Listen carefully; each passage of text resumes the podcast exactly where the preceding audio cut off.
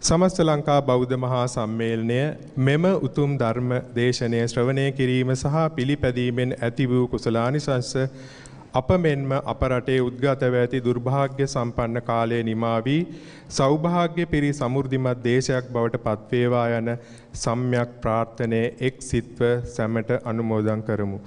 අවසරයි අපේ රාජගිරියේ ආරියනාන ගෞරවනීය මහ ස්වාමින් වහන්සේ. තෙරුවන් සරණයි. සාදුකාරයක් දෙන්න.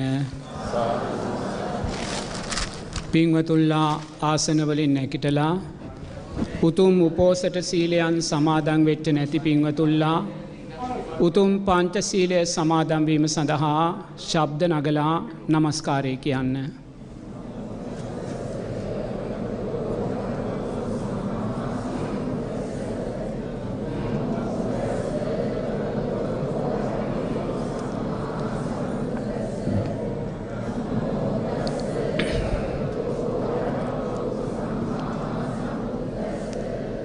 බුද්ධං සරණං ගච්ඡාමි. ධම්මං සරණං ගච්ඡාමි. සංඝං සරණං ගච්ඡාමි. ဒ ුතියම්පි බුද්ධං සරණං ගච්ඡාමි. දුතියම්පි දම්මං සරණං ගච්ඡාමි ဒ ුතියම්පි සංඝං සරණං ගච්ඡාමි තතියම්පි බුද්ධං සරණං ගච්ඡාමි තතියම්පි දම්මං සරණං ගච්ඡාමි තතියම්පි සංඝං සරණං ගච්ඡාමි තිස්සරණ ගමනං සම්පුන්නං පානාති පාතා වේරමණී සික්ඛාපදං සමාදියාමි.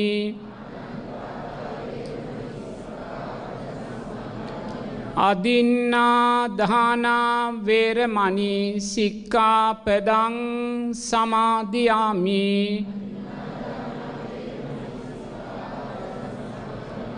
කාමේ සමිච්චාචාරා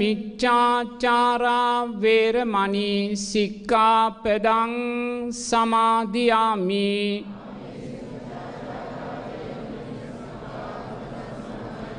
මුස්සාවාදා වේරමණී සික්ඛාපදං සමාදියාමි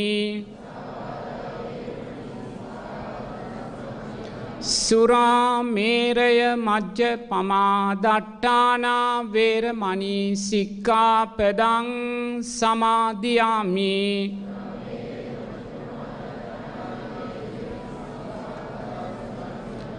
තිසරණේන සද්ධින් පංචසීලං දම්මං සාධකං සුරක්කිතං කත්වා අප්පමාදේන සම්පාදේත. සමන්තා චක්කවාලේසු අත්‍රාගච්චන්තු දේවතා සද්ධම්මං මුනිරාජස්ස සුනන්තු සග්ග මොක්කදං දම්මස්සවෙන කාලෝ අයං බදන්තා ධම්මස්සවෙන කාලෝ අයං භදන්තා. ධම්මස්සවෙන කාලෝ අයං භදන්තා. නමෝතස්ස භගවෙතෝ අරහතෝ සම්මා සම්බුද්ධස්සේ නමෝතස්ස භගවෙතෝ අරහතෝ සම්මා සම්බුද්ධස්ස නමෝතස්ස භගවෙතෝ අරහතෝ සම්මා සම්බුද්ධස්ස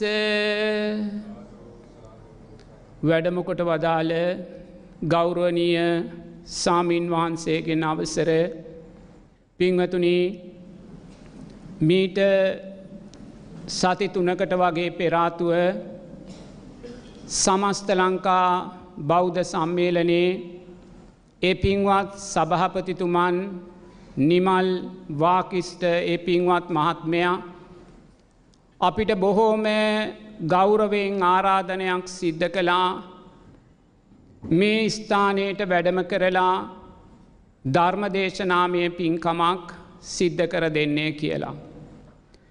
එහි ප්‍රතිඵලයක් හැටියටයි මේ සුන්දර වූද විචිත්‍ර වූද පින්කම මේ මොහොතේ මේ ආකාරයෙන් සිද්ධ වෙන්නේ. පින්වතුනී පින්කමත විචිත්‍රභාවය දකිද්දී පින්කමක ලස්සන භාවය දකිද්දී ඒ විසිතුරු භාවය තුළින්ගේ ලස්සන භාවය තුළින් අපි දකින්නේ ඒ පින්කම සිදු කලා වූ පින්වතුල්ලාගේ සිත් සතන් බුදුරජාණන් වහන්සේ උදෙසා ධර්මරත්නය උදෙසා සංගරත්නය උදෙසා කොයිසානම් විචිත්‍රද කියන කාරණයයි පිංහතුනේ.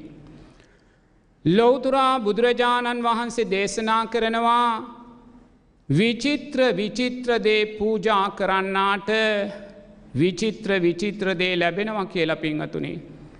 ලස්සන ලස්සන දේවල් පූජා කරන්නාට ලස්සන ලස්සන දේවල් ලැබෙනවා කියලා. ලෝතුරා බුදුරජාණන් වහන්සේ ප්‍රමුඛ මහා සංගරත්නය අරමුණු කරගෙන අපි විචිත්‍ර විචිත්‍ර ලස්සන පූජාවන් සිද්ධ කරද්දී ඒ සුන්දර විචිත්‍ර භාවයන් අපිට බව ගමනේ මෙලව පරලව වශයෙන් ලැබෙනවාය කියලා ලෝතුරා බුදුරජාණන් වහන්සේ දේශනා කරනවා පිංහතුනේ. ලෝතුරා බුදුරජාණන් වහන්සේ ජීවමානුව වැඩඉද්දී දඹදිව තිබ්බ බෝම ලස්සන චිත්‍රයක් පිංහතුනේ. ඒ චිත්‍රයට කිව්වේ චරණ චිත්‍රය කියලා. ඒ චරණ චිත්‍රය ලෝතුරා බුදුරජාණන් වහන්සේ දැකලා බුදුරජාණන් වහන්සේ දේශනා කරනවා. මේ චරණ චිත්‍රය යම්සේ විචිත්‍රද මේ චිත්‍රය නිර්මාණය කලා වූ සිත්තරාගේ සිත ඊටත් වඩා විචිත්‍රයි කියල පිංහතුනේ.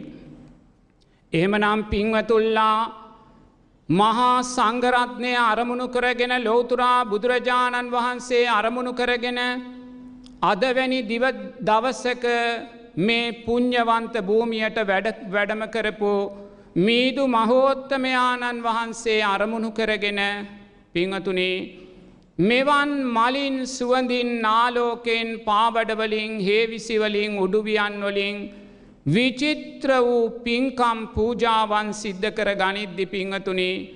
ඒ විචිත්‍ර භාවය තුළ අපි දකින්නේ ඔබලාගේ සිත් සතන් මේ පින්කම් සංවිධානය කලා වූ උපකාරක ධර්මයන් සකස් කොට දුන්නා වූ සියලූම පින්වතුල්ලාගේ සිත් සතන්. බුදුරජාණන් වහන්සේ උදෙසා ධර්මරත්නය උදෙසා සංගරත්නය උදෙසා මීටත් වඩා විචිත්‍රයි කියන කාරණයයි පිංහතුනේ.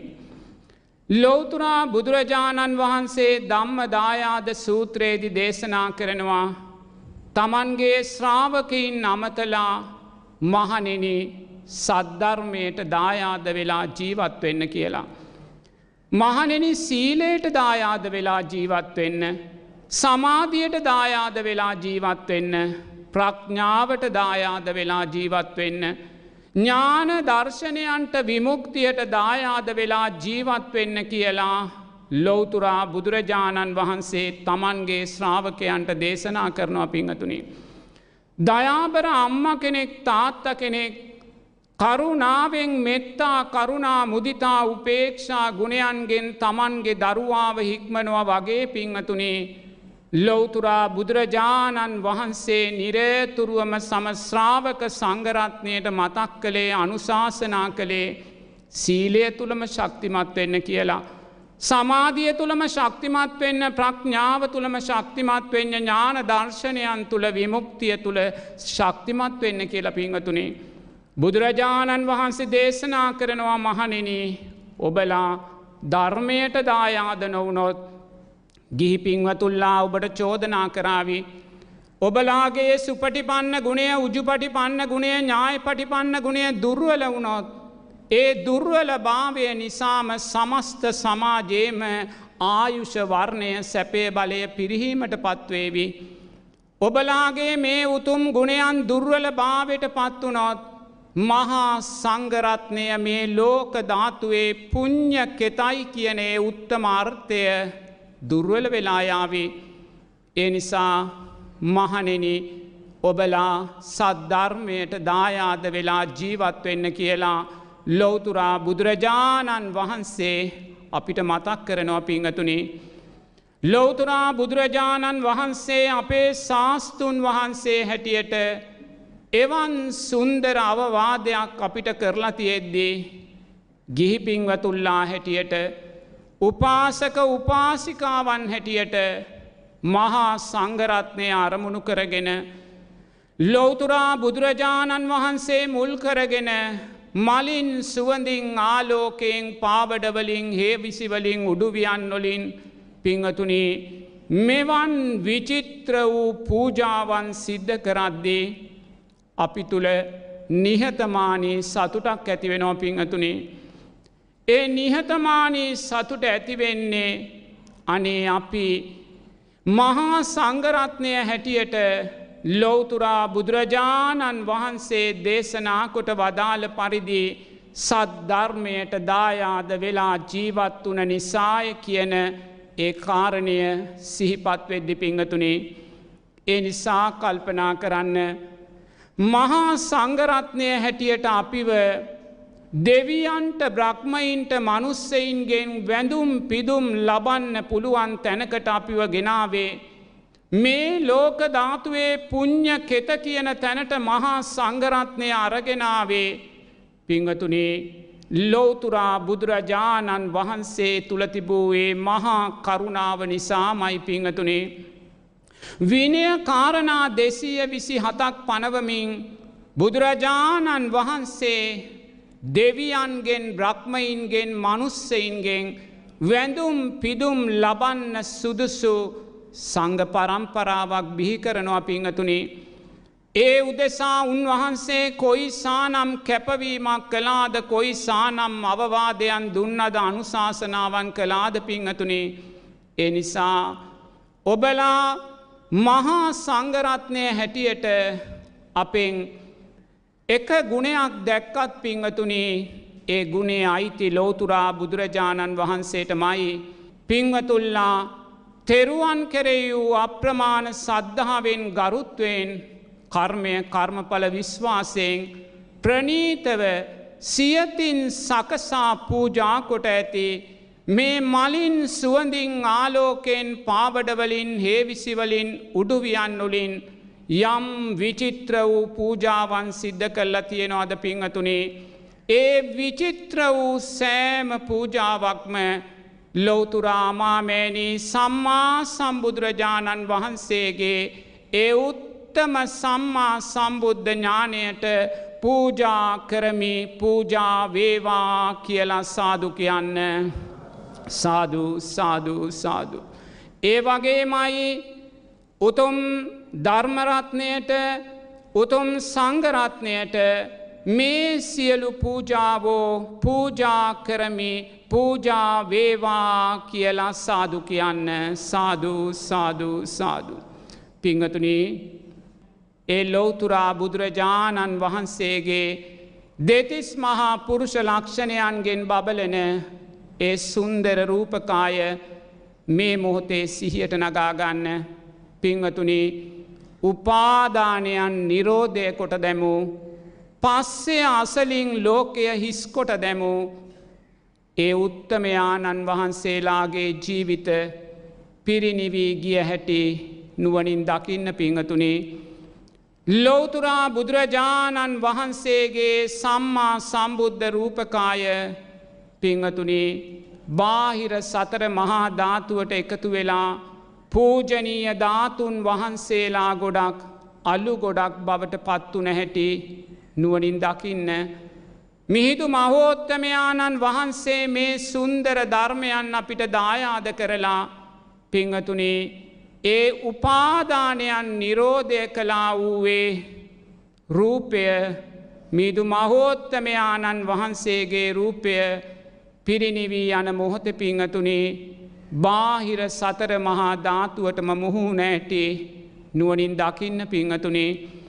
ඒ වගේමයි එදා රජකම් කරපු දේවානම් පියතිස්ස රජතුමාගේ ඒ සුන්දර රූපකාය පිංහතුනේ මිය ගිහිල්ලා මේ බාහිර සතර මහා ධාතුවටම මුහුණ හැටි නුවනින් දකින්න එදායේ මිහිදු මහෝත්තමයාණන් වහන්සේගේ උතුම් චතුරාර් සත්‍ය ධර්මයන් ශ්‍රවණය කරලා සෝවාන් සකුරුදාගාමී අනාගාමී අරිහත් පලයන්ට පත්වන ඒ සුන්දර මනුස්සයෝ ඒ පින්වන්ත මනුස්සයෝ මරණින් පස්සෙ පිංහතුනේ ඒ රූපකායන් බාහිර සතර මහා ධාතුවටම මුහුණ හැටි නුවනින් දකින්න පිංහතුනේ ඒ අතීතය අපිට සිහිපත් වෙද්දී.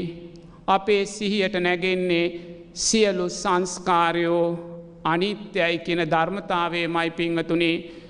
අවිද්‍යාව හේතුවෙන් සකස් වනා වූ යම් සංස්කාරයන් වේද පිංහතුනේ ඒ සෑම සංස්කාරයක්ම වෙනස් වෙලා යනවා කියන ධර්මතාවය පමණක් මයි පිංහතුනේ ලෝතුරා බුදුරජාණන් වහන්සේ තුළිනොත් මිහිදු මහෝත්තමයාණන් වහන්සේ තුළිනොත් උන්වහන්සේලා දේශනාකොට වදාළ ඒ උතුම් සද්ධර්මය තුළිනොත් පිංගතුනේ අපිට ලබන්න තියෙන දකින්න තියෙනේ උත්තම අර්ථය සියලු සංස්කාරයෝ අනිත්‍යයි කියන අර්ථය පමණක් මයි පිංහතුනේ ඒ සුන්දරාර්ථය මේ සුන්දර දවසේ නැවට සිහියට නගාගන්න පිංහතුනේ අපි මේ මොනසානම් අවුල් වියවුල් ජාලාවක් මත ජීවත්වෙන සමාජයකද අපි ජීවත්වෙන්න පිංහතුනේ. එක පැත්තකින් සිල් පද දුරුවල කරගන්නවා තව පැත්තකින් මහා කලකෝලාහර කරගන්නවා ගැටුම් අඩ දඹර ඇති කරගන්නවා පිංහතුනේ මේ සියල්ල පැත්තකින් තියෙද්දී පිංහතුල්ලා දක්ෂ වෙන්න පිංහතුනේ මේ විනාසකාරී දිසාවට ඔබ ගමන් කරන්නේ නැතුව අනේ මේ සියලු සංස්කාරයෝ අනිත්‍යයි කියෙන කාරණය දැකලා මේ සුන්දර බුද්ධෝත් පාද කාලයක මේ ලැබූ ඔබේ ජීවිතයෙන් පිංහතුනේ ලබන්නතින ශේෂ්ඨ මාර්ථය. මේ සංස්කාරයෝ අනිත්‍යයි කියලා අවබෝධ කරගන්නා වූ අර්ථය ජීවිතයට එකතු කරගන්න පිංහතුනේ ජීවිතයට එකතු කරගන්න. මොකද ඔබ මේ මොහොතේ මේ උතුම් සී සද්ධර්මය ආර්ථය ජීවිතයට එකතු කර නොගත්තොත් පිංහතුනි ආයිමත් ඔබට නං අවුරුදු ලක්ෂ පණහක් හැටක් යනකං කවදාක්වත් මේ උතුම් ධර්මය ඔබට ජීවිතයට එකතු කරගන්න ලැබෙන්නේ නැහැ. ආයිමත් මේ උතුම් ධර්මය ඔබට ඇහෙන්න ලැබුණොත් ලැබෙන්නේ මෛත්‍රී බුදුරජාණන් වහන්සේගේ ශාසනයේදි පමණයි නැවත පිංහතුනේ එතෙක් දීර්ග වූ අබුද්ධෝත් පාද කාලයක් කරා මුර්ග සංඥාවක් කරා සමාජය පිංහතුනේ ටිකෙන් ටික ටිකෙන් ටික දැන් ගමන් කරනවා. මේ උතුම් චතුරාර් සත්‍ය ධර්මයන්ගේ අර්ථය ජීවිත පරිත්‍යයාගෙන් අපිට උරුම කරපු ඒ මිහුදු මහෝත්තමයාණන් වහන්සේ අපිට දේශනා කොට වදාළ ඒ සියලු සංස්කාරයන්ගේ අනිත්‍ය භාවය දකින අවබෝධ කරගන්න පිංහතුනේ සුන්දර ඒ මාර්ගය ජීවිතයට එකතු කරගන්න ආරම්භක දවස අද දවස බවට පත්කරගන්න ගන්නවා කියලා පිංහතුනේ. ලෝතුරා බුදුරජාණන් වහන්සේ දේශනා කරනවා පිංහතුනේ චතුරාර් සත්‍ය ධර්මයන් පිළිබඳව සාරා සංක කල්ප ලක්ෂ ගානක් දස පාරමී ධර්මයන් පුරලා ලෝතුරා බුදුරජාණන් වහන්සේ නමක් මේ ලෝකධාතුවට පහළ වෙන්නේ මේ උතුම් චතුරාර් සත්‍ය ධර්මයන්ගේ අර්ථය ඔබට කියල දෙන්නමයි. ඒ චතුරාර් සත්‍ය ධර්මයන්ගේ අර්ථයේ බුදුරජාණන් වහන්සේ මුලින් ඔබට දේශනා කරන්නේ කල්්‍යාන මිත්‍රාශ්‍රය පිංහතුනේ. කල්්‍යාන මිත්‍ර ආශ්‍රය තුළින් සද්ධර්ම ශ්‍රවනයේ සද්ධර්ම ශ්‍රවනය නුවනින් මෙනෙහි කරන්නයි. උතුම් චතුරාර් සත්‍ය ධර්මයන් ජීවිතයට එකතු කරගන්න පිංහතුනේ. එයා කල්්‍යාන මිත්‍ර ආශ්‍රය ලබල සද්ධර්ම ශ්‍රවනය කරලා ඒ ශ්‍රවනය කලා වූ සද්ධර්මය නුවනින් මෙනෙහි කරලා චතුරාර් සත්‍ය ධර්මයන් ජීවිතය තුළින් මතු කරගන්නවා. එයා දුක කියන කාරණය තමා තුළින් මතු කරගන්නවා. එයා දකිනවා කුමක්ද බුදුරජාණන් වහන්සේ දේශනා කලා වූ දුක්ක සත්‍යය කියල පිංහතුනේ. ජාති ජරා ව්‍යාධි මරණ සෝක පරිදේව දුක්ක දෝමනස්යන් ප්‍රියන්ගෙන් වෙන්වීම් අප්‍රියන්නා එක්වීම් පංච උපාදානස්කන්ද දුක මේ දුක ගැන අපිට අමුතුවෙන් හොයන්න දෙයක් නෑ පිංහතුනේ අමුතුවෙන් කාගෙන්වත් අහන්න දෙයක් නෑ. මේ මොහොතේ මේ මාතෘ භූමිය තුළ ජීවත්වෙන සෑම පින්වතෙක්ම මේ ජාති ජරා ව්‍යාධි මරණ සෝක පරිදේව දුක්ක දෝමනස්්‍යයන් තුළ කරවැටක් ගිලිලයි ජීවත්වෙන පිංහතුනේ. මොකක්ද මේ අපි දකින්නේ? දුක්ක සත්‍යය මහපාරට බහිද්දී කෙනෙක් එක්ක කතා කරද්දී යම් ආවේග ශීලී භාවෙන් අරගල භූමියකට අද්දී මහා පාරවල්ලොල උද්ඝෝෂණය කරද්දී. පැට්‍රල් පර්ලි පෝලිම් දකිද්දි ඩීසල් පෝලිම් දකිද්දී. අපි මොකක්ද දකින්නේ දුක්ක සත්‍යය පිංහතුනේ. පාර්ලිමේන්තුව තුළ ඇමති මණ්ඩල තුළ කැබි මේවයි ඇතිවෙන මේ බලවත් ගැටුම්කාරී ආරවුල්කාරී තත්ත්වයන් අපි දකිද්දී මොකක්ද අපි දකින්න පිංහතුනේ දුක්ක සත්‍යය ජනතාව පීඩනයට පත්වෙලා ආර්ථිකාතින් වැටිලා හෙට ජීවත් වෙන්නේ කොහොමද කියලා දුක්විඳිද්දී ඒ තුළින් අපි කුමක්ද දකින්න පිංහතුනේ දුක්ක සත්‍යය රෝහල්වල බෙහෙත් නෑ සැත්කම් කරගන්න විදිහක් නෑ කියලා අපි මේ දකිද්දී අපි කුමක්ද දකින්න පිංහතුනේ සුන්දර දුක්ක සත්‍යය පිංහතුනේ චතුරාර්ය සත්‍ය ධර්මය මුල්ම ආර්ය සත්‍යය ඇස් පනාපිට අපිට පේන්න තියෙනවා. මේ මුල්ම ආර්ය සත්‍යය අපිට කාගෙන්වත් අහන්න අවශ්‍ය නෑ පොතකින් බලන්න අවශ්‍ය නෑ පිංහතුනේ දුක්ක සත්‍යය ඒහි පස්සිකව බබලනවා පිංහතුනේ. ඒහි පක්ෂිකව බබලෙනවා. අන දෙවනුව බුදුරජාණන් වහන්සේ දේශනා කරනවා ඔබ දුක කියන කාරණය දැක්කනං දෙවැනි ආර්ථය බුදුරජාණන් වහන්සේ කියනවා දුක ඇතිවෙන්න හේතු දෙකක් නෑ කියල පිංහතුනේ දුක ඇතිවෙන්නේ එකම හේතුවක් නිසාමයි. ඒ හේතුව තමයි තුෂ්නාව කුමක් කෙරෙහි තුෂ්නාවද පංච උපාදානස් කන්දයෝ කෙරෙයූ තුෂ්නාව රූපවේදනා සංඥා සංකාර විඤ්ඥානයන් කෙරෙයූ අසීමිත තුස්නාවයි දුක සකස් කරන්නේ. සුන්දර දෙවෙනි ආරි සත්‍ය පිංහතුනේ. එනම් අපිට දුක සමාජගත වෙනවා ඒහි පස්සිකව පේනවනං පිංහතුනේ දුකට හේතු දෙකක් නැහැ. මේ රටේ ප්‍රධානයාගේ පටන් මේ රටේ පුංචිම කෙනා දක්වා ඇති කරගත්තා වූ පංච උපාදානස්කන්දය කෙරෙයි අස්සීමිත තුෂ්නාවමයි දුකට හේතුනේ පිංහතුනේ. රූප නිත්‍ය වශයෙන් ගත්ත වේදනාව නිත්‍ය වශයෙන් ගත්ත සංඥා සංස්කාර විඤ්ඥානයෝ නිත්‍ය වශයෙන් ගත්තා. මේවන් නොවෙනස් වෙන දේවල් මේම මමය මගේ මගේ ආත්මයයි කියල ගත්ත පිංහතුනේ.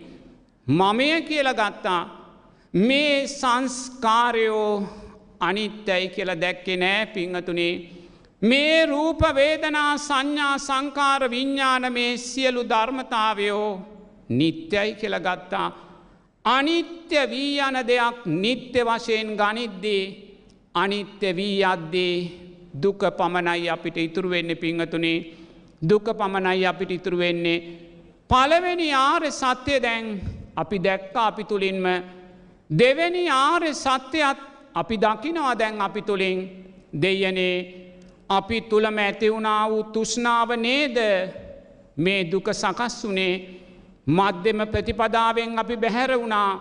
ලදදයින් සතුටන දිසාවෙන් අපි බැහැර වුණා. අල්පේච්ච ජීවිතවලින් අපි බැහැර වුණා. අසී මාන්තික පින්වතුනේ කැමැත්ත ඔස්සේ තුෂ්නාවොස්සේ හබාගිහිල්ලා සමස්ත සමාජයම දුක තුළ කින්දා බැස්ස පිංහතුනි දෙවැනි ආර්ය සත්‍යයත් අපිට පේනවා. තුන්වෙනි ආර්ය සත්‍යති බුදුරජාණන් වහන්සේ දේශනා කරනවා. දුක ඔබ දැක්කනං දුකට හේතුව තුෂ්නාව කියලා ඔබ දැක්කනං ඔබ දුක නැති කරන්න නං මොකක්ද නැති කරන්න ඕනේ තුෂ්නාවයි සියුම් කරන්න ඕනෙ පිංහතුනේ සමස්ත රට සමස්ත ජාතියක් හැටියට අපි යම් දුකකට පත්වෙලා තියෙනවනං පිංහතුනේ රටේ රාජ්‍ය නායකතුමාගේ පටන් කම්කරු ජනතාව දක්වා තේරුම් ගන්න ඕනේ මේ දුක සකස් වනේ අපේ රූපවේදනා සංඥා සංකාර විඤ්ඥානයන් කෙරේ අපි ඇතිකර ගත්තා වූ කෙල හැලෙන තුෂ්නාවයි කියල පිංහතුනි. ඒ නිසාම ඇතිකරගත්තා වූ ලෝබ දේශ මෝහ අකුසල් ධර්මයන් මයි මේ දුක සකස් කළේ කියල පිංහතුනේ අන දැන්එයා දකිනවා. දුක කියන කාරණය තමා තුළින් දැකලා දුකට හේතුව තුෂ්නාව කියන කාරණය තමා තුළින් දැකලා දුක නැති කරන්න නම් තුෂ්නාව තමාමයි නැති කරන්න ඕනෙ කියන කාරණය දැකලා පිංහතුනී දැන්එයා බලනවා මේ දුක නැති කරන මේ තුෂ්නාව සියුම් කරන මාර්ගය කුමක්ද කියල පිංහතුනි. කුමක්ද දුක නැති කරන මාර්ගය ලෝතුරා බුදුරජාණන් වහන්සේ දේශනා කරනවා. ඔබ ඔබ තුළින් දුක දැක්කනං දුකට හේතුව තුෂ්නාවයි කියලා ඔබ දැක්කනං. දුක නැති කරන්න තුෂ්නාව නැති කළ යුත්තේ ඔබමයි කියල දැක්කනං පිංහතුනේ ඔබට කරන්න විකල්ප දෙකක් නෑ පිංහතුනේ. ඔබට සිතන්න සිතුවිලි දෙකක් නැහැ. පිංහතුනි චකිතයකින් තොරව දුක තුනී කරන ආර්යෂ්ඨාංගික මාර්ගය තුළ ජීවිත පරිත්‍යාගෙන් ගමන් කරන්න පිංහතුනේ ලෝතුරා බුදුරජාණන් වහන්සේ දේශනා කරන්නේ. ලෝතුරා බුදුරජාණන් වහන්සේ දේශන කළ කලා වූ ධර්මයක් කවදක්වත් වරදින්නේ නෑ පිංහතුනේ එනිසා මේ මොහොතේ රට තුළ යම් විනාසකාරී තත්ත්වයන් අවුල් වියවුල් තත්ත්වයන් පත්වෙලා තියෙනවා නං පිංහතුනී අපි හැමෝම අපේ ජීවිතවකලට එකතු කරගත යුතු සුන්දරම ධර්මය ඔය ධර්මය විතරයි පිංහතුනේ. වෙන කිසිම ධර්මයක් වෙන කිසිම වැඩසටහනක් වෙන කිසිම විකල්පයක් තුළින් මේ ප්‍රශ්නවලු විසඳුමක් ධර්මානුකූලව අපිට දකින්න බෑ පිංහතුනේ. නමුත් සමාජය කොයි දිසාවට දෙයන්න පිංහතුනේ? මේ දුක දැකලා තව තව රණ්ඩු වෙනවා. තව තවාරවුල් ඇති කර ගන්නවා. තව තව බැනාට ගහ ගන්නවා. තව තව බේදබින්න වෙනවා. මොකක්ද මේ? තව තව ඇලීම් ගැටීම් වැඩි කරනවා පිංහතුනේ. තුෂ්නාව විසින් මේසා බරපතල දුකක් සමාජය තුළ නිර්මාණය කරලා තියෙද්දේ. අපි තව තව තුෂ්නාවම පිංහතුනේ සිය කැමැත්තෙන්ම වර්ධනය කරගන්නවා. සිය කැමැත්තෙන් තුෂ්නාව වර්ධනය කර ගනිද්දී. තව තව දුක වැඩි වෙනවා. දුක වැඩිවෙද්දි තුෂ්නාව වැඩිවෙද්දී. අපි අනිවාර්යෙන්ම පිංහතුනේ ආර්යෂ්ඨාංගික මාර්ගයෙන් බැහැරෙන් බැහැරටම යනව පිංහතුනි. ප්‍රශ්නයට විසඳුමක් නෑ. ප්‍රශ්නට විසඳුමක් නෑ. එනිසා පින්වත් ඔබ දක්ෂ වෙන්න පිංහතුනේ. ඔබ දක්ෂ වෙන්න අත්වැල් අල්ලාගෙන විසඳුම් සොයන්න අපිට බැරිනං ඔබ තනි තනිව මේ උතුම් ධර්මය ජීවිතයට එකතු කරගන්න පිංහතුනේ. මේ උතුම් ධර්මය ජීවිතයට එකතු කරගන්න දුක කියන කාරණය ඔබ තුළින් දැකලා දුකට හේතුව තුෂ්නාව කියන කාරණය ඔබ තුළින් දැකලා දුක නැති කරන්න නම් තුෂ්නාව නැති කරන්න ඕනේ කියන කාරණය ඔබ තුළින් දැකලා පිංහතුනේ ආර්යෂ්ඨාංගික මාර්ගය කෙරෙහි පිංහතුනේ එකම විශ්වාසය ඔබ ඇති කරගන්න. ඔබේ විශ්වාසය ඇතිකරගත්ත මොහොතේ ඔබ ලෝතුරා බුදුරජාණන් වහන්සේව විශ්වාස කරපු කෙනෙක් බවට පත්වෙනවා. ඒ නිසාම ඔබ උතුම් සද්ධාව ජීවිතයට එකතු කරගත්ත කෙනෙක් බවට පත්වෙනවා. පිංහතුනේ ඒ උතුම් ධර්මය ජීවිතයට එකතු කරගෙන මේ සුන්දර දවසේ පිංහතුනේ දුක නිවීමේ ආර්යෂ්ඨාංගික මාර්ගය ජීවිතයට එකතු කරගන්න. බුදුරජාණන් වහන්සේ ආර්යෂ්ඨාංගික මාර්ගයේ මුලින්ම පනවන මාර්ගාංගය සම්මාධිට්ටියයි පිංහතුනේ සම්මාධිට්ටියට බුදුරජාණන් වහන්සේ කාරණා හතක් පනවනවා. පළවෙනි කාරණය තමයි තෙරුවන් කෙරෙ වූ සද්ධාව පිංහතුනේ බුදුරජාණන් වහන්සේ ධර්මරත්නය සංගරත්නය කෙරෙහි වූ අප්‍රමාණ සද්ධාව නොසැලෙන සද්ධාවක් කරාපි මේ සද්ධාව යම් දවස කරං යන්න ඕන පිංහතුනේ උතුම් සෝවාන් පලේ සාක්ෂාත් කර ගනිද්දී. එනිසා නිරේතුරුවම තෙරුවන් කෙරෙයි සද්ධාව ජීවිතයට ඇති කරගන්න. සමාජයේ තියන ප්‍රශ්න දිහැ බලල ප්‍රශ්න ගැන හිතලා තව තව ඇලීම් ගැටීම් ඇතිකරගන්න පාපිංහතුනේ ඒව ඇතිකරගන්න ඇතිකර ගනිද්දෙන් අපිට කරන්න දෙයක් නෑ ලෝකය අපිට නිවැරදි කරන්න බැහැ. අතීතයේ බුදුරජාණන් වහන්සේලා ලක්ෂ ගණන් පහළවෙච්ච ලෝකයක් වුණත් ඒකම බුදුරජාණන් වහන්සේ නමකටවත් ලෝකයේ නිවැරදි කරන්න පුළුවන්කමක් ලැබුණේ නෑ පිංහතුනේ. නිවැරදි කරන්න බැරි ලෝකය තුළ ඉපදිලා උන්වහන්සේලා නිවීගියා අපිට ඒ උතුම් ධර්මය දායාද කරලා පිංහතුනේ මේ පංච උපාදානස්කන්ද ලෝකය නැවතීමක් නිමාවක් අවසානයක් නෑ පිංහතුනේ. තව කල්ප සියක් කෝටි ප්‍රකෝටිගානක් ඇතට අනාගත බුදුරජාණන් වහන්සේලා තව ලක්ෂ ගානක් අනාගතයේ බුදුවෙනවා කියලා බුදුරජාණන් වහන්සේ දේශනා කරනවා. අනාගත පංච උපාදානස්කන්ද ලෝකයේ නැවතීමක් නිමාවක් අවසානයක් නැහැ. එ නිසාපිංහතුනේ ඒ දීර්ග කල්පසියක් කෝටි ප්‍රකෝටිගානක් ඇත බව ගමනට යන අවාසනාවන්තයෙක් වෙන්නේ පාපිංහතුනේ අපි දැන් අතීත පංච උපාදානස්කන්දය සිහියට නගද්දී. අපිට පේනවා ජීවමාන බුදුරජාණන් වහන්සේලා ලක්ෂ ගානක් පසුකරගෙන අපි ආවා. ජීවමාන සම්මා සම්බුද්ධ ශාසන ලක්ෂ ගානක් පසුකරගෙන අපි ආවා. කල්ප විනාසයන් දස දහස් ගණනක් පසුකරගෙන අපි ආව පිංහතුනේ. ඒ ආපු අතීත බව ගමන සියට නගාගන්න දෑස් දෙක පියාගනේ අතීත පංචුපාදානස්කන්ද ලෝකෙට හිතේ යොමු කරන්න. සමාජය නිවැරදි කරන්න ගිහිල්ලා සමාජය නිවැරදි කරන්න අරගල කරන්න ගිහිල්ල රණ්ඩුවෙන්න ගිහිල්ල යුද්ධ කරන්න ගිහිල්ලා රජයන් පෙරලන්න ගිහිල්ලා පිංහතුනේ අපි අතපය කපාගෙන යුද්ධවලට මැදිවෙලා සටන්වලට වැඩිවෙලා වෙඩිකාලා ගුටිකාලා ගලාගෙන ගිය රුදිරය මහසාගරයේ ජලයට වැඩී පිංහතුනේ සමාජය නිවැරදි කරන්න ලෝකය නිවැරදි කරන්න දුකතුනී කරන්න අපි සටන් කරලයි අතීතයේ උත්සාහ කළේ පිංහතුනේ. ඒ නිසාම මහා සාගරයේ ජලයට වඩා පටිච්ච සමුපන්නව ඔබත් මමත් රුදිරය හෙළල තියනවා පිංහතුනේ. අර මහා සාගරය දකින්නේ ජල කඳ දකින්න. ඒ ජල කඳ එකම රුදිර සාගරයක් කල්ල දකින්න. ඒ රුදිර සාගරය කියන්න වෙන දෙයක් නෙමේ පිංහතුනේ. ඔබත් මමත් පටිච්ච සමුපන්නව සමාජය නිවැරදි කරන්න ගිහිල්ලා ලෝකය නිවැරදි කරන්න ගිහිල්ලා හෙළු මහා රුදිර සාගරයයි කියලා නුවනින් දකින්න පිංහතුනේ ඒසා කටුක වියරු අතීතයක් අපිට තියෙනවා. ඒ අතීතය තව ඔබ පෝෂණය කරන්න එපා. මිහිදු මහෝත්තමයාණන් වහන්සේ අදවැනි දිනක මේ උතුම් දීපයට වැඩියේ පිංහතුනේ ඔබට ඔය සුන්දර පණිවිඩය කියල දෙන්න.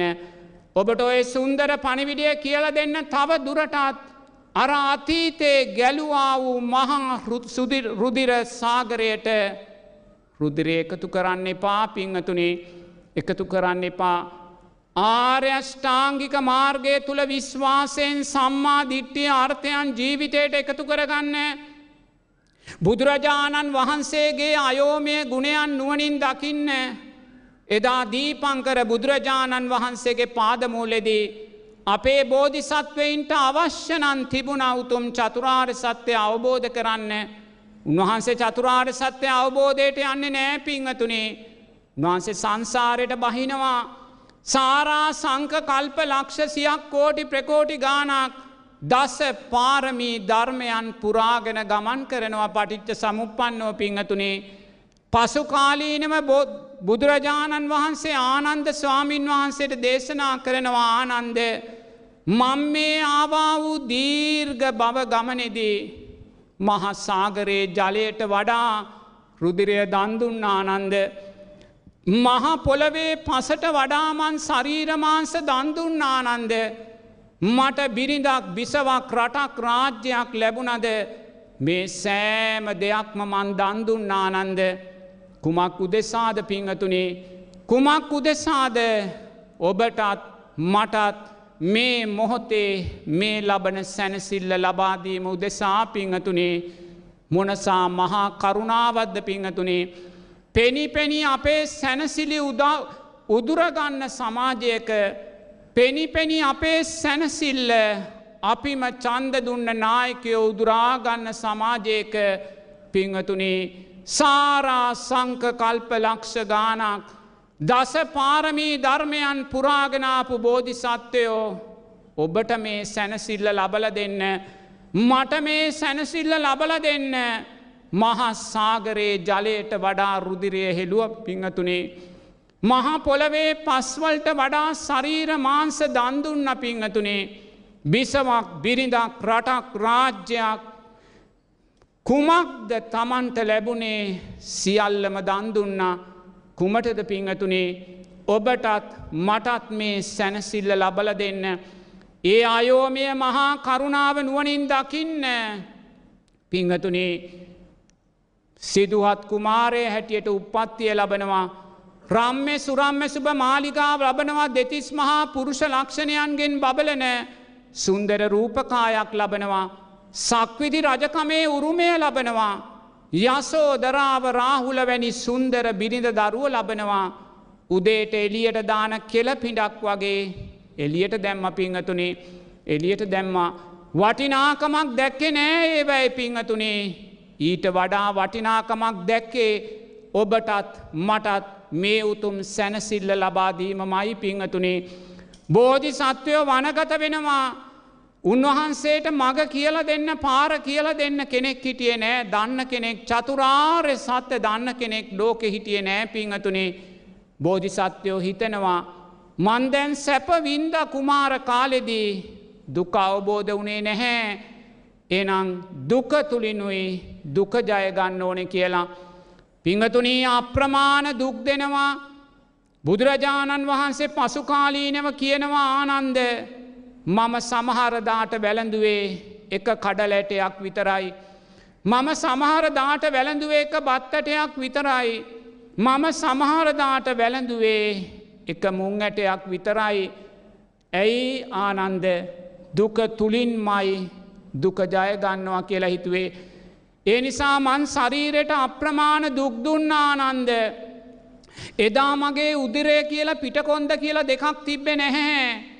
උදරේ අතගානකොට පිටකොන්දයි අහුනේ පිටකොන්ද අතගානකොට උදරයයි යහුනේ මං ඒසා කෘෂවෙලයි හිටියානන්ද මට දැන් ඇවිදින්න බැහැ මං කැලේ බඩගාමින් ජීවත්වෙන මට නැකිටින්න දැම් පණ නෑ ආනන්ද දුක තුළින්මයි මම දුක ජයගන්නවා කියලා හිතුවේ.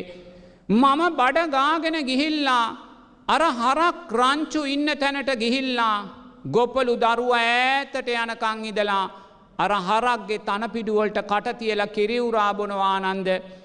මේ හරක් මට පයින් ගහනවා මං කලන්තෙ දාල වැටෙනවා ගව ගාල්වල සතියක් දෙකක් කලන්තෙ දාලා ඉන්නවා.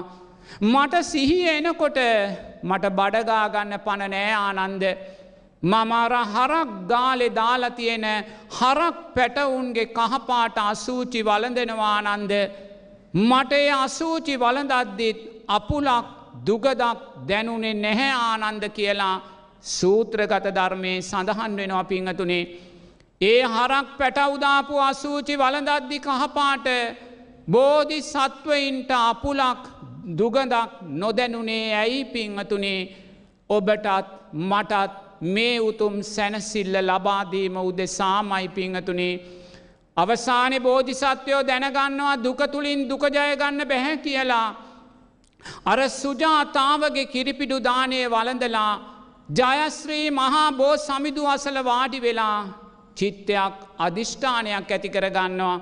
මොකක්දේ චිත්තය අධිෂ්ඨානය? මාගේ ලේ මස් සම් මැටනහර වියලේවා.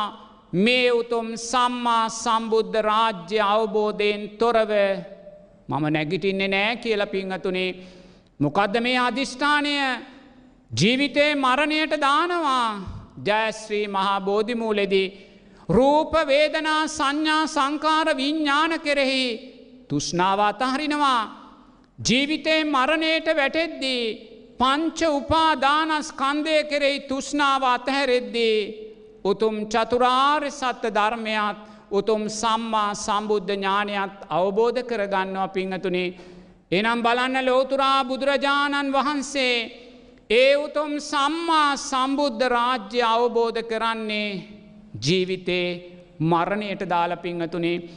ජීවිතය මරණයට දාලා ලැබූවා වූ අවබෝධයක පලයයි ඔබත් මමත් මේ සුන්දර මොහොතේ මේ විදියට බුක්තිවිදින්න පිංහතුනේ.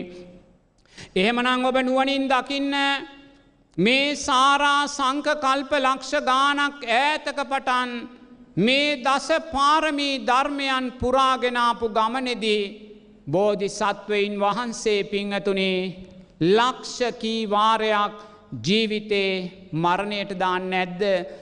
ලක්ෂ කීවාරයක් ජීවිතේ මරණයට දාන්න නැද්ද.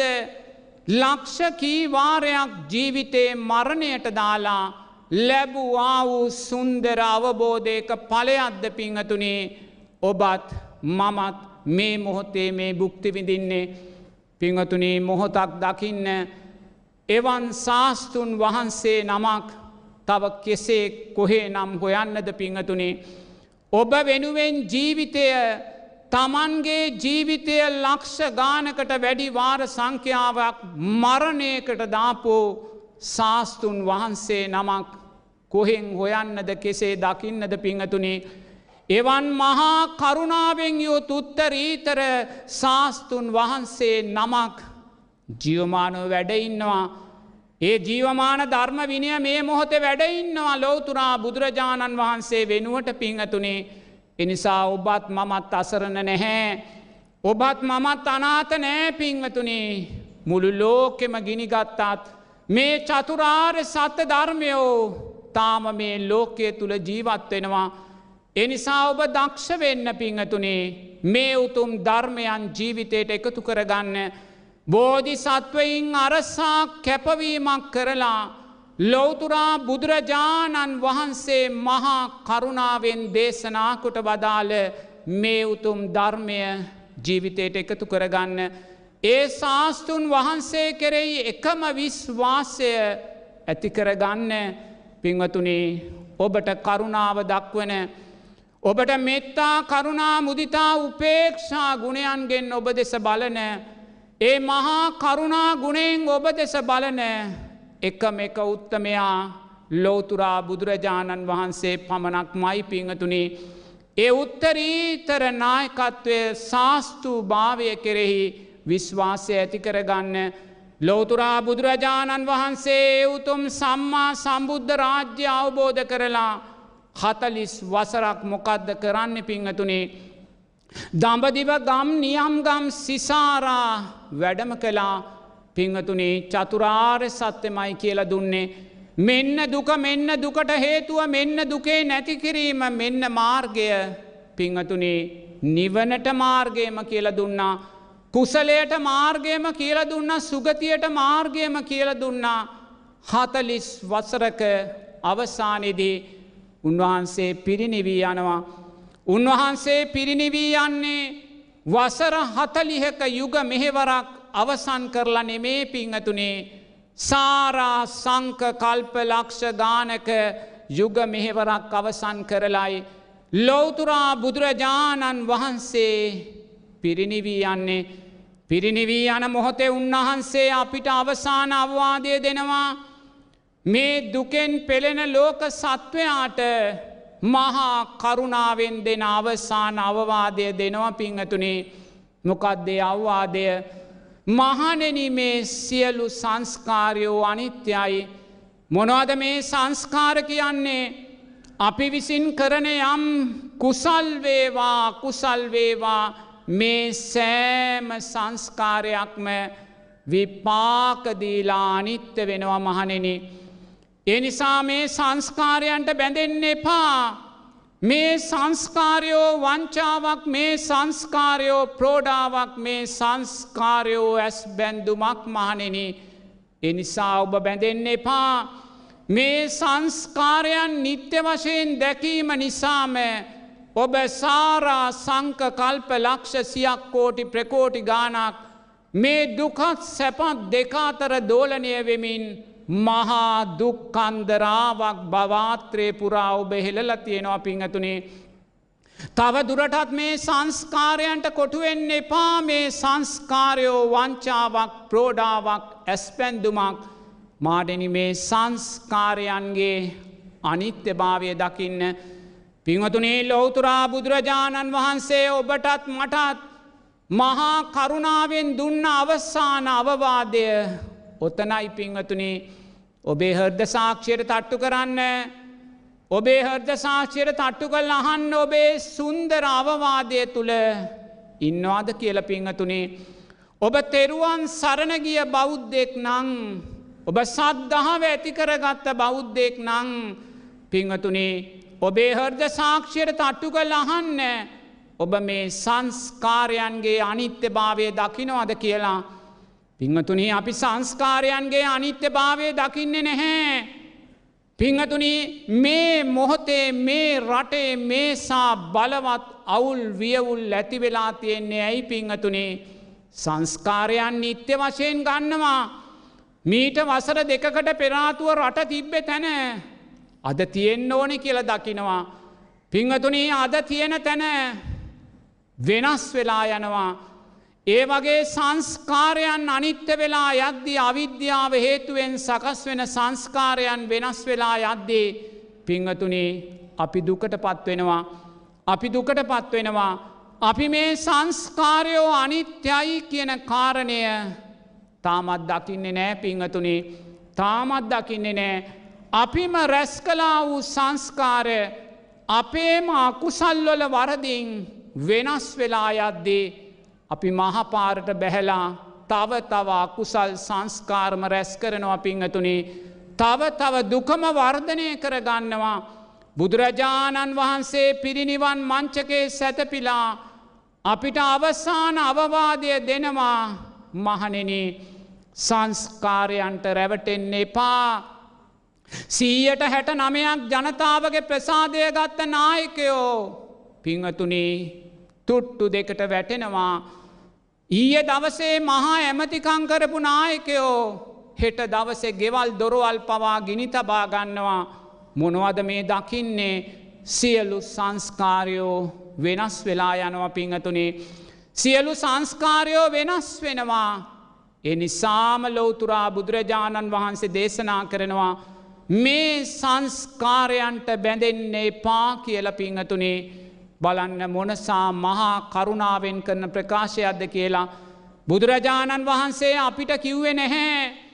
ලස්සන ගෙයක් දොරක් හදාගෙන ලස්සන වාහනයක් අරගෙන ලස්සන නෝන කෙනෙක් මහත්තේ කරගෙන දවාදරුව හදගෙන හොඳින් ජීවත් වෙලා දිව්‍ය තලයට යන්න කියලා පිංහතුනී එදාහෙම කිව්වනං ඒ ධර්මය අද ඇත්තක් වෙන්නේ නෑ පිංහතුනේ අද අපිට පේනවා හොඳට ගෙවල් දොරවල් හදාගෙන යාන වාහන තියාගෙන දරුව හදාගෙන නෝනල මහත්තුරු කසාද බැඳලා ජීවත්වෙච්චාය අද පැට්‍රල් පෝලිං ඔල පෑ විසි අතර ඉන්නවා. හෙට ව්‍යාපාරය කොහොමද කරන්න කියලා හිතාගන්න බැරුව ලත වෙනවා.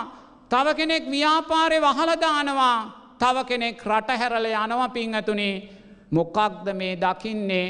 සියලු සංස්කාරයෝ අනිත්‍යයි මහනෙන බුදුරජාණන් වහන්සේ දාපිට කියනවා මම ඔබලාට කියන්නේ තට්ටු දෙකේ ගෙදරක් හදාගෙන හොඳ රස්සාාවක් කරලා හොඳ විවාහයක් වෙලා දරු මුණුබුරන් හදාගෙන ජීවත් වෙන්න කියලා ඇයි සියලු සංස්කාරයෝ වෙනස් වෙලා යනවා මහනෙන. සියලු සංස්කාරයෝ වෙනස් වෙලා යනවා. ඒ නිසා මේ සංස්කාරයන්ගේ නිරෝධයම ජීවිතයට එකතු කරගන්න. මේ සංස්කාරයන්ගේ අනිත්‍ය භාවම දකින්න සංස්කාරයන්ට බැඳෙන්නේ පා කියලා බුදුරජාණන් වහන්සේ දේශනා කරනවා. මේ අයෝමය බුදුරජාණන් වහන්සේගේ මහා කරුණාව දෙස බලන්න පිංහතුනේ. ඒ මහා කරුණාවේ සෙනෙහසට ඔබ ගාල් වෙන්න ඔබ ලං වෙන්න ඔබ මේ දුකෙන් පිරි ලෝකයේ කොටස්කරුවෙක් වෙන්න යන්නේ පාපිංවතුනේ ඔබ මේ දුකෙන් පිරි ලෝකයේ කොටස්කරුවෙක් වෙන්න ගියෝත් පින්වතුනී ඔබ තව කල්ප සියක් කෝටි ප්‍රකෝටි ගානක් ඈත පටිච්ච සෞපන්න ලෝකයේ ඒ විනාසකාරී උරුමේ උරුමක්කරුවෙක් බෞටම ඔබ පත්වෙනවා ලෝතුරා බුදුරජාණන් වහන්සේගේ අයෝමය ගුණයන් අයෝමය මහා කරුණාව කෙරෙහි විශ්වාසය ඇති කරගන්න. ධර්මරත්නය අනන්ත වූ ගුණයන් දෙස බලන්න. ධර්මය ස්වක්කාතයි ධර්මය සරලයි පිංහතුනේ තුෂ්නාව වැඩි වෙලා කරගත්ත විනාසය සරලව අපිට පේනවා අවුරුදු තිහක් කතලියක් පණහක් අපේ රටේ දේශපාල නායකින්ගේ තුෂ්නාවේ වැඩි භාවය නිසාම පිංහතුනේ ජනතාවගේ තුෂ්නාවේ වැඩි භාවය නිසාම ඇති වෙලා තියෙන දුක සරලව පේනවා පිංහතුනේ. සක්කාතයි ධර්මය. මේ අනතුරු විපාක දෙද්දි පිංහතුනේ තුෂ්නාව වැඩිවෙද්දී දුක සරලව අපිට පේනවා සමාජය තුළ. ධර්මය ස්වක්කාත ගුණය. බුදුරජාණන් වහන්සේ සාරා සංක කල්ප ලක්ෂ ගානක් මේ දීර්ඝ පටිච්ච සමුපන්න බව ගමන චතුරාර්ය සත්‍ය කියන කාරණා හතරෙන් නිරෝධය කරන මාර්ගය අපිට කිව්වා. ධර්මය ස්වක්කාත ගුණය ධර්මය ස්වක්කාත ගුණය අවිද්‍යාවෙන් පටන් අරගෙන අවිද්‍යා පච්චයා සංකාරා සංකාර පච්චයා විඤ්ඥානං අවසානයේ ජාති ජරා ව්‍යාදි මරණ දක්වා යන ගමන පටිච්ච සමුපාද ධර්මය තුළ විසිරෝල පෙන්නුව පිංහතුනේ ධර්මය ස්වක්කාතයි. මේ ධර්මය ස්වක්කාත ගුණේ ඔබ දකින්න ධර්මය ස්වක්කාත නිසාම පිංහතුනේ ධර්මය සන්දිිට්ටිකයි. එකයන මේ ජීවිතේම ධර්මය ඔබට දකින්න පුළුවන් මේ දුක උපයෝගී කරගෙන මේ සමාජය තුන ඇවිලෙන තුස්නාව උපයෝගී කරගෙන පිංහතුනේ ඔබට ධර්මය මේ ජීවිතේදිත්ම දකින්න පුළුවන් මේ සංස්කාර වියරුව කෙරෙහි තියෙන පිංහතුනී තුස්නාව බැහැර කරලා මේ ජීවිතේදීම ඔබට ධර්මය දකින්න පුළුවන්. ඔබට මෛත්‍රී බුදුරජාණන් වහන්සේ පහළ වෙනකං ඉන්න අවශ්‍ය නෑ. ඊළඟ ජීවිතේ දිව්‍යලෝකෙකට ගිහිල්ල ධර්මය දකිනකං ඉන්න ඕනෙ නැහැ. ධර්මය ස්වක්කාතයි මේ ජීවිතේම ධර්මය දකින්න පුළුවන් පිංහතුනේ. දැන් ඔබ හිතනවනං මේසා දුක සමාජගත වෙලා තියෙන මොහොතකවත් ඔබට ධර්මය අවබෝධයන් කරා යන්න බැහැ කියල පිංහතුනේ ඉන් අදහස් වෙන්නේ ඔබ ධර්මය ස්වක්කාත ගුණය පිළිගන්නෑ කියලයි පිංහතුනේ. ඔබ ධර්මය ස්වක්කාත ගුණය පිළිගන්නේ නැත්තං. ඔබට මේ ජීවිතේ ධර්මා බෝධය ලබන්න පුළුවන් කියන විශ්වාසය ඔබට ඇතිවෙන්නේ නෑ. පිංහතුනේ සුන්දර අවස්ථාවක් ඔබට ලැබිල තියෙනවා. මේක හැමෝගේම අකුසලයක් බව ඇත්ත මේ අකුස්සලය තුළින් කුසලය මතු කරගන්න පිංහතුනේ. මේ අකුසලය තුළින් කුසලය මතු කරගන්න එදා පටාචාරාව අකුස්සලය තුළින් කුසලය මතු කලා එදා කිසා ගෝතමිය අකුසලය තුළින් කුසලය මතු කළා. එදා ඉසිදාසිය අකුස්සලය තුළින් කුසලය මතු කලා පිංහතුනේ එදා සුනීත සෝපා කලා අකුස්සලය තුළින් කුසලය මතු කලා එනිසා මේ විපාක දෙන්නේ අකුසලයක් බව ඇත්ත. පිංහතුනේ මේ අකුසලය කෙරෙහි ඇලීම් ගැටීම් මොලින් බැහැරවෙන්න පිංහතුනේ මේ සියලු සංස්කාරයෝ අවිද්‍යාව හේතුවෙන්ම සකස් වුන සංස්කාරයෝ අනිත්‍යයි කියල දැකලා පිංහතුනේ මේ සුන්දර අවස්ථාව ධර්මා බෝධය උදෙසා ඔබ යොමු කරගන්න පිංහතුනේ ඔබට මීට වඩා සුන්දර අවස්ථාවක් ධර්මා බෝධයට ලැබෙන්නේ නැහැ.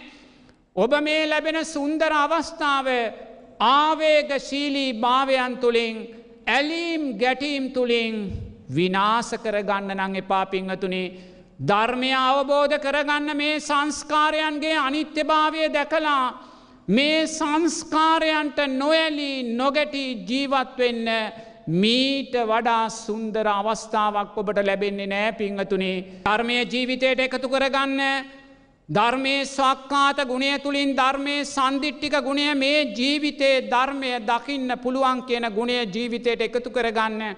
සංගරත්නය ගුණයන්ට යන්න. සංඝයාගේ උතුම් පළවෙනි ගුණය සංඝයා සුපටිපන්නයි. පිංහතුනී සංඝයාගේ සුපටිපන්න ගුණය කියනෙමකක්ද සංඝයා සංසාර බය දැකලා සංසාර නිසරු බව දැකලා කාමයන්ගේ වියරුභාවය දැකලා ගිහි ජීවිතයේ පලිබෝධ බව දැකලා සංඝයා පැවිදි උප සම්පදාවට පත්වෙනවා පිංහතුනේ අන සංඝයාගේ සුපටිපන්න ගුණය සංඝ සමාජයේ අපි තුළ ඒ උතුම් සුපටිපන්න ගුණය තියෙන්න්න ඕන පිංහතුනේ ඒ උතුම් සුපටිපන්න ගුණය තියෙන්න්න ඕනේ. ඒ සුපටිපන්න ගුණයමන් නැවතත් කියනවා සංසාර බය දැක්ක කෙනෙක් සංසාර දුක දැක්ක කෙනෙක් ගිහි ජීවිතයේ පලිබෝධ බව දැක්ක කෙනෙක් කාමයන්ගේ නිසරුභාවය දැක්ක කෙනෙක් දැකලා දුකෙන් මිදීම උදෙසා ගිහි ජීවිතය හැරදාලා පැවිදි උප සම්පදාවට පත්වෙනවා සුන්දර සංඝයාගේ අර්ථය පිංහතුනේ ඒ සුපටිපන්න ගුණය තුළින් උජුපටිපන්න ගුණයට එනවා. මොකක්ද උජුපටිපන්න ගුණය කියන්නේ? දුක නිවීමේ රිජු මාර්ගය තුළ ගමන් කරනවා. මොකක්ද මේ රිජු මාර්ගය පිංහතුනේ ආර්යෂ්ඨාංගික මාර්ගය. දුක දැකලයි පැවිදි වුණේ කාමයන්ගේ නිසරුභාවය දැකලයි පැවිදි වුණේ සංසාර බය දැකලයි පැවිදි වුණේ අන්න දුකෙන් මිදීමේ මාර්ගය රිජුමාර්ගය වෙන ආර්යෂ්ඨාංගික මාර්ගයට එනවා. සංඝයාගේ උජුපටි පන්න ගුණය. කොයිසා සුන්දර මාර්ගය අද පිංහතුනේ සුපටි පන්න ගුණය තුළින් උජුපටි පන්න ගුණයට එනවා. උජුපටි පන්න ගුණය තුළින් ඥාය පටි පන්න ගුණයට එනවා සංඝයා ආර්යෂ්ඨාංගික මාර්ගය තුළ ගමන් කරලා සම්මා සමාධිමත් හිතක් ඇති කරගන්නවා. ඒ සම්මා සමාධිමත් හිතෙන් චුතූපපාතඥාන පූර්වේ නිවාසානුස්සතිඥාන දිව්‍යසෝත දිව්‍යචක්කෝ සෝවාන් සකෘදාගාමි අනාගාමි විදර්ශනානාන මේ ලෞකික ලෝකෝත්තර ඥානයන් නැති කරගන්නවා සංඝයාගේ ඥාය පටිපන්න ගුණය. පිංහතුනී දැම් බලන්න සුපටිපන්න ගුණය තුළින් උජුපටිපන්න ගුණය ඇති වුණා? උජුපටිපන්න ගුණය තුළින් ඥාය පටිපන්න ගුණය ඇති වුණා? ඥාය පටිපන්න ගුණය තුළින් සාමීජි පටිපන්න ගුණය ඇති වුණා පිංහතුනේ. සංඝයාගේ සුපටිපන්න ගුණයට උජුපටිපන්න ගුණයට ඥාය පටිපන්න ගුණයට පිංහතුනේ එදා රටේ රජතුමා වචන කීපයකින්ම දමනය වුණා පිංහතුනේ. යටත් වුණා. ඒ සුන්දර ගුණයන් තියෙන්නේ මහා සංගරත්නයට පමණක් මයි පිංහතුනේ. මේ ගුණයන් ජීවිතයට එකතු කරගන්න. වර්තමාන සමාජයේ සංග සමාජයේ බලවත් අභියෝගකටයක් වෙලා තියෙනවා. බලවත් විවේචනාත්මක දිසාවන්ට සංග සමාජයේ යොමු කරන බවක් සමාජය තුළ පේනවා පිංහතුනි. අන්‍යාගමික කණ්ඩායම් සංග සමාජයේ ඉලක්ක කරගෙන බලවත් ආකාරයෙන් චෝදනා විවේචනයන් එල්ල කරන දිසාවකට අද අරං යනවා. එනිසා සංග සමාජයේ අපි දක්ෂවී යුතුයි පිංහතුනේ මේ උතුම් ගුණයන් අපේ ජීවිතයට එකතු කරගන්න. සංග සමාජයේ ඉදිරියේ යම් අභියෝගයක් මතු වෙලා තියෙනවනං ඒ අභියෝගයන්ගෙන් අපිව ජයග්‍රහණය කල්ලා දෙන්නේ ආණ්ඩුවක් විසින් නායකයෙක් විසින් ඇමතිවරයෙක් විසින් නෙමේ පිංහතුනේ අපේ මේ උතුම් ගුණයන් විසින්මයි අපිට එරෙහි වෙන අභියෝගයන් දමනය කරලා දෙන්නේ. එනිසා සංඝ සමාජයේ අපි දක්ෂවීතුයි බලවත් ආගමික විකෘතින් සමාජය තුළ සකස් වෙනවා. සංඝ සමාජයට බලවත් ආකාරයෙන් චෝදනා එල්ල වෙනවා. සංඝ සමාජය කුඹුරට බහින්න ඕනේ අනාගතයේදී වගා සංග්‍රාමයන්ට සහභාගි වෙන්න ඕනෙ වැනි මිත්‍යා දෘෂ්ටික අදහස් සමාජගත වෙනවා පිංහතුනේ. මහා සංගරත්නය වගා සංග්‍රාමොල්ට යන්නේ නැහැ. මහා සංගරත්නය කුඹුරට බහින්න නැහැ. මහා සංගරත්නය සත්ව ගොවි පොළවල් කරන්නේ නැහැ. මහා සංගරත්නය සතුව තියෙන්නේ සුපටිපන්න ගුණයයි. මහා සංගරත්නය සතුව තියෙන්නේ උජුපටිපන්න ගුණයයි. මහා සංගරත්නය සතුව තියෙන්නේ ඥාය පටිපන්න ගුණයයි.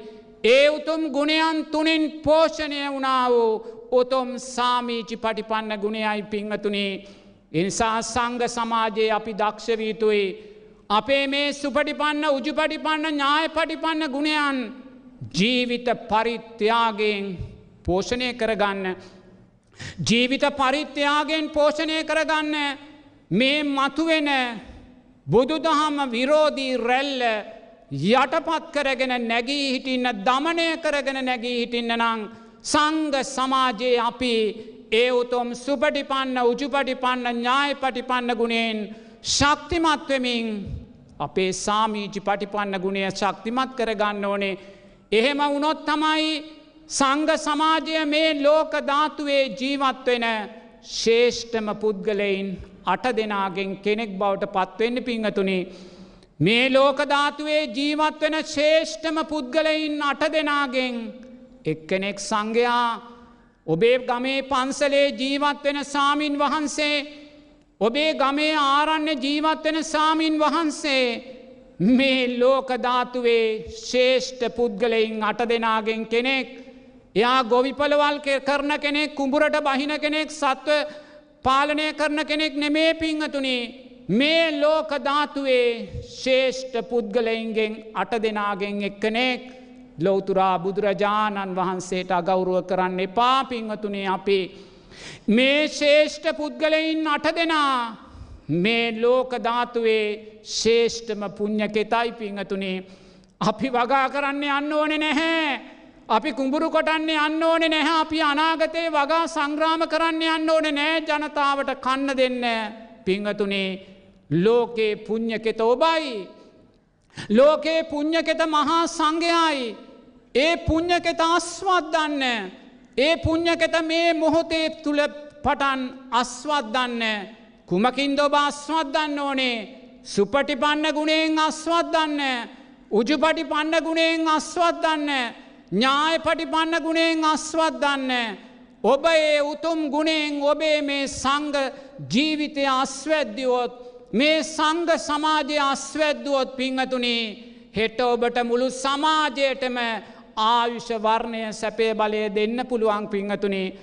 හෙට මුළු සමාජයටම ආයුෂ වර්ණය සැපේ බලය දෙන්න පුළුවන්. අද සමාජය මේ කෑගහලා ඉල්ලන්නේ අපිට ආයුෂ වර්ණය සැපේ බලය දෙන්න. ගෑස් නැහැ කියලා ඩීසල් නැහැ කියලා පැට්‍රල් නෑ කියලා ජීවත් වෙන්න මුදල් නෑ කියලා රස්සාාවක් නෑ කියලා මේ ජනතාව කෑ ගහලා ඉල්ලන්න මොකක්ද පිංහතුනේ අපිට ආයුෂය දෙන්න අපිට වර්ණය දෙන්න අපිට සැපය දෙන්න අපිට බලය දෙන්න කියලයි මේ ඉල්ලන්න පිංහතුනේ මේ ටික දෙන්න නං අපි වගා කරන්න ඕනේ. අපි අපිව පෝෂණය කරන්න ඕනෙ මොකකින්ද? සුපටිපන්න ගුණෙන් උජුපටිපන්න ගුණෙන් ඥාය පටිපන්න ගුණෙන් සාමීජි පටිපන්න ගුණෙන් පිංහතුනේ එහෙම වුණොත් තමයි ලෝකයේ ශේෂ්ඨ පුද්ගලයින් අට දෙනාගෙන් කෙනෙක් බවට ඔබ පත්වෙන්නේ සංඝ සමාජයේ. මේ ලෝකධාතුවේ ශේෂ්ඨ පුං්ඥ කෙත ඔබ වෙන්නේ එ විතරක් නෙමේ දෙවියන් බ්‍රහ්මයින් මනුස්සයින් වන්දනා කරන්න පිංහතුනේ දෙවියන් වන්දනා කරනවා මනුස්සයින් වන්දනා කරනවා බ්‍රහ්මයින් වන්දනා කරනවා. මේ උතුම් සංඝ සමාජයේ ගුණයන්ට පිංහතුනේ එනිසා මේ උතුම් සංඝයාගේ ගුණයන් දකින්න ගිහි පින්වතුල්ලා ගමේ පන්සලේ සාමීන් වහන්සේ වේවා ආරණ්‍ය සාමීන් වහන්සේ වේවා. මේ මොහොතේ කිනම් අඩුපාඩුවක් තිබ්බත් සංඝයා කියන අර්ථය තුළින් ඔබ ශක්තිමත් වෙන්න පිංහතුනේ. සංඝයා කියන අර්ථය තුළින් ඔබ සිව්පසේ පූජා කරන්න කරමින් පිංහතුනේ සංග සමාජයටත් ඔබ ශක්තියක් වෙන්න මේ මොහොතේ පිංහතුනේ තෙරුවන් කෙරෙයි සද්ධහවයි මේ වැඩෙන්නේ. ආර්යෂ්ඨාංගික මාර්ගයේ සම්මා දිට්්‍යයට අදාළ මුල්මාංගය දෙවැනි අංගය කර්මය කර්මඵල විශ්වාසය පිංහතුනේ කර්මය කර්මඵල විශ්වාසය ඔබට තියෙන්න ඕනේ මේ සමාජය දිහැ බලද්දී ධර්මයක් දකින්න පිංහතුනේ ගැටෙන්න කෑගහන්න උද්ඝෝෂණය කරන්න පෙළපාලියන්න දෙයක් මේ සමාජය තුළ නැහැ. අපි මේ දකින්න ධර්මයක් මොකක්ද කර්මය කර්මඵල විශ්වාසයට යටත් කරලා මේ දේ දකින්න පිංහතුනේ අකුසල් විපාකට එනවා. අපි කලා වූ ලෝබ දේශ මෝහ අකුසල් සිල්පද බිඳීම් බලවත් ආකාරයෙන් විපාකට දෙද්දි පිංහතුනේ ඒ විපාකොලින් වැලකෙන්න කාටවත් බැහැ. බුදුරජාණන් වහන්සේ දේශනා කරනවා කර්මය විපාක දෙද්දී ඔබ මහා සාගරයේ මැද්දට ගිහිල්ල හැංගිලා හිටියත් ඔබ මේ අබ්බ අභ්‍යාව කාසය තුළ උඩට ගිහිල්ල කොයහරි සැඟවී හිටියත් ඔබ මහා ගල් පර්වතයක් තුළ සැඟවී සිටියත් කර්මය විපාක දෙන එකෙන් ඔබට ගැලවෙන්න නම් බෑ කියල පිංහතුනේ. එනිසා මේ අපිම වැඩුවා වූ ලෝබ දේශ මෝහයන් අකුසල් මූලයන්ගේ විපාකයන් ඇස් පනාපිට අපිට ඔප්පු වෙලා පේනවා. පිංහතුනේ මේ කර්මය කර්මඵල විශ්වාසය ඇති කරගන්න. අකුසල් විපාකය මේසා බයකරුනම් බියංකාරණ භයංකාරනම් පිංහතුනේ. රටක් මේසා තුට්ටු දෙකට ඇදල දාන්න අකුසලේ සමත් පිංහතුනේ. නිසා අකුසලයෙන් බැහැරවෙන්න අකුසලයෙන් බැහැරවෙලා කුසලේ තුළ ශක්තිමත් වෙන්න අලෝභ අදේශ අමෝහ ධර්මයන් තුළ ශක්තිමත් වෙන්න ලෝකය මොනසා වැරදි දිසාවට ගියත් ලෝකය මොනසා අකුසල් දිසාවට ගියත් ඔබ ඔබට සපත වෙන්න පිංහතුනේ මේ වියරු සංස්කාර ලෝකේ කොටස්කරුවෙක් ඔබ වෙන්නේ නෑ කියල පිංහතුනේ. මේ වියරු සංස්කාර ලෝකයේ කොටස්කරුවෙක් වෙලා තව දුරටත් වියරු සංස්කාරෝබේ ජීවිතයට එකතු කරගන්නේ නෑ කියන අධිෂ්ඨානයට ඔබ එන්න මේ සුන්දර මොහොත පිංහතුනේ කර්මය කර්මඵල විශ්වාසය ඇති කරගන්න යහපත් දෙයක් කළොත් යහපත් විපාකයක් තියෙනවා. අයහපත් දෙයක් කළොත් අයහපත් විපාකයක් තියෙනවා කියන විශ්වාස ජීවිතයට ඇති කරගන්න. පැට්‍රල් පෝලිමක් යනකොට ළඟින් යනකොට ඔබත් ආණ්ඩුවට බැනබැන යන්න එපා. වෙන කාටුවත් බැනබැන යන්න එපා. සුවපත් වේවා කියමින් යන්න පිංහතුනේ. ගෑස් පෝලිමත් දකිද්දි ඔබ කාටවත් බැනබැන යන්න එපා. සුවපත් වේවා කියලාම ඔබ දකින්න. රූපවාහිනියේ ප්‍රවෘත්තියක් අහද්දී ඔබ කාටවත් බයින්න යන්න එපා පිංහතුනේ ඔබ සුවපත් වේවා කියලම දකින්න මේ වියරු සංස්කාර ලෝකේ තව දුරටත් ඔබ අකුසලේ කොටස්කරුවෙක් වෙන්න එපා. එහෙම වුණොත් මහා වියරුවක් අනාගතයේදී ඇතිවෙයි මහා ලේ වැගරීම් සමාජය තුළනාගතය ඇතිවෙයි පිංහතුනේ. එනිසා ඔබ මේ කර්මය කර්මඵල විශ්වාසට එන්න. මේ විපාක දෙන්නේ අකුස්සලයක් මයි පිංවතුනී වෙන දෙයක් නෙමේ. බුදුරජාණන් වහන්සේ දේශනා කරනවා අකුසල් විපාකදීම ගැන හිතන්න යන්න එපා කියලා. කර්මය විපාක දෙනට හිතන්න එපා කියලා. හිතන්න යන්න එපා පිංහතුනේ. ඇයි මේ ආණ්ඩු වැටෙන්නේ ඇයි මේ ආණ්ඩු දුර්වල වෙන්නේ ඇයි මේ පෝලිං ගැහෙන්නේ ඇයි මේ ආර්ථිකය වැටෙන්නේ හිතන්න එපා කියනවා කර්මය විපාක දෙන හැටි ඔබට හිතන්න බෑ මට හිතන්න බෑ පිංහතුනේ. එය දකින්න පුළුවන් ලොවතුරා සම්මා සම්බුද්ධ ඥානයකට පමණක් මයි. ඒනම් බුදුරජාණන් වහන්සේ දේශනා කරනවා කර්මය විපාක දෙන හැටි ඔබ හිතන්න ගියොත් ඔබ උමතුවෙයි කියල පිංහතුනේ. අද රටෙන් භාගයක්ම උමතු වෙලා. අද රටෙන් භාගයක් උමතු වෙලා ඇයි කර්මය විපාක දෙන හැටි හිතන්න යනව පිංහතුනේ.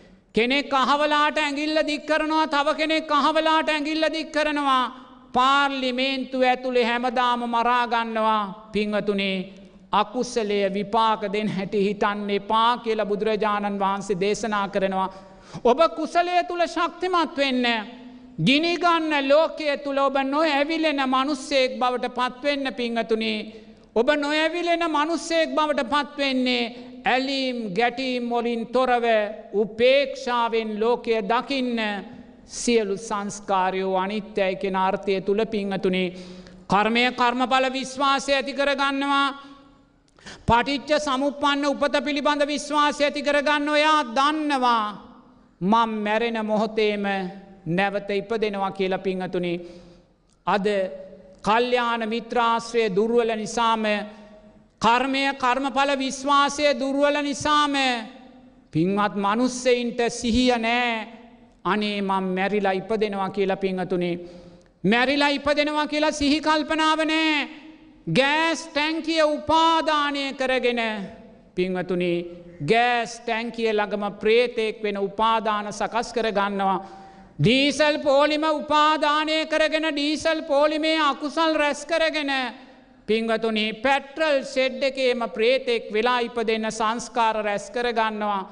කපුටුකා කපුටුකා කිය කියා කියමින් මරනාසන්න මොහොතේ මේවා සිහිපත් වෙලා ඊළඟ ජීවිතේ කපුටෙක් වෙන්න මදාල සංස්කාර රැස් කරනවා පිංහතුනි පටිච්ච සමුපන්න උපත පිළිබඳ විශ්වාස නැහැ. පිංහතුනී පටිච්ච සමුපන්න උපත පිළිබඳ විශ්වාස ඇති කරගන්න මේ රජයන් වැරදි කලා කියලා ඔබ දේශය ඇතිකරගෙන මේ දේශය දරාගෙන ඔබ මැරුණොත් දෙයි හාමුදුරුවනේ ඔබ නිරයට වැටෙන්නේ. ඔබ වැටෙන්නේ තිරිසන් ලෝකෙට. ආණ්ඩු හදන්න ගිහිල්ලා ගෑස් ටැංකියක් වෙනුවෙන් ඩීසල් ලීටරයක් වෙනුවෙන් පැට්‍රල් ලීටරයක් වෙනුවෙන් නිරයට වැටෙන්නේ පාපිංහතුනේ නිරයට වැටෙන්නේ පාරූපය මාරයා. වේදනා සංඥා සංකාර විඤ්ඥානයෝ මාරයා ඔබ තුළ සකස්වෙන ඔය රූප වේදනා සංඥා සංකාර විඤ්ඥානයන් මාරයා හැටියටම දකින්න. ඒ අධ්‍යාත්මික පංච උපාදානස්කන්දයෝ මාරයා හැටියට දකිනවා වගේම බාහිර පංච උපාදානස්කන්දයෝත් මාරයා හැටියට දකින්න. අද මාරයා පන්දන් දල්වගෙන මහපාරේ හැම දිසාවකම කරක් ගහනව පිංහතුනී ඇයි ඔබව සතරාපායට කොටු කරන්න ඔබව සතරාපායට කොටු කරන්න ඔබ මේ මාර උපක්‍රමයට යටවෙන්නේ පාපිංහතුනේ පටිච්ච සමුපන්න උපත කෙරෙයි විශ්වාසය ඇති කරගන්න. ඩීසල් නැතුව පැට්‍රල් නැතුව පයිංගියත් කමක් නෑ. ගෑස් නැතුව නොකා හිටියත් කමක් නෑ පින්වතුනී ඔබ නිරයට වැටෙන්නේ නැහැ. ඔබ සතරාපායට වැටෙන්නේ නැහැ. නමුත් ඔබ මේවා නිසා ලෝබ දේශ මෝහයන් නැතිකර ගත්තොත්. තුෂ්නාපච්චයා උපාදානං උපාදානපච්චයා බවෝ කියන ධර්මතාවය තුළ ඔබ සතරාපායට වැටෙනවා මයි පිංහතුනේ ඒ අවාසනාවට ඔබේ යන්න එපා කැමති කෙනෙකුට යන්න දෙන්න කැමති කෙනෙකුට යන්න දෙන්න සව සාරා සංක කල්ප ලක්ෂ සියක් කෝටි ප්‍රකෝටි ගානක් ඇතට මේ පංච උපාදානස්කන්ද ලෝකය ගලාගෙන යනවා පිංහතුනේ. ලෝකෙට සාමාජිකින් අවශ්‍යයි. යනකෙටුකුට යන්න දෙන්න. ඔබ වර්තමානය තුළ නවතින්න. වර්තමානය තුළ නවතින්න ඇලීම් ගැටීම් දිසාවට නොයා ධර්මය උපේක්ෂාවෙන් ලෝකය දකින්න පිංහතුනි. අවිද්‍යාපච්චයා සංකාරා සංකාරපච්චයා විඤ්ඥානං උද්ඝෝෂණය කරන සාමීන් වහන්සේ කෙනෙක් තුළින් උද්ඝෝෂණය කරන ගිහි පින්වතෙක් තුළින් මේ ධර්මය දකින්න අවිද්‍යාපච්චයා සංකාරා අවිද්‍යාව නිසා සකස් කරගත්තා වූ සංස්කාරය සංස්කාරපච්චයා විඤ්ඥානං සංස්කාර නිසා සකස් කරගත්තා වූ දැනීම් විඤ්ඥානපච්චයා නාමරූපං දැනීම් නිසා යළි යළි සකස් කරගන්නා වූ නාමරූප ධර්මයෝ පංචු පාදානස්කන්ද ධර්මයෝ බවාත්‍රයට ජාති ජරා ව්‍යාදි මරණ කරා අරංයන අපූරුව නුවනින් දකින්න පිංහතුනේ. පටිච්ච සමුපන්න උපත දකින්න පටිච්ච සමුපන්න උපත කෙරෙහි බිය ඇති කරගන්න මම මේ ජීවිතයේ මනුස්සෙක් වුණා ඊළඟ ජීවිතේ මම දෙවියෙක් මයි වෙන්න කියලා හිතන්න මේ මනුස්ස ලෝකයේ ප්‍රාර්ථනා කරන්නේ පාපිංහතුනේ මේ මනුස්ස ලෝකය කෙරෙහි තුෂ්නාව අතහරින්න මීට වඩා දවසක් ඔබට උදාවෙන්නේ නෑ පිංහතුනේ. මේ නිමේශයේ මනුස්ස ජීවිතය කරෙහි තියෙන තුෂ්නාව අතහරින්න මේ මනුස්ස ලෝකය කෙරෙහි අබ ඇටයක තරංවත් තුෂ්නාවක් තියාගන්නේ පාපිංහතුනේ මේක කඳුලෙන් මේක දුකෙන් මේක රුදිරයෙන් මේක ප්‍රශ්නවලින් දරිද්‍රතාවෙන් පිරුණ ලෝකයක් නං පිංවතුනේ ජාති ජරාව්‍යාදි මරණ සෝක පරිදේවයන්ගෙන් පිරුණු මනුස්ස ලෝකයක් නම් මනුස්ස ජීවිතයක් නං අධිෂ්ඨානයක් ඇති කරගන්න මේ මගේ අවසාන මනුස්ස ජීවිතයයි කියල පිංහතුනේ මනුස්ස ජීවිතය කරේ තියන තුෂ්නාව අතහරින්න මේ මොහොතෙම මේ මොහොතේ ඔබ මනුස්ස ජීවිත කරේ තියන තුෂ්නාව අතහැරෙද්දී ඔබේ හිත පිහිටන්නේ සස්්‍රීක දිව්‍ය තලයකයි පිංහතුනේ ඊට පස්සෙ පුළුවන් ඊළඟ දේ කරගන්න. එනිසා මේ සුන්දර පටිච්ච සමුපන්න උපත කෙරෙහි විශ්වාසය ඇති කරගන්න. ඉළඟට අම්මා තාත්තාගේ ගුණයන් පිළිබඳ විශ්වාසය බුදුරජාණන් වහන්සේ අම්මා තාත්තාගේ ගුණයන්ට කියන්නේ මහා බ්‍රහ්ම ගුණ කියල පිංහතුනේ මෙත්තා කරුණා මුදිතා උපේක්ෂා සතර බ්‍රහ්ම විහරණයන්ගෙන් අම්ම තාත්තා දරුවන් දෙස බලන්නේ.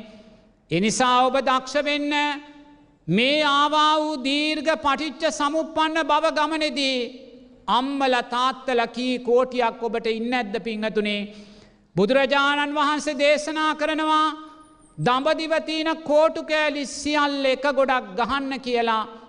ඒ සෑම කෝටු කෑල්ලක්ම මේ ඇගිල්ලේ ප්‍රමාණයට කඩන්න කියනවා. එක කෝටු කෑල්ල කෝටු කෑල්ල අයින් කරන්න කියනවා.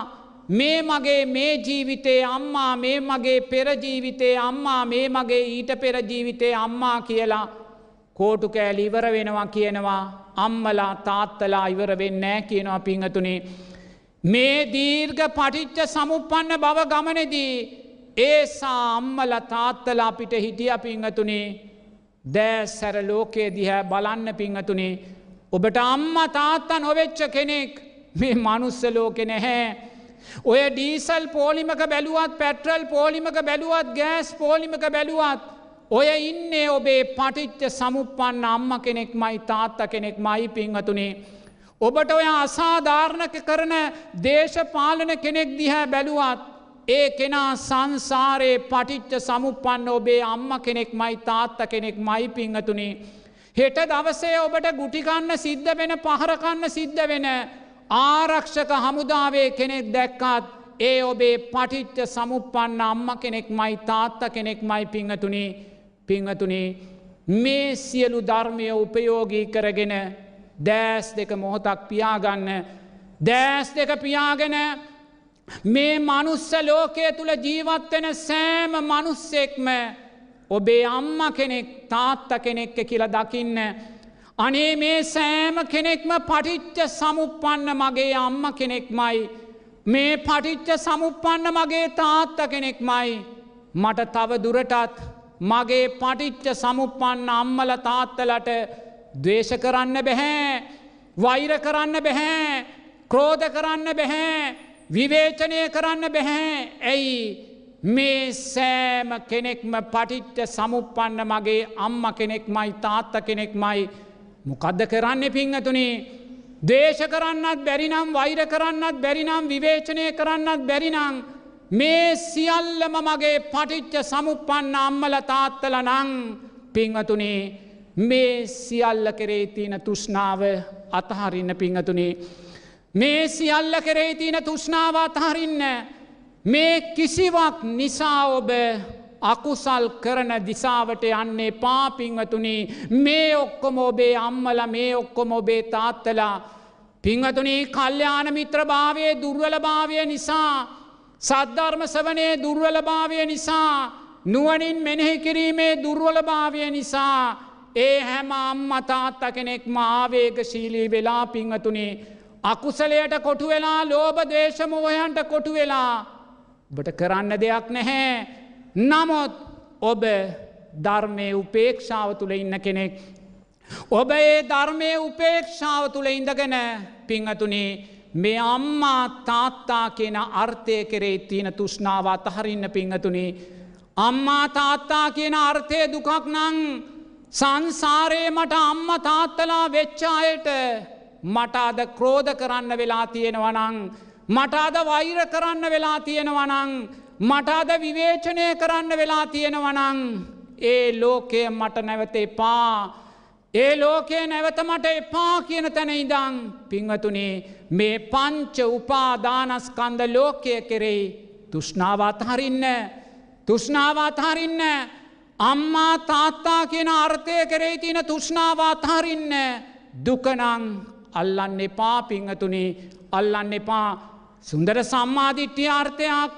ඊළඟට දානේ සීලේ ආනිසංස පිළිබඳ විශ්වාසය අපිට පේනවා. අද මේ දෙකම කඩා වැටිල පිංහතුනේ. දානේ ආනිසංස ජනතාවට නැහැ. වර්ණය සැපේ බලය ජනතාවට නැහැ. සීලේ ආනිසංස ජනතාවට නැහැ. ජනප්‍රිය භාවය නැහැ. බවබෝග සම්පත් ආරක්ෂාවෙන්නේ නැහැ. අභියෝගවලට මූුණදීමේ ආත්ම ශක්තිය නැහැ. ඇයි පිංහතුනේ? පාලක පිංවතුල්ලාගේ දානේ ශක්තිය බිඳ වැටිලා ජනතාවගේ දානේ ශක්තිය බිඳ වැටිලා පාලක පිංවතුල්ලාගේ සීලේ ශක්තිය බිඳ වැටිලා ජනතාවගේ සීලේ ශක්තිය බිඳ වැටිලා වර්ණය සැපය බලය ලෝකෙන් හිඟා කනව පිංහතුනේ. වර්ණය සැපය බලය අදාපි ලෝකෙන් හිඟා කනවා. වර්ණය සැපය බලය තුට්ටු දෙකට වැටුනේ. ඇයි?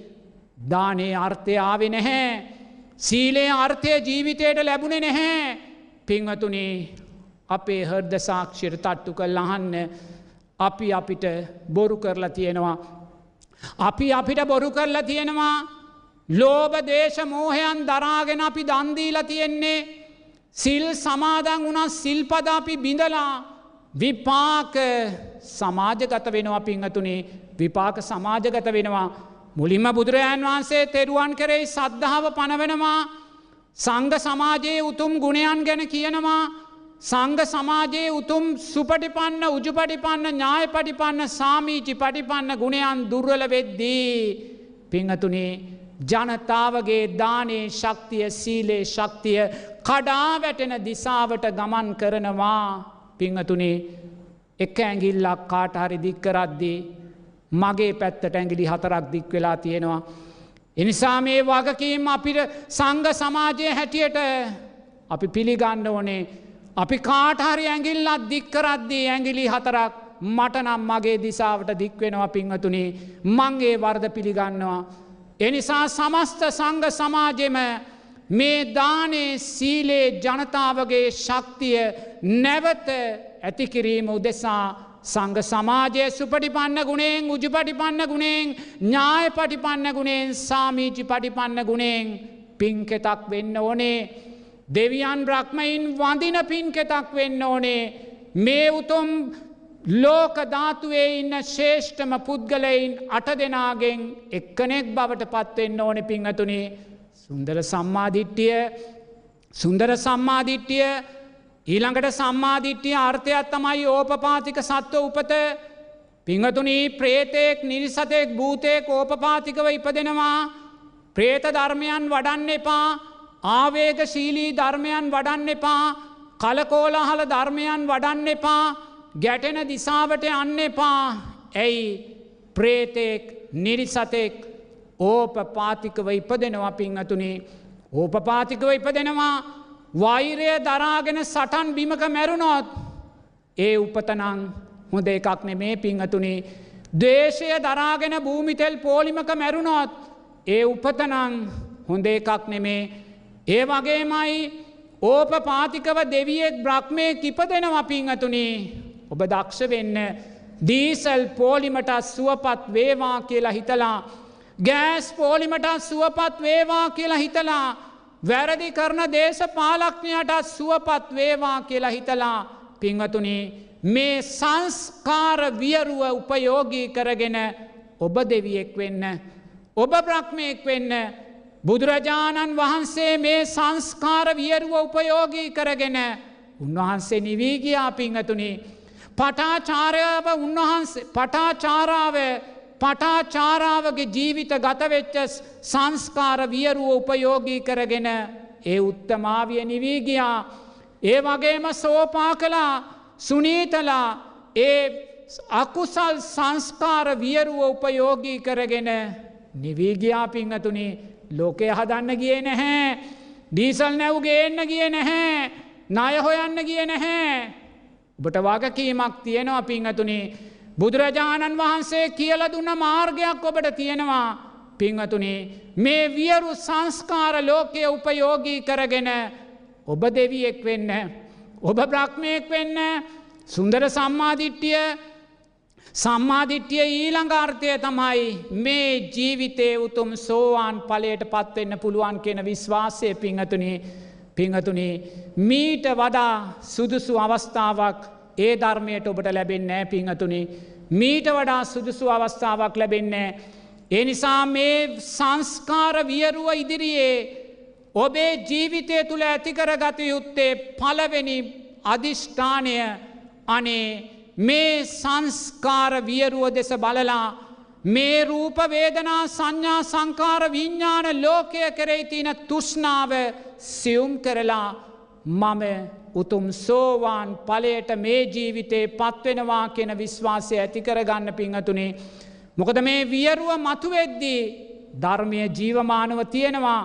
මේ වියරුව මතුවෙද්දී චතුනාර් සත්‍ය ජීවමානව තියෙනවා නමුත් අනාගත කාලෙදී මීට වඩා දරුණු වියරුන් මතුවෙද්දී ධර්මය නෑ පිංහතුනි චතුරාර් සත්‍ය නැහැ. එදාට ඔබට ඒ වියරුව නිසා තව තව සංස්කාර වියරුව දිසාවටමයි ඔබට ගමන් ගන්න වෙන්නේ. එනිසා ඔබ දක්ෂ වෙන්න මීට වඩා සුන්දර අවස්ථාවක් ඔබට ලැබෙන්නේ නෑ. මට මේ ජීවිතේ උතුම් සෝවාන් පලයමල් ලබාගෙන දෙවියනේ මේ සතර අපායෙන්සා මේ මනුස්ස ලෝකයෙන් මිදෙනවා කියන අධිෂ්ඨානයට එන්න පිංහතුනේ අධිෂ්ඨානයට එන්න ලෝකෙට වෛර කරන්න එපා ලෝකෙට ආදරය කරන්න එපා. මේ ආදරයත් වෛරයත් කියන දෙකම අනිත්‍ය වූ සංස්කාරයක් පිංහතුනේ මේ දෙකම වෙනස් වෙලා යනවා. එනිසා ඔබ මේ ආදරය කිරීමෙනුත් වෛර කිරීමෙනුත් දෙකෙන්ම මිදන්න දෙකෙන්ම මිදන්න. මේ දෙකෙන්ම මිදන්න නං මේ සංස්කාරයන්ගේ අනිත්‍ය භාවය ඔබ දකින්න ඕනෙ මයි පිංහතුනේ සුන්දර සම්මාධිට්්‍යය මන්දැන් සම්මාධිට්්‍යයම අංග හතක් කිව්වා. ඔබ සම්මාධිට්්‍යයෙන් ඇතුල් වෙන්නේ සම්මා සංකප්පයන්ට. සම්මා සංකප්ප කියන්නේ මොකක්ද පිංහතුනේ අවිහිංසා සංකප්පා ව්‍යාපාද සංකප්ප නෙක්කම්ය පිංහතුනී වර්තමාන සමාජයේ ආර්යෂ්ඨාංගික මාර්ගය කුඩු කරලා දාලා තියෙන්නේ මනුස්ස ජීවිත තුළින් සම්මා සංකප්පයන්ගේ දුර්වල භාවේ තිවර භාවය මයි පිංහතුනි. සම්මා සංකප්පයන් තුළ හොඳින් ශක්තිමත් වෙන්න සම්මා දිට්ටියේ පෝෂණයෙන් මයි සම්මා සංකප්ප ශක්තිමත් වෙන්න පිංහතුනේ. සම්මා දිට්ටි සම්මා සංකප්ප පනවන්නේ ලෞකික ප්‍රඥාවට මාර්ගය හඳුනා ගැනීමේ ප්‍රඥාවට මොකද්ද මාර්ගය සීල සමාධි ප්‍රඥාමාර්ගය පිංහතුනේ. මේ සීල සමාධි ප්‍රඥා මාර්ගය හඳුන්වල දෙන මුල්ම කොටස්කරුව තමයි මාර්ගය තමයි ලෞකික ප්‍රඥාව පිංහතුනේ සම්මා දිට්ටි සම්මා සංකප්ප. අවිහිංසා සංකප්පය තුළ ශක්තිමත් වෙනවා. එයා කාටවත් හිංසා කරන්නේ පිංහතුනේ අවිද්‍යාපච්චයා සංකාරා සංකාරපච්චයා විඤ්ඥානං එයා දක්ෂයි ඕනම ධර්මතාවයක් මේ කාරණා තුළ විසිරෝල දකින්න. කෙනෙක් දේශ කළත් කෙනෙක් වෛර කළත් කෙනෙක් මෛත්‍රී කළත් අවිද්‍යාව හේතුවෙන් සකස් වෙන සංස්කාරමයි. සංස්කාර හේතුවෙන් සකස් වනා වූ දැනීම්මයි ඒ පුද්ගලයා තුළින් ක්‍රියාත්මක වෙන්න පිංහතුනේ. අවිහිංසාව ඇති කරගන්න හිංසාකාරී වෙන්න එපා කුසලයක් විපාක දෙන්න තව තම අකුසල් කරාව බෝ අරං යන්න ඒක හොඳින් තේරුම් ගන්න අකුසලයක් විපාක දෙන්නේ ඔබව කුසලය තුළට අරං යන්න නෙමේ අකුසලයක් විපාක දෙන්නේ ඔබව තව තව අකුසල් කරා අරං යන්න මයි පිංහතුනේ එනිසා ඔබ දක්ෂ වෙන්න අකුසලය නිරතුරුවම කුසලයෙන් යටපත් කරන්න පිංහතුනේ. අකුසලය කුසලයෙන් යටපත් කරන්න නං ඔබ ඕනෑම අකුසල් විපාකයක් ඉදිරියේ සුවපත් වේවා කියලා හිතන්න දක්ෂ වෙන්න ඕන පිංහතුනේ. අද ඔබ ගෙදර යද්දී ගෙදර ලයිට් නැතුව තියෙන්න්න පුළුවන් ගෙදර ගෑස්ටැන් කිය නැතුව තියෙන්න්න පුළුවන් පිංහතුනේ ගැටෙන් එපා සුවපත් වේවා කියලා හිතන්න පිංහතුනේ. සුවපත් වේවා කියලා හිතන්න ඔබ මොකක්දේ කළේ ඔබට විපාක දුන්න අකුසලය පිංහතුනේ කුසලයෙන් යටපත් කළා. මෛත්‍රිය චිත්තය තුළ ඔබ සුවපත් වේවා කියන හිතන චිත්තය තුළ ආනිසන්සේ කොළහක් තියෙනවා පිංහතුනේ ආනිසන්සේ කොළහක්. මේ මෛත්‍රී ආනිසන්සේ කොළහා ඔබේ ජීවිතයට එකතු වෙද්දි පිංහතුනේ අකුස්සලය කුසලයෙන් යටපත් කිරීමේ මාර්ගයට ඔබ අවතීරණ වනා වෙනවා. නමුත් ඔබ අකුසලය කුසලයෙන් යටපත් කලා කියලා ඔබට ගෑස් සම්බුවෙන්නේ නෑ පිංහතුනේ එක තේරුම් ගන්න. නමුත් ඒ හේතුව නිසා ඔබ තව තව අකුසල් සිදුකරගන්න දිසාවට යාම ඔබ පාලනය කරගන්නවා ඔබ පාලනය කරගන්නවා. එනිසා නිරේතුරම අවිහිංසා සංකප්පය තුළ අව්‍යාපාද සංකප්පය තුළ ජීවත් වෙන්න සමාජය තුළ මොනසාස් මේ සංස්කාර වියරුව බලවත් වනත් අදට වඩා මේ වියරුව හෙට බලවත්වේවී අදට වඩා හෙට මේ සමාජය ආරවුල් අවුල් වියවුල් උද්ඝෝෂණවලින් වැඩිවේවී පිංහතුනේ ඔබ සම්මා සංකප්පයන් තුළ ජීවත් වෙන්න. ඔබ සමාජයට කුසලය බෙදල දෙන කෙනෙක් වෙන්න. ඔබ සමාජයට පින බෙදල දෙන කෙනෙක් වෙන්න. ඔබ සමාජයට සම්මා දිට්ටිය බෙදල දෙන කෙනෙක් වෙන්න. ඔබ ගිනිගන්නා වූ පංච උපාදානස්කන්ද ලෝකය තුළ නො ඇවිලෙන කෙනෙක් බවට පත්වෙන්න. එතනයි තෙරුවන් කෙරේ සද්ධාව කියන්න පිංහතුනේ. එතනයි බුදුරජාණන් වහන්සේ කෙරෙයි ඔබ ගරු කරා කියන්නේ. එතනයි ඔබ සම්මා දිට්ටිය ආර්ථයන් ඔබේ ජීවිතයට එකතු කර ගත්තා කියලා බුදුරජාණන් වහන්සේ දේශනා කරන්නේ. නිසා සම්මා සංකප්පයන් ශක්තිමත් කරගන්න නිරේතුරු අවිහිංසා සංකප්පය තුළ අව්‍යාපාද සංකප්පය තුළ ශක්තිමත් වෙන්න පිංහතුල්ලා දෑස් පියාගෙන මංකිව්වාට පස්සේ ශබ්ද නගල මෙහෙම කියන්න ඔබ මට නැවත නැවත වෛර කරන්න මම ඔබට නැවත නැවත මෛත්‍රී කරමි. ඔබ මට නැවත නැවත දේශ කරන්න මම ඔබට නැවත නැවත මෛත්‍රී කරමි. ඔබ මට නැවත නැවත නපුරුකම් කරන්න මම ඔබට නැවත නැවත මෛත්‍රී කරමි. ඔබ මාව නැවත නැවත විවේචනය කරන්න මම ඔබට නැවත නැවත මෛත්‍රී කරමි. ඔබ මාව නැවත නැවත නොසලකා හරින්න. මම ඔබට නැවත නැවත මෛත්‍රී කරමි.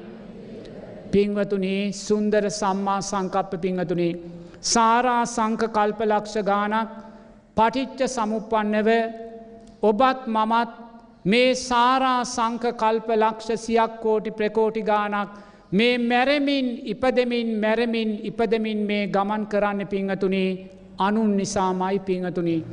අනුන් නිසාමයි ඔබ නිසානන් නෙමේ අනුන් එරෙව්වා කියලා ඔබ ඔරවන්න ගියා අරුන් දේශ කලා කියලා ඔබ දේශ කරන්න ගියා. අනුන් විවේචනය කලා කියලා ඔබ විවේචනය කරන්න ගියා. අනුන් බැන්න කියලා ඔබ බයින්න ගියා. ඒ නිසාම පිංහතුනේ අනුන් නිසා සාරා සංක කල්ප ලක්ෂ ගානක දීර්ග පටිට්ට සමුපන්න දුකක් ගෙවාගෙන ආපු පිරිසක් අපි පිංහතුනේ එනිසා ඔබ බලන්න වර්තමානයේ අනුන් නිසා අපි කොච්චරනං අකුසල් කරගන්නවාද කියලා. අනුන් නිසාපි මොන සරන්නම් පව් කරගන්නවාද කියලා. අනුන් නිසාපි කොච්චරනම් මිච්චා වාචාවන් කරගන්නවාද සම්මා සංකප්පයන් දුර්වල කරගන්නවාද කියලා පිංහතුනේ අනුන් නිසා දුවන කෙනෙක් බවට ඔබ පත්වෙන්නේ පා පිංහතුනේ ඔබ මේ සුන්දර මොහොතේ නැවතුන කෙනෙක් බවට පත්වෙන්න නැවතුන කෙනෙක් ඒ ඇනෙ පස්සය ළඟ ඔබ නවතින්න පිංහතුනේ මොනදේ දැක්කාත් දැක්කා කියන තැන ඔබ නවතින්න. මොනදේ ඇසුනාත් ඇසුනා කියන තැන ඔබ නවතින්න. මොනගේ දැනුනාත් දැනුනා කියන තැන ඔබ නවතින්න. පිංහතුනේ සුන්දර සම්මා සංකප්ප පිංහතුනේ. ඒ වගේ මයි සම්මා සංකප්පට සම්මා සංකප්පයන් තුළ නෙක්කම්ම සංකප්පය තියෙනවා.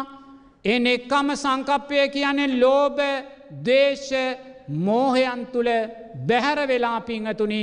අලෝබාදේශ අමෝහයන් තුළ ජීවත්වෙනවා පිංහතුනි ඔබ පොඩ්ඩක් හර්ද සාක්ෂයට තට්ටු කල්ලා අහන්නකෝ.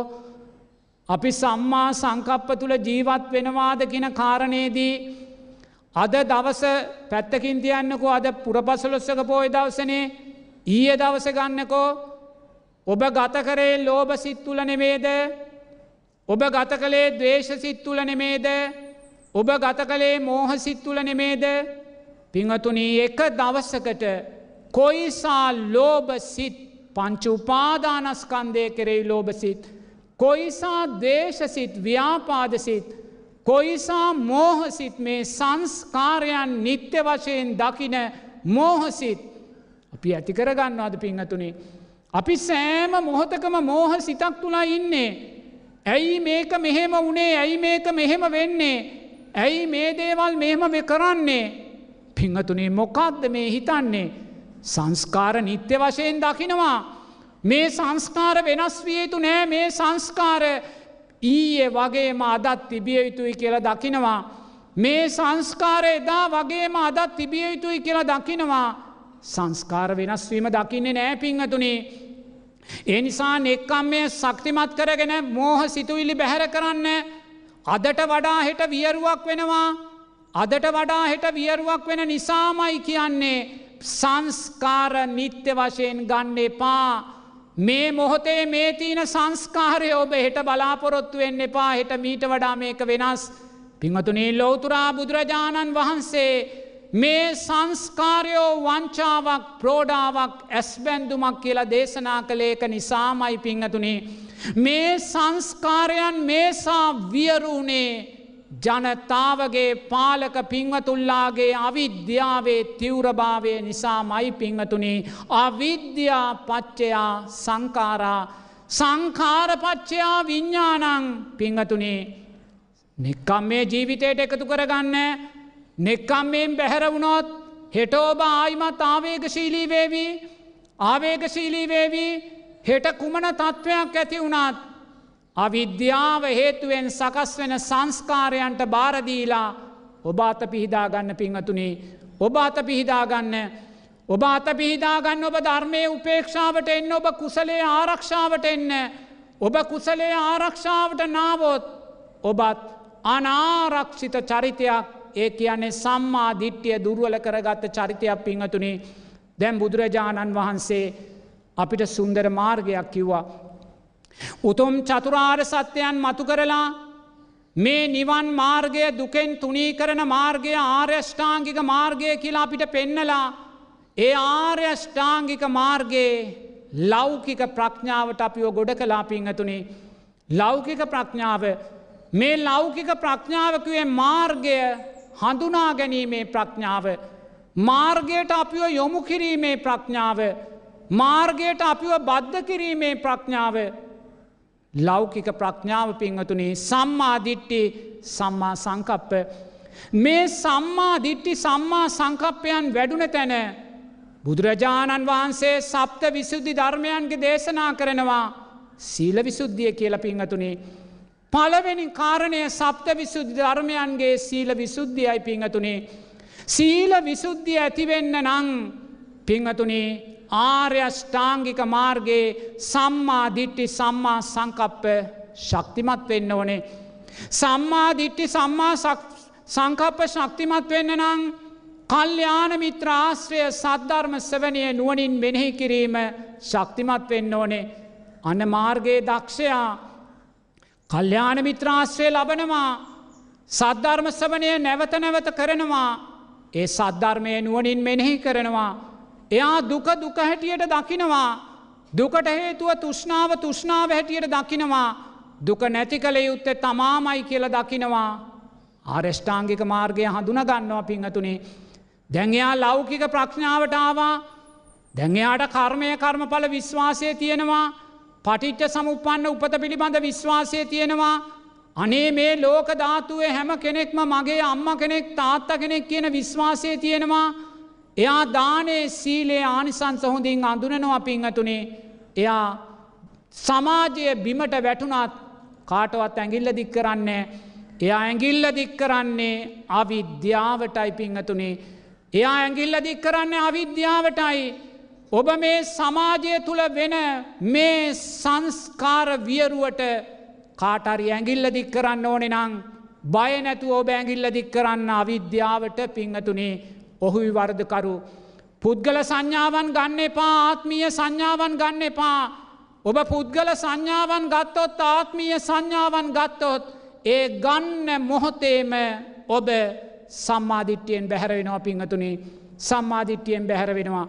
එනිසා ඔබට මේ සංස්කාර වියරුවට කාටහරි චෝදනා කරන්න ඕනෙ නං කාටහරි ඇඟිල්ල දික් කරන්න ඕනෙ නං කරුණා කරලා අවිද්‍යාවට ඇඟිල්ල දික් කරන්න ඔහුයි වැරදිකරුව පිංහතුනේ. ඔහු නිසයි මමත් මේ මොහොතේ මේ සමාජ ජීවත් වෙන්නේ. ඔහු නිසයි ඔබත් මේ මොහොතේ මේ සමාජ ජීවත් වෙන්නේ. මේ දුක දකින්න මේ දුක අත්විදින්නේ අවිද්‍යාව කියන මේ පරම හතුරා නිසා මයි පිංහතුනේ මේ අසත් පුරුෂ හිතවතා නිසාමයි ඔබට ඇගිල්ල දික් කරන්න ඕනෙ නං වෙන කාටවත් ඇගිලි දික් කරන්න යන්න එපා. සැබෑ වරදකරුවන අවිද්‍යාවට ඇගිල්ල දික් කරන්න. ඔබ දැන් සම්මාධිට්්‍යය අඳුන ගත්තා සම්මා සංකප්පයන්ගෙන් ඔබ ශක්තිමත්. ඔබ දැන් කේන්තිය ආදීනවය දන්නවා. දවේශය ආදීනවය දන්නවා. ඔබ කේන්ති ගත්තොත් ඔබ දවේශ කළොත් ඔබ වෛර කළොත් ඔබ විවේචනය කළොත් දැන් ඔබ දන්නවා. ඔබ ඒ දේශ කළේ වෛර කළේ විවේචනය කළේ ඔබේම අකුසල් සංස්කාරයන්ට කියලා පිංහතුනේ අන්න බලන්න ඔබ කාටරි වෛර කරනවා නම් දේශ කරනවා නම් විවේචනය කරනවා නං පිංහතුනී ඔබ දකින්න දක්ෂ වෙන්න ඒ ඔබ දේශ කරන්න වෛර කරන්න විවේචනය කරන්නේ ඔබේම අකුසල් සංස්කාරයන්ටයි පිංහතුනි. ඔබේ අකුසලේට ඔබ දේශ කළොත් ඔබේ අකුසලේට ඔබ වෛර කළොත් ඔබේ අකුසලේට ඔබ විවේචනය කළොත් අකුස්සලය නිසා තව අකුසල් රැස් කරගන්නා වූ අවාසනා වන්තයෙක් බවට බපත්වෙනවා. එනිසා මීට පස්සේ මේ මතුවෙලාතියන සංස්කාර වියරුව අදින් පස්සෙ තවදුරටත් උච්ච වෙන මේ සංස්කාර වියරුවට කාටවත් දේශ කරන්න එපා කාටවත් වෛර කරන්න එපා කාටවත් විවේචනය කරන්න එපා. අවිද්‍යාවට මැගිල්ල දික් කරන්න. චතුරාර්ය සත්‍යය නොදන්නා භාවය මයි බේ විනාසය කළේ. මීට අවුරුදු විස්සකට තිහකට හතලියකට ඉස්සෙල්ල අපේ රටේ පහළ වුණ පාලකයෝ චතුරාර්ය සත්‍ය දැනගෙන හිටියනං මේ විනාසෙ වෙන්නේ නැහැ. එනිසා සැබෑ වරදකරු අවිද්‍යා වයි පිංහතුනේ. එනිසා ධර්මයට එන්න අද මේ රටේ ජනතාවට අවශ්‍ය කුශලයයි අද මේ රටේ ජනතාවට අවශ්‍ය පිනයි. අද මේ රටේ ජනතාවට අවශ්‍ය සීලයයි පිංහතුනේ මේ රටේ රාජ්‍ය නායකතුමා ජනතාව ඉදිරියට ඇවිල්ල කියන්න ඕනේ ඩීසල් ප්‍රශ්න ගැන ඩොලර් ප්‍රශ්න ගැන නෙමේ. මේ රටේ රාජ්‍ය නායකතුමාද ජනතාව ඉදිරියට ඇවිල්ල කියන්න ඕනේ සීලේ ආනිසංස සීලේ ආනිසංස සීලයයි ජනප්‍රිය භාවය අපිට ලබල දෙන්නේ. සීලයයි අපේ බවබෝග සම්පත් ආරක්ෂා කරල දෙන්නේ. සීලයයි අපිව ඕනෑම අභියෝගයක් ඉදිරියේ නොස්සැලී මූුණ දෙන ශක්තිය දෙන්න පිංහතුනි. අද හිඟ වෙලා තියනෙ සීලේ ශක්තිය. අද හිඟ වෙලා තියනෙ දානේ ශක්තිය. දානයනුයි මනුස්්‍යයාට වර්ණය සැපේ බලය දෙන්නේ. නමුත් කිසිම නායකයෙක් කිසිම පාලකයෙක් කිසිම ඇමතිවරයෙක් කිසිම මන්ත්‍රීවරයෙක් දානය ගැන කතා කරන්නේ නැහැ. සීලය ගැන කතා කරන්නේ නැහැ. සීයට හැට නමයක ජන වරමක් ගත්ත ගෞරුවනීය වර්තමාන නායකතුමා ඒ ජන වරම අතට ගත්ත දවසේ ජනතාවට කියන්න තිබ්බේ මේ සීයට හැට නමේ ජනවරම සිහිපත් වෙද්දී මට සිහිපත් වෙන්නේ චන්දෙදුන් ජනතාව නෙමේ මට සිහිපත් වෙන්නේ සීලේ ශක්තියයි කියලා. සීලේ ශක්තියයි කියලා. මගේ මේ සීයට හැටනමේ ජනමතය මම ලබද්දී මට සිහිපත් වෙන්නේ ජනතාව නෙමේ. මගේ දානේ ශක්තියයි කියලා.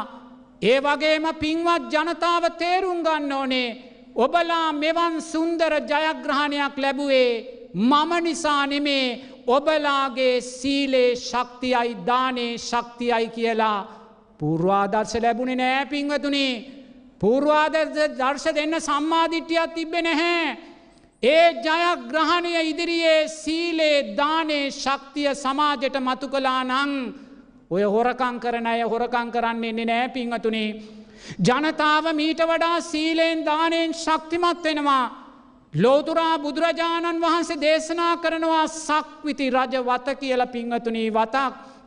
සක්විති රජ කෙනෙක් වෙන වත. අද සක්විති රජවරු පහළ වෙන්නේ නැහැ.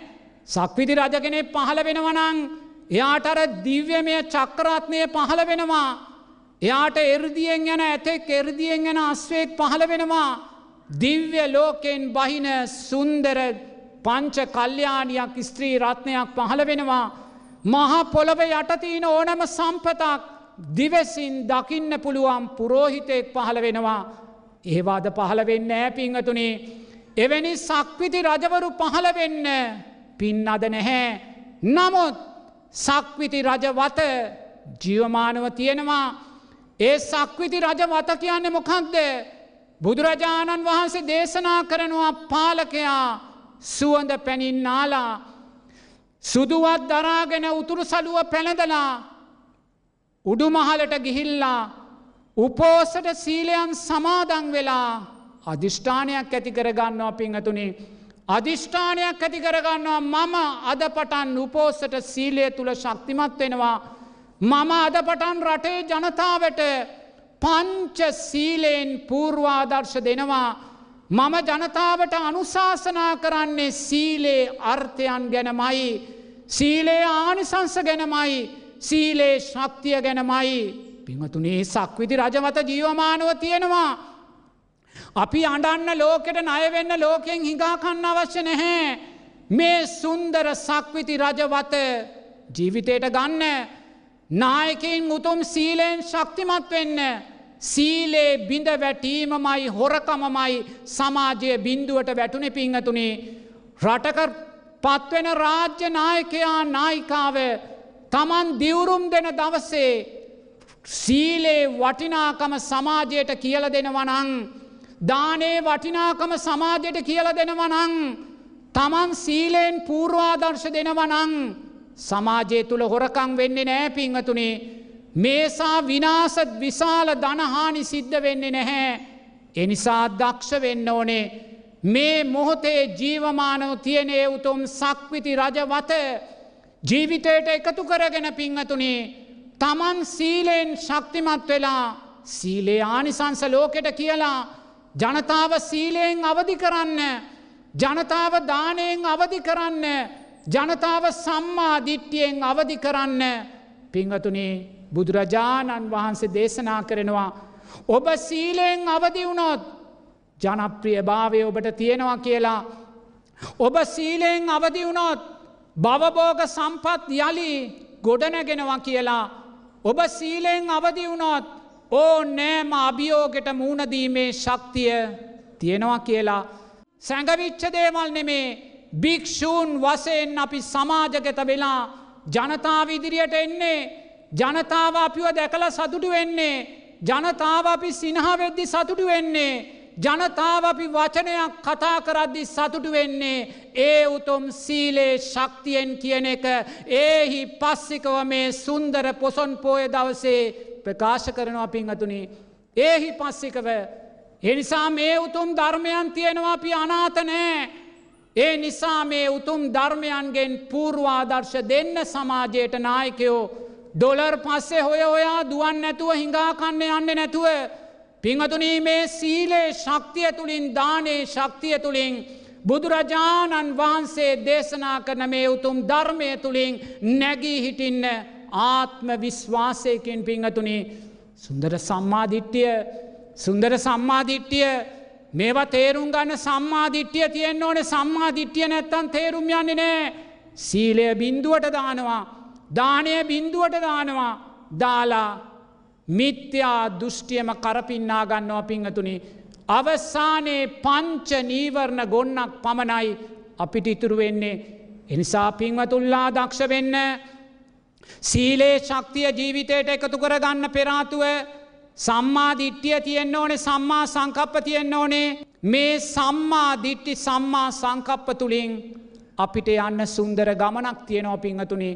අපි තාම මාර්ගෙටාවිනෑ මාර්ග සීල සමාධි ප්‍රඥා තාම අපි ලෞකික ප්‍රඥාවෙන් ඔබ ඇතුල් කලා මාර්ගය ඔබට කියල දුන්න මාර්ගය ඔබට ජවය දුන්නා මාර්ගයට ඔබට ශක්තිය දුන්නා මෙන්න කර්මය කර්මඵල විශ්වාසය මෙන්න පටිච්ච සමුපන්න උපත මෙන්න දානය සීලේ ආනිසංස කියල දෙන්න ඕනේ. මොකද මාර්ගය තුළ අද්දී ඔබට වර්ණය සැපේ බලය අවශ්‍යයි. වර්ණය මාර්ගය තුළ යද්දී ඔබට පිළිගැනීම අවශ්‍යයි. මාර්ගය තුළ යද්දි කර්මය කර්මඵල විශ්වාසය අවශ්‍යයි බාධක ඉදිරියේ නැගී සිටින්න පිංහතුනි. ඔන්න දැන් ඔබට කියල දෙනවා ජවය දුන්නා සම්මාධිටි සම්මා සංකප්ප තුළින්. දැන් ඔබේ ජවයෙන් ශක්තිමත් පිංහතුනි දැන් ඔබ දන්නවා සීල සමාධි ප්‍රඥා මාර්ගයේ ඉදිරියට යද්දී. ඔබට බාධාවක් කාවොත් ඔබ ඒ බාධාවට මාරයාට ඇගිල්ල දික් කරන්නේ පිංහතුනේ සීල සමාධි ප්‍රඥා මාර්ගය ඔබ ඉදිරියට යද්දී. ඔබට බාධාවක්කාවොත් ඔබ වෙනත් පුද්ගලයකුට ඇගිල්ල දික් කරන්නේ පිංහතුනේ. සීල සමාධි ප්‍රඥාව මාර්ගය අද්දී. ඔබේ වර්ණය සැපේ බලය දුර්වල වුණොත් ඔබ කාටවත් ඇගිල්ල දික් කරන්නේ. පිංහතුනී ඔබ දැන් දන්නවා කර්මය කර්මඵල විශ්වාසය මට භාවනාවේදී මගේ සීලේදී මට බාධාවෙන්නේ මන් සංසාරයේ සිල්වතුන්ට නිග්‍රහ කල්ල තියෙනවා. මගේ භාවනාවේදී මට බාධා වෙන්නේ මම සංසාරයේ භාවනා කරන අයට බාධ කල්ල තියෙනවා. මගේ ආවිෂවර්ණය සැපේ බලය දුර්වල වෙලා මට භාවනාවට විනාඩි පහක් ඉඳගන්න බැරිවෙන්නේ සංසාරයේ මම දානේ අර්ථයන්ගෙන් දුර්වල වෙලා තියෙනවා. අනේ මාව කවුරුවත් පිළිගන්න නැත්තේ මම සංසාරය සීලෙන් පිංහතුනේ සම්මා දිට්ටියෙන් ප්‍රශ්න විසඳෙනවා. සම්මා දිට්ටියෙන් ප්‍රශ්න විසඳෙනවා. සම්මා සංකප්පයන්ගෙන් ප්‍රශ්න විසඳෙනවා. එයා ප්‍රශ්න අකුසලයක් බවට පත් කරගන්න. එයා ප්‍රශ්න ධර්මයක් බවට පත් කරගන්නවා. සම්මා දිට්ටියෙන් ප්‍රශ්න විසඳගෙන අන්න පිංහතුනේ යා දැන්ගෙනවා සම්මා දිට්ටි සම්මා සංකප්ප තුළින් සුන්දර සීල විසුද්ධියට එනවා. අන්න මාර්ගෙටාවා දැන්තමයියා මාර්ගට ඇතුල්ලුනේ සම්මා දිට්ටියේ ශක්තියෙන් පෝෂණයෙන් අව දැම්මාර්ගෙට දැන්යා සීලය තුළ ශක්තිමත් වෙනවා පිංහතුනේ මොකක්ද ගිහි පිංවතාගේ ශීලය? ආර්යෂ්ඨාංගික මාර්ගයේ සීලයට අදාලාංග තුනක් බුදුරජාණන් වහන්සේ දේශනා කරනවා. සම්මා වාචා සම්මා කම්මන්තෝ සම්මා ආජීවෝ කියලා. මේ මාර්ගංග තුනම සීල විසුද්ධිය තුළින් සීල විසුද්ධියට යටත් වෙනවා පිංහතුනි. සීල විසුද්ධියට මේ අංග තුනම යටත් වෙනවා. එයා දැන් සම්මාධිටි සම්මා සංකප්පයන් තුළ ඇවිල්ල ඉන්නේ. කර්මය කර්මඵල විශ්වාසය අඳුරනවා. අද දවසේ සිල්පදයක් කැඩුනොත් එයා තමා තමාට බැනගන්න නෑ. තමා කායෙක්වරි රණ්ඩුවෙන්නේ නෑ. සංසාරයේ මම අනුන්ගේ සීලයන් දුර්වල කරලා තියෙනවා. සංසාරයේ මම සිල්වතුන්ට නිග්‍රහ කරලා තියෙනවා මගේ සීලෙ කැඩෙන්නේ එකයි. තමාගේ අකුසලය තමා භාරගන්නවා පිංහතුනි. තමාගේ අකුසලේ තමා භාරගන්නවා. ඒ වගේමයි අද දවසේ හොඳින් සිල්පද පහ ආරක්ෂා වුණොත් එයා ඒ නිසා ආස්වාදයට පත්වෙන්නේ එයා හිතනවා මම සංසාරයේ සිල්වතුන්ට උපකාර කරලා තියෙනවා. මන් සංසාරයේ සිල්වතුන්ට බාධ කරලා නෑ. එනිසාද මගේ සිල්පද හොඳින් රැකුණා පිංහතුනී ඇලීම් ගැටීම් මොලට යන්නේ නෑ ධර්මය උපේක්ෂාව මතු කරනවා. ධර්මය උපේක්ෂාව මතුවෙද්දි නෙක්කම්ම සංකප්පය තව තව වැඩෙනවා. දැන් එයා සීල විසුද්ධියට යනවා. ආර්යෂ්ඨාංගික මාර්ගයේ මාර්ගංග තුනමයා ආවරණය කරනවා. සීල විසුද්ධියයේදී බුදුරජාන් වහන්සේ දේශනා කරනවා පිංහතුනී ඔබ මුලින් ඉන්ද්‍රිය සංවර සීලයට එන්න ඕනේ. දෙවනුව ඔබ ප්‍රත්වේක්ෂා සීලයට එන්න ඕනේ. තුන්වෙනුව ඔබ සම්මා ආජීව සීලයට එන්න ඕනේ.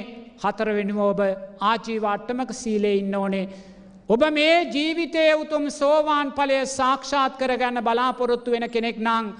මේ ආර්යෂ්ඨාංගික මාර්ගයේ සම්මා වාචා කම්මන්තෝ ආජීවෝ නිවැරදි ආකාරයෙන් ඔබට වඩාගන්න අවශ්‍යනං භාවනාමය අරමුණු උදෙසා ඔබට පෝෂණය කරගන්න අවශ්‍යනං පිංහතුනේ සීලය තුළ පළවෙනි අර්ථය ඉන්ද්‍රිය සංවර සීලයයි පිංහතුනේ ඉන්ද්‍රිය සංවර සීලය කියන්නේ ඔබ ඇසෙන් රූපයක් දැකලා මනස අසංවර කරගන්නේ නෑ පිංහතුනේ ඔබ කනෙන් ශබ්දයක් අහලා මනස අසංවර කරගන්නේ නෑ. ඔබ නාසයෙන් දිවෙන් ශරීරයෙන් මනසින් යමක් දැනිලා මනස අසංවර කරගන්නේ නෑ පිංහතුනි ඔබ දැන් හිතන්න ඔබ ඊය දවස්සේ සිල්පද පහ ආරක්ෂා කරගත්ත කෙනෙක් වෙන්න ඇති. පංච සීලය සමාදං වෙලා සිල්පද පහ ආරක්ෂා කරගත්ත කෙනෙක් වෙන්න ඇති. ඒ වගේම අද දවසේ උපෝසට සීලයන් සමාදං වෙලා ඒ උපෝසට සීලය ආරක්ෂා කරගත්ත කෙනෙක් වෙන්න ඇති නමුත් ඔබ ඉන්ද්‍රිය සංවර සීලය ගැන හිතුවද. ඔබ ඇසෙන් රූප දැකලා සිත කීපාරයක් අසංවර කරගත්තද? තට්ටු කරන්න හෘද සාක්ෂියට තට්ටු කරන්න. ඔබ කනෙන් ශබ්දයක් අහලා කී පාරක් හිත අසංවර කරගත්තද? ඔබ නාසයෙන් දිවෙන් ශරීරයෙන් මනසින් යමක් දැනිලා කී පාරක් මනසා සංවර කරගත්තද පිංහතුනේ සිල්පද පාරැක්කා ඒක හරි. උපෝසට සීලය රැක්කා ඒකත් හරි. මං කතා කරන්නේ සීල විසුද්ධිය ගැන. සීලය වඩාත් පිරිසිදු භාවයට පත් කරගෙන චිත්ත විසුද්ධියක් කර අරං යන මාර්ගය ගැනයි මං කතා කරන්නේ. එනිසා ඉන්ද්‍රිය සංවර සීලය අත්‍යවශ්‍යයි. හොඳින් තේරුම් ගන්න. ඔබේ ආජීව අට්ටමක සීලය සම්මා සමාධයක් කර අරං යන්න නං පිංහතුනේ ඉන්ද්‍රිය සංවල සීලයේ ජීවිතයට එකතු කරගන්න. වර්තමාන සමාජය ඔබ කොච්චර පංචසීලය ආරක්ෂා කළත් ඩීසල් පෝලිමක් ළඟ යද්දී ගෙදර ගෑස් ටැංකිය හිස්වෙද්දී මහත්තයා හවස රැකියාව උදේ රැකියාවට ගිහිල්ලා රස්සාාව නැතුව ගෙදරෙද්දී මහපාරෙ බස්ස එකකට නගින්න ගිහිල්ල බැරි වෙලා ගෙදරෙද්දී සිල්පද පහරැක්කත් පිංහතුනේ ඉන්ද්‍රිය සංවර සීලයට මොකද වෙන්නේ. එනිසා මේ මොහොත ඉතාමත්ම ඉන්ද්‍රීය සංවර සීලය අසංවර සීලයක් බවට පත් කරන මොහොතක් පින්වසුනේ සුන්දර සිල්වන්තයෝ ගිය අය විතරක් නෙමේ මේ උතුම් ප්‍රාතිමෝක්ෂය ආරක්ෂා කරන උපසම්පදා දසසීලයන් ආරක්ෂා කරන සුන්දර මහා සංගරත්නයත් සීලය ගැන හිතුවත් පිංහතුනේ ඉන්ද්‍රිය සංවර සීලේදී මේ සිදුවෙන සිදුවීම් දිසාව දැකලා වෙනස් වෙලා යනවා දුර්වල වෙලා යනවා. එනිසා සීලය සීල විසුද්ධියක් බවට පත් කරගන්න නං. ඔබ ඉන්ද්‍රිය සංවර සීලය ජීවිතයට එකතු කරගන්න. දැක්කා කියන තැන නවතින්න. ඇසුනා කියන තැන නැවතින්න. දැනුනා කියන තැන නවතින්න. අනුන්ගේ අකුසල් නිසා ඔබ අකුසල් කරගන්න පාපිංහතුනේ. ඒ වගේම මෙවැනි දේවල් දකින්න ඔබ තුළ තියෙන අකුසල් නිසා ඔබ අකුසල් කරගන්න එපා ඉන්ද්‍රිය සිංවත් සීලය ජීවිතයට එකතු කරගන්න. දැක්කා ඇස්සුනා දැනුනා කියන තැන නවතින්න පිංහතුනේ. ඊළඟට ප්‍රත්වේක්ෂා සීලය ප්‍රත්වේක්ෂා සීලේදි බුදුරජාණන් වහන්සේ දේශනා කරනවා ඔබ පරිහරණය කරන ඇඳුම් පැළඳුම් නිවාස නිවාස බෙහෙත්තේත් ගිලම් පස පින්ඩ පාත ආහාරය ප්‍රත්වෙක්ෂාවෙන් පරිහරණය කරන්න කියලා. දැන් අපි පින්ඩ පාතය වලදන්න පෙරාතු අපි ප්‍රත්වෙක්ෂා කරනවා. පිණ්ඩපාත වේවා සේනාසන වේවා ගිලන් පස වේවා ජීවර වේවා මේ සෑම දෙයක්ම ප්‍රත්වේක්ෂාවෙන් පරිහරණය කරන්න කියනවා එය පිංවතුනේ සීල විසුද්ධියට අත්‍යාවශ්‍ය අංගයක් වෙනවා. ඒ නිසා ඔබ ඇඳුම් පැළඳුම් පරිහරණය කරද්දී කෑමබීම පරිහරණය කරද්දී බෙහෙත්හෙත් පරිණනය කරද්දී නිවාස පරිහරණය කරද්දී පිංහතුනී ප්‍රත්වෙක්ෂා සීලේ ජීවිතයට එකතු කරගන්නවාද. අද ගොඩාක් අය ආහාරවලට ගොඩා ප්‍රියභාවයක් දක්වනවා. ඇඳුම් පැළඳුම්වලට ගොඩාක් ප්‍රියභාවයක් දක්වනවා. මෝස්තර සොයාගෙන ඇඳුම් පැළඳුම් සොයාගෙන යනවා. නිවාස සංස්කෘතිය අද හරිම වර්ණවත් විසිතුරුයි. යානවාහන සංස්කෘතිය හරිම වර්ණවත් විසිතුරුයි පිංහතුනේ ප්‍රත්වෙක්ෂාව අද දුර්වල වෙලා තියෙනවා අපෙන් ප්‍රත්වේක්ෂාව දුර්වල වෙලා තියෙනවා ඉන්ද්‍රිය සංවර සීරය දුර්වල වන තැන ප්‍රත්වේක්ෂා සීරය දුර්වල වෙලා යනවා පිංහතුනේ. ඒ නිසා ඔබ ආහාරයක් අතර ගනිද්දී. ඔබ හිතන්න මං මේ ආහාරය වලදන්නේ මාගේ ශරීරයේ ජවය පිණිස වර්ණය පිණිස සැපය පිණිස බලය පිණිස ආලෝකය පිණිස නෙමේ. මං මේ ආහාරය වලදන්නේ මං මේ ආහාරය අනුභව කරන්නේ මට මේ උතුම් මාර්ය ෂ්ඨාංගික මාර්ගය තුළ ගමන් කරලා මේ උතුම් චතුරාර්ය සත්‍ය ධර්මයන් දකින්න අවශ්‍ය මේ කායික මානසික ශක්තිය පවත්වා ගැනීම උදෙසා පමණක් මයි කියන මධ්‍යස්ත ප්‍රතිපදාවට ඔබේ ආහාරය අරං එන්න පිංහතුනේ. අන්තයන්ට යන්න එපා ආහාර අඩුයි ආහාර වැඩී කියන අන්තයන් දෙකටම යන්න එපා. ආහාර ප්‍රත්වේක්ෂාව තුළ ජීවත් වෙන්න. ඇඳුම් පැළඳුම් ප්‍රත්වේක්ෂාවෙන් පරිහරණය කරන්න ලස්සනට අඳින්න එපා කියනවා නෙමේ නමුත් පිංහතුනේ මේ ඇඳුම් පැළඳුම් නිසා ඔබේ ඉන්ද්‍රීය සංවර සීලය දුර්වල වෙන්න දෙන්න එපා. ඉන්ද්‍රිය සංවර සීලය දුර්වල දෙන්න එපා. ඔබ මොන ඇඳුමක් ඇන්දත් ඔබේ පංචසීලය දුර්වල වෙන්නේ නෑ ඇඟ වැහෙන්න නං ඇඳුමැන්දේ. නමුත් ඔබාන්දින ඇඳුමෙන් ඉන්ද්‍රීය සංවර සීලය දුර්වල වෙන්න පුළුවන් පින්වතුනේ ඔබ අනුන්ගේ ඉන්ද්‍රිය සංවර සීලය දුර්ුවල කරන කෙනෙක් බවට ඔබ පත්වවෙන්න පුළුවන්. එනිසා සීල විසුද්ධිය දැන් සම්මාධිටි සම්මා සංකප්ප පසු කරල අපි ඇවිල්ල තියෙනවා සීල විසුද්ධියට සීල විසුද්ධියේදි බුදුරජාන් වහන්සේ කියනවා ඉන්ද්‍රිය සංවල සීලය ඇති කරගන්න ප්‍රත්වේක්ෂා සීලය ඇති කරගන්න ඊළඟට සම්මා ආජීව වැරදි ආජීවයන්ට යන්න පාපිංහතුනේ මෙතනදි වැරදි ආජීවය කියන්නේ ඔය අන්ත්‍ර මන්ත්‍ර ගුරුකං ඔය වැරදි ආජීවයන් බුදු දහමට එරෙහි වෙන බුදුරිදාම ප්‍රතික්ෂේප කරන ආජීවයන් සද්ධාව දුර්වල වෙන ආජීවයන් කර්මය කර්මඵල විශ්වාසය දුර්වල වෙන ආජීවයන් සම්මා දිට්ටි සම්මා සංකප්පයන් දුර්වල වෙන ආජීවයන්ට යන්න එපා තෙරුවන් කරේ සද්ධාව තුළ දැන් ඔබ ඉන්නේ. ඔබ තෙරුවන් කරේ සද්ධාවෙන් සම්මා දිටි සම්මා සංකප්පයන් පසු කලා පිංහතුනේ දැන් ඔබ ඉන්ද්‍රිය සංවර සීලේ තුළ ඉන්නවා. ඔබ ඇසෙන් රූපයක් දැකලා මනසා සංවර කරගන්නේ නෑ. ඔබ ප්‍රත්වේක්ෂා සීලය තුළ ඉන්නවා. ඔබ ආහාර ඇඳුම් පැළඳුම් නිවාස බෙහෙත්හෙත් පරිහරණය කරන්නේ මේ මාර්ගය වැඩීමට අවශ්‍ය ජවය උදෙසා පමණයි පිංහතුනේ. මේ ආර්යෂ්ඨාංගික මාර්ගය තුළ ගමන් කරන්න මේ මගේ පවුල් ජීවිතය ආරක්ෂා කරගෙන බුදුරජාණන් වහන්සේ දේශනා කොට වදාළ ඒ යුතුකම් කොටස මගේ බිරිඳට සාම්පුරුෂයාට දරුවන්ට ඉටු කරන්න පිංහතුනි ප්‍රත්වෙක්ෂාවෙන් ඒ ආහාර පරිහරණය කරන්න. ගෙවල් දොළුවල් පරිහරණය කරන්න කෙලෙස් ඇතිවෙන්න දෙන්නේ පාපිංහතුනේ කෙලෙස් ඇතිවෙන තැන ඉන්ද්‍රිය සංවරයමයි දුරුවල වෙන්නේ. ප්‍රත්වේක්ෂා සීලය දුර්වල වෙද්දිම ඉන්ද්‍රිය සංවරය දුර්වල වෙලා යනවා. ඒ නිසාම අපි මිච්චා ආජීවයන්ට අපි වැරදි ආජීවයන්ට යන්න වෙනවා අපිට.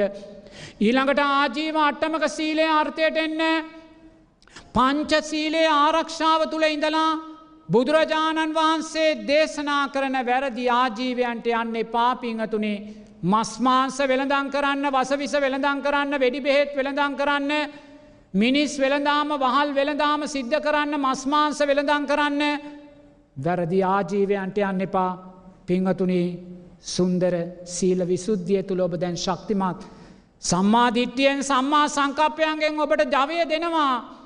ඒ ජවය තුළ ඔබ සීල විසුද්ධියෙන් දැන් ශක්තිමත් පිංහතුනේ.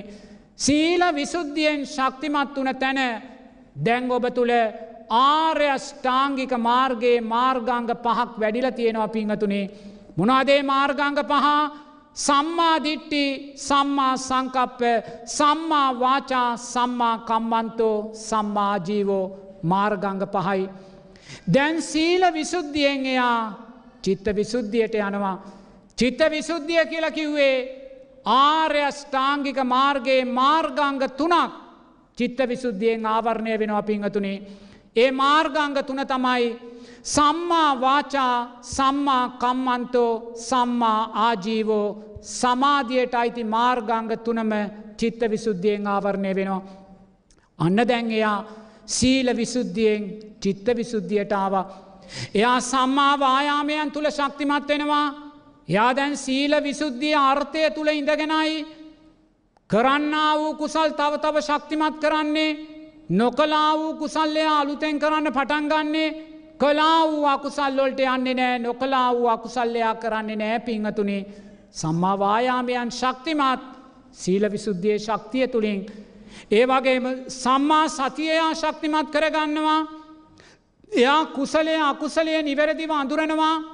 එයා ධර්මය අධර්මය නිවැරදිව අඳුනනවා එයා සීලය දුස්සීලභාවය නිවැරදිව අඳුනනවා එයා දැන් මග නොමග නිවැරදිව අඳුනනවා පිංහතුනේ සුන්දර සම්මා සතිය ඒ සම්මා සතිය තුළින්ම සුන්දර සම්මා සමාධයාගේ පෝෂණය වෙනවා. සම්මා වාචා සම්මාස් සම්මා වාචා සම්මා සති සම්මා සමාධි තුළින් සුන්දර චිත්ත විසුද්ධයා ඇති කරගන්නවා. සිතේ පිරිසිදු භාවය සමාධිමත් හිතක්. දැන් එයාට තියෙනවා පිංහතුනි දැන් ඔබ තුළ ඒ චිත්ත විසුද්ධිය තියෙනවාද කියලා නුවනින් බලන්න පිංහතුනි දැන් සම් ඔබ කල්්‍යයාන මිත්‍රාශ්‍රය ලැබවා. ලෝතුරා බුදුරජාණන් වහන්සේගේ මිහිදු මහෝත්තමයාණන් වහන්සේගේ මහා සංගරත්නය ඒ කල්්‍යයාන මිත්‍ර ආශ්‍රය ඔස්සේ ඔබ සද්ධර්ම සවනය කළා. ඒ සද්ධර්ම සවනයන් දැන් නුවනින් මෙනෙහි කළා ගලපගත්තා ඔබ සම්මා දිට්ටි ඇතිකරගත්තා සම්මා සංකප්පයන් තුළ ශක්තිමත් වනා ඔබ තුළ බලන්න සම්මාධිට්ටි ශක්තිමත්ව වැඩිලද කියලා සම්මා සංකප්ප ශක්තිමත්ව වැඩිලද කියලා. ඒ තුළින් ඔබ සීල විසුද්ධිය ඇති කරගත්තද? සම්මා වාචා කම්මන්තෝ ආජීවයන් පිරිසිදු ආකාරයෙන් සීල විසුද්ධියක් බවට ඔබ පත්කරගත්ත නේද. ඒ සීල විසුද්ධිය තුළින් දැන් ඔබ චිත්ත විසුද්ධිය ඇති කරගෙන ඉන්නේ. ඔබ බලන්න ඔබේ හොර්ද සාක්ෂීර තට්ටු කරලා පංච නීවරණ තුනේ වූ හිතක් ඔබට තියෙනවාද කියලා. ඔබ තුළ කාමච්චන්ද තියෙනවාද මේ මෝතේ ව්‍යාපාද තීනමිද්ද උද්දච්චකුක්කුච්ච විචිකිච්ඡාවන් තියෙනවාද පංච නීවරණ තුනේ වූ හිතක් දැන් ඔබට තියෙනවා සාතිකයක් දෙනවා ඔබට ලොවතුරා බුදුරජාණන් වහන්සේ ඔබ තුළ චිත්ත විසුද්ධිය ඇති වුණා කියලා.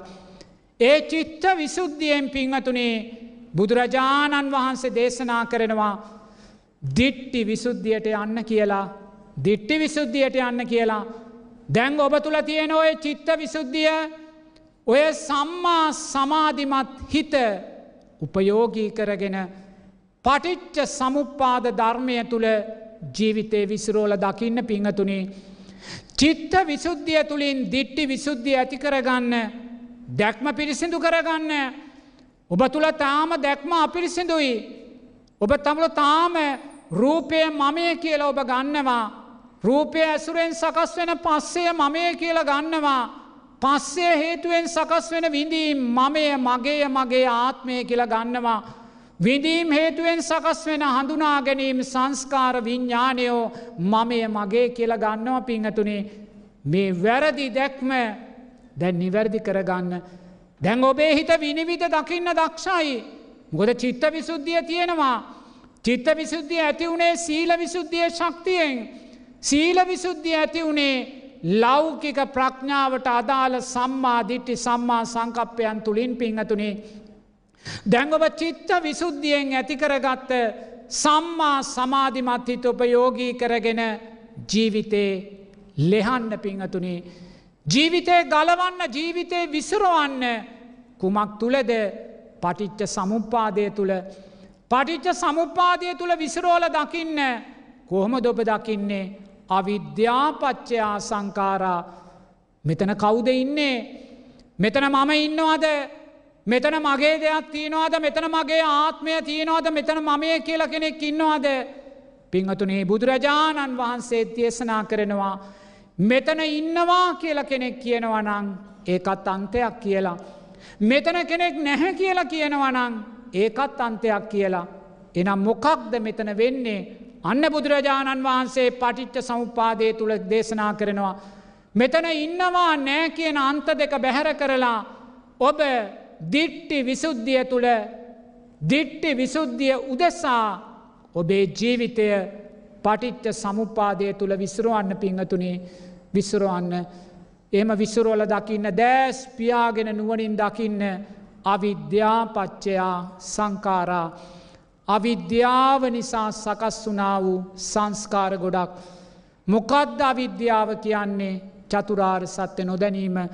අනේ ගිය ජීවිතයේදී මම චතුරාර් සත්‍ය දැක්කනං මම චතුරාර් සත්‍ය අවබෝධ කලා නං මම සෝවාන් පලයට පත්වෙනවා මම රහත් පලයට පත්වෙනවා අනේ මම සෝවාන් පලයට පත් නොවනේ රහත් පලයට පත් නොවනේ චතුරාර්ය සත්‍ය නොදැක්ක නිසා මයි පිංහතුනේ අවිද්‍යාව හැටියටම ජීවිතේ දකින්න. අනුන්ගේ ජීවිත අවිද්‍යාව හැටියට දකින්න. අවිද්‍යාව හේතුවෙන් සකස් වෙන සංස්කාරයෝ නුවනින් දකින්න පිංහතුනේ අද දවසේ ඔබ අවිද්‍යාව නිසා සංස්කාර කොච්චර රැස් කලාද දෑස් පියාගෙන අතීත පංචු පාදානස්කන්දයට හිත යොමු කරන්න ඔබේ අම්මාගේ මවකුසේ කලල රූපයක් හැටියට ඔබ පිරිසිඳ ගත්ත මොහොතේ පටන් විඤ්ඥානපච්චයා නාමරූප නාමරූපපච්චයා සලායතන කියන. ධර්මතාවය තුළ ඔබ මවකුසේ පිරිසිඳ ගත්ත දවසේ පටන් මේ මොහොත දක්වා අවිද්‍යාව හේතුවෙන් සංස්කාර මොන කෝටි ගානක් ඔබ රැස් කලාද පිංහතුනේ රැස් කලාද. අවිද්‍යාපච්චයා සංකාරා. අවිද්‍යාව නිසාම සංස්කාර රැස් කරනවා.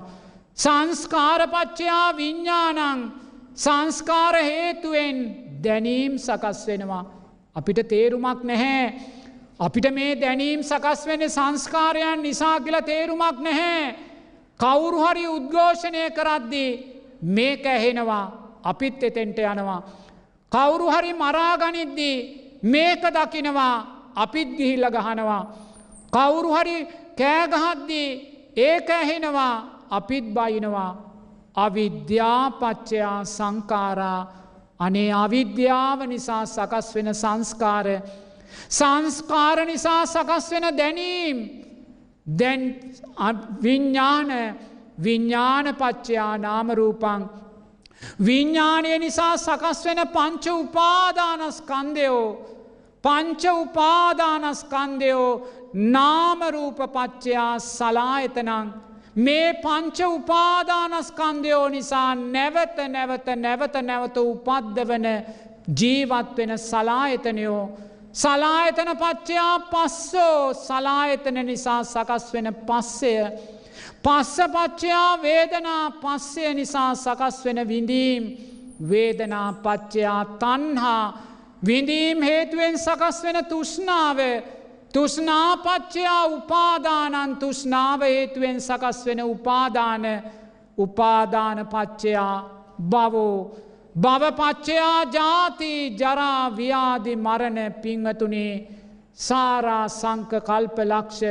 සියක් කෝටි ප්‍රකෝටි ගානක් ඇත ඉඳං ගලාගෙනෙන් මේ පටිච්ච සමුපපන්න ලෝකය මේ පංච උපාදානස්කන්ද ලෝකය පටිච්ච සමුපාදය තුළ විසුරෝල දකින්න පිංහතුනේ අවිද්‍යාව කරලතින විනාසක මහත දකින්න අවිද්‍යාව කරලතින විනාසක මහත දකින්න මේ ලෝකධාතුවේ මේ අසත්පුරුෂ අවිද්‍යාව කොයිසා විනාසයක් ඔබටත් මටක් කල්ලා තියෙනවාද.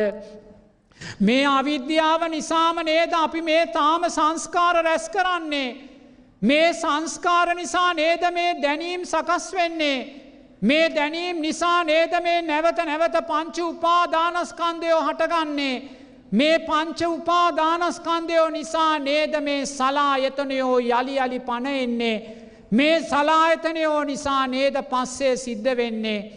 මේ පස්සේ නිසා නේද මේ විඳීම් තුෂ්නා ඇති වෙලා බවාත්‍රයට අපි පටිච්ච සමුපන්නව ජාති ජරා ව්‍යාධි මරණ කරා ගමන් කරන්න පිංහතුනේ විසිරෝල දකින්න.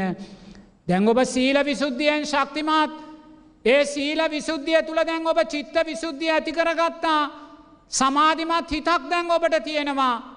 ඔබේ සමාධිමත් හිතෙන් ඔබේ ජීවිතය පටිච්ච සමුපාදය තුළ විසිරෝල දකින්න ජීවිතය අවිද්‍යාව හැටියටම දකින්න මමේ කියල ගන්න එපා මගේ ආත්මය කියලා ගන්න එපා. මේ ඔබේ හාමුදුරුව මේ අපේ හාමුදුරුව කියලා ගන්න එපා. මෙතන මේ වාඩි වෙලා ඉන්නේ අවිද්‍යාව නිසා සකස් වනා වූ සංස්කාර ගොඩක් පිංහතුනේ සංස්කාර ගොඩක්. අවිද්‍යාවමයි මේකේ අයිතිකරු. අවිද්‍යාවමයි මේකේ භාරකරු මේ භාරකරුවා නිරෝධය කරන්න නං අවිද්‍යාව අපිට නිරෝධය කරන්න සිද්ධ වෙනවා පිංහතුනේ. එනිසා ඔබ ඔබේ ජීවිතය පටිච්ච සමුපාදය තුළ හිමීට විසිරුවන්න දැන් අවිද්‍යාව ඔබ දැක්කා ඔබ තාම චතුරාර් සත්‍යය අවබෝධ කළේ නෑ ඔබත් මමත්. ඒ නිසාම අපි සංස්කාර රැස් කරනවා නිතර දෙවේලේ විවේකීව ඉන්න වෙලාවට සීල විසුද්ධියෙන් පෝෂණය වූ චිත්ත විසුද්ධියෙන් පෝෂණය වූ ඔබේ සුන්දර සිත දිට්ටි විසුද්ධිය තුළ විසිරෝල දකින්න පිංහතුනේ දැන් ඔබ දැක්ම පිරිසිදු කරගන්නවා. ඔබ දැන් රූපය මමය කියලා ගන්න නෑ රූපය මගේ රූපය මගේ ආත්මය කියලා ගන්න නෑ ඔබ මේ රූපය ඇසුරෙන් සකස් වෙන වේදනා සංඥා සංකාර විඤ්ඥානයෝ මමය මගේ මගේ ආත්මය කියලා ගන්නේ නෑ පිංහතුනේ ඔබ නිරේතුරුවම රූපය අවිද්‍යාවටම භාර කරනවා. අවිද්‍යාව හේතුවෙන් සකස් වෙන සංස්කාරයන්ට භාර කරනවා. පිංහතුනේ ඔබේ රූපය ඔබ අවිද්‍යාවට භාර කළොත් ඔබේ ඔබට බයින්න එනවා කෙනෙක් ඔබ ඒ බයින්න එන කෙනා දිහැ ධර්මය උපේක්ෂාවෙන් දැකලා ඒ රූපය ඔබට අවිද්‍යාවට භාර කළොත් ඔබ තුළ අකුසලයක් සකස් වෙන්නේ නෑ පිංහතුනේ ඔබ තව තව දිට්ටි විශුද්ධිය ශක්තිමත් කරගන්නවා. නමුත් ඔබ එහෙම කරන්නේ නැහැ.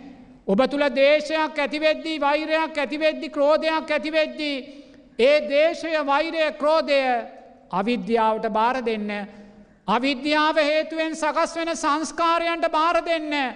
ඔබට අයිති නැති කහල ගොඩක් ඔබ ඔබේ කරගන්න එපා පිංහතුනේ ඔබ ඔබේ කරගන්න එපා දිට්ටි විසුද්ධිය ශක්තිමත් කරනවා. දැන් ඔබ දිට්ටු විසිද්ධිය තුළ ඉඳගෙන දැන් ඔබ මාර්ගය තුළ ඉස්සරහට යනවා පිංහතුනේ. ඔබ දැන් මාර්ගය තුළ යන්න කොතැන්ටද කංකාවතරණ විසුද්ධියට ඔබ දැන් යනවා. සීල විසුද්ධියෙන් ඔබ චිත්ත විසුද්ධියටාවා චිත්ත විසුද්ධියෙන් ඔබ දිට්ටි විසුද්ධියටාවා දිිෂ්ටි දිට්ටි විසුද්ධියෙන් ඔබ කංකාවතරණ විසුද්ධියට එනවා. පිංහතුනේ දැංග ඔබේ සීලය පිරිසිදුයි.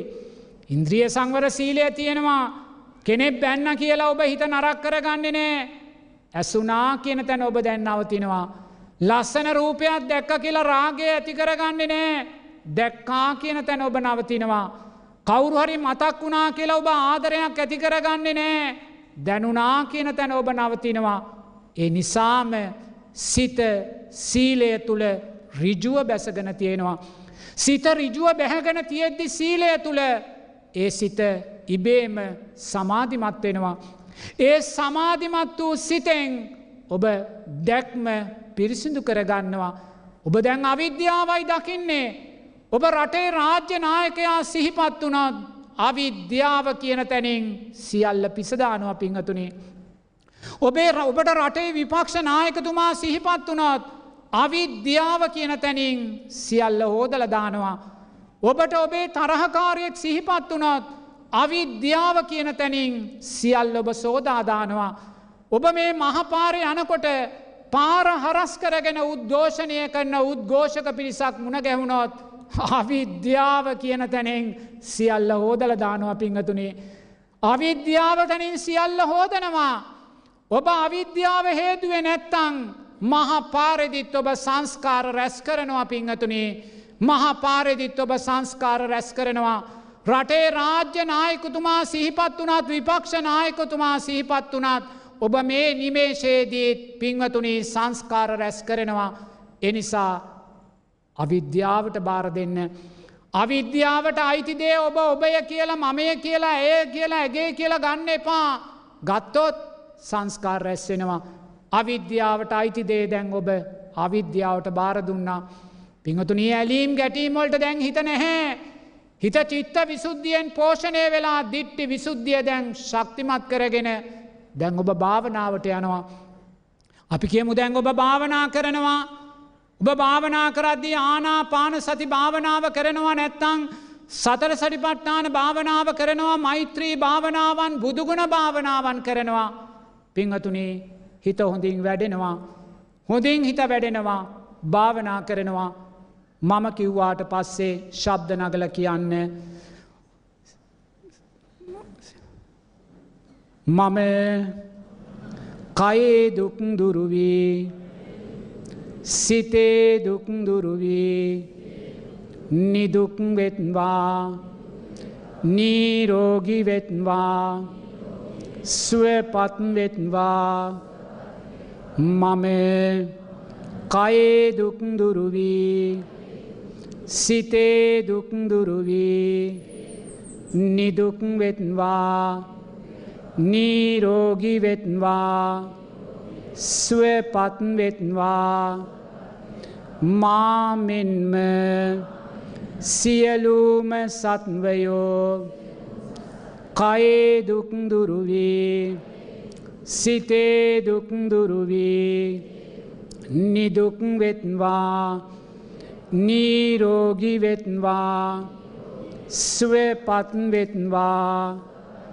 මාමෙන්ම සියලූම සත්වයෝ කයේ දුක්දුරුවී සිතේ දුක්දුරුවී නිදුක් වෙත්වා නීරෝගි වෙත්වා ස්වපත් වෙත්වා. මාමෙන්ම සතර අපායේ සත්වයෝද? කයේ දුක්දුරුවී සිතේ දුක්දුරුවී නිදුක් වෙත්වා. නීරෝගි වෙත්වා. ස්වපත් වෙත්වා. මාමෙන්ම මනුෂ්‍යයෝද? කයේ දුක්දුරුවී සිතේ දුක්දුරුවී නිදුක් වෙත්වා. නීරෝගි වෙත්වා. ස්වපත් වෙත්වා. මාමෙන්ම දෙවියෝද කයේ දුක්දුරුවී සිතේ දුක්දුරුවී නිදුක් වෙත්වා නීරෝගි වෙත්වා ස්වපත් වෙත්වා මාමෙන්ම බ්‍රහ්මයෝද කයේ දුක්දුරුවී සිතේ දුක්දුරුවී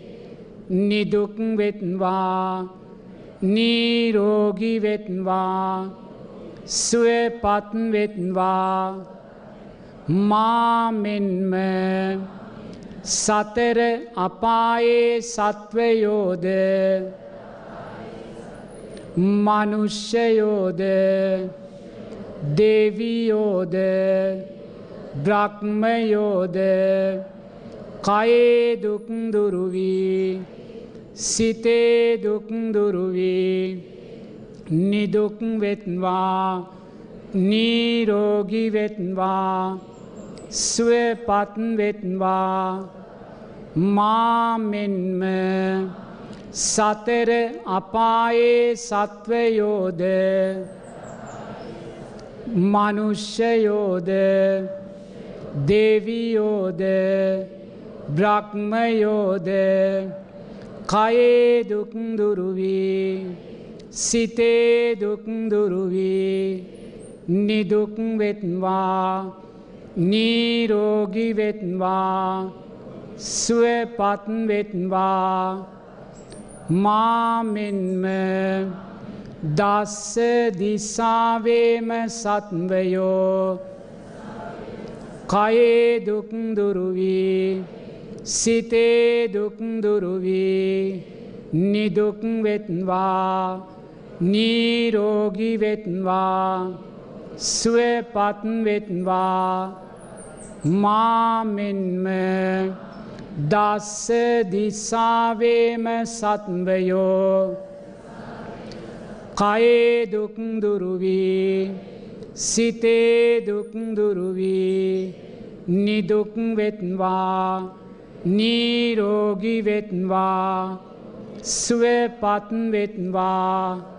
මම කයේ දුක්දුරුවී සිතේ දුක්දුරුවී නිදුක් වෙත්වා නීරෝගි වෙත්වා සුවපත් වෙත්වා.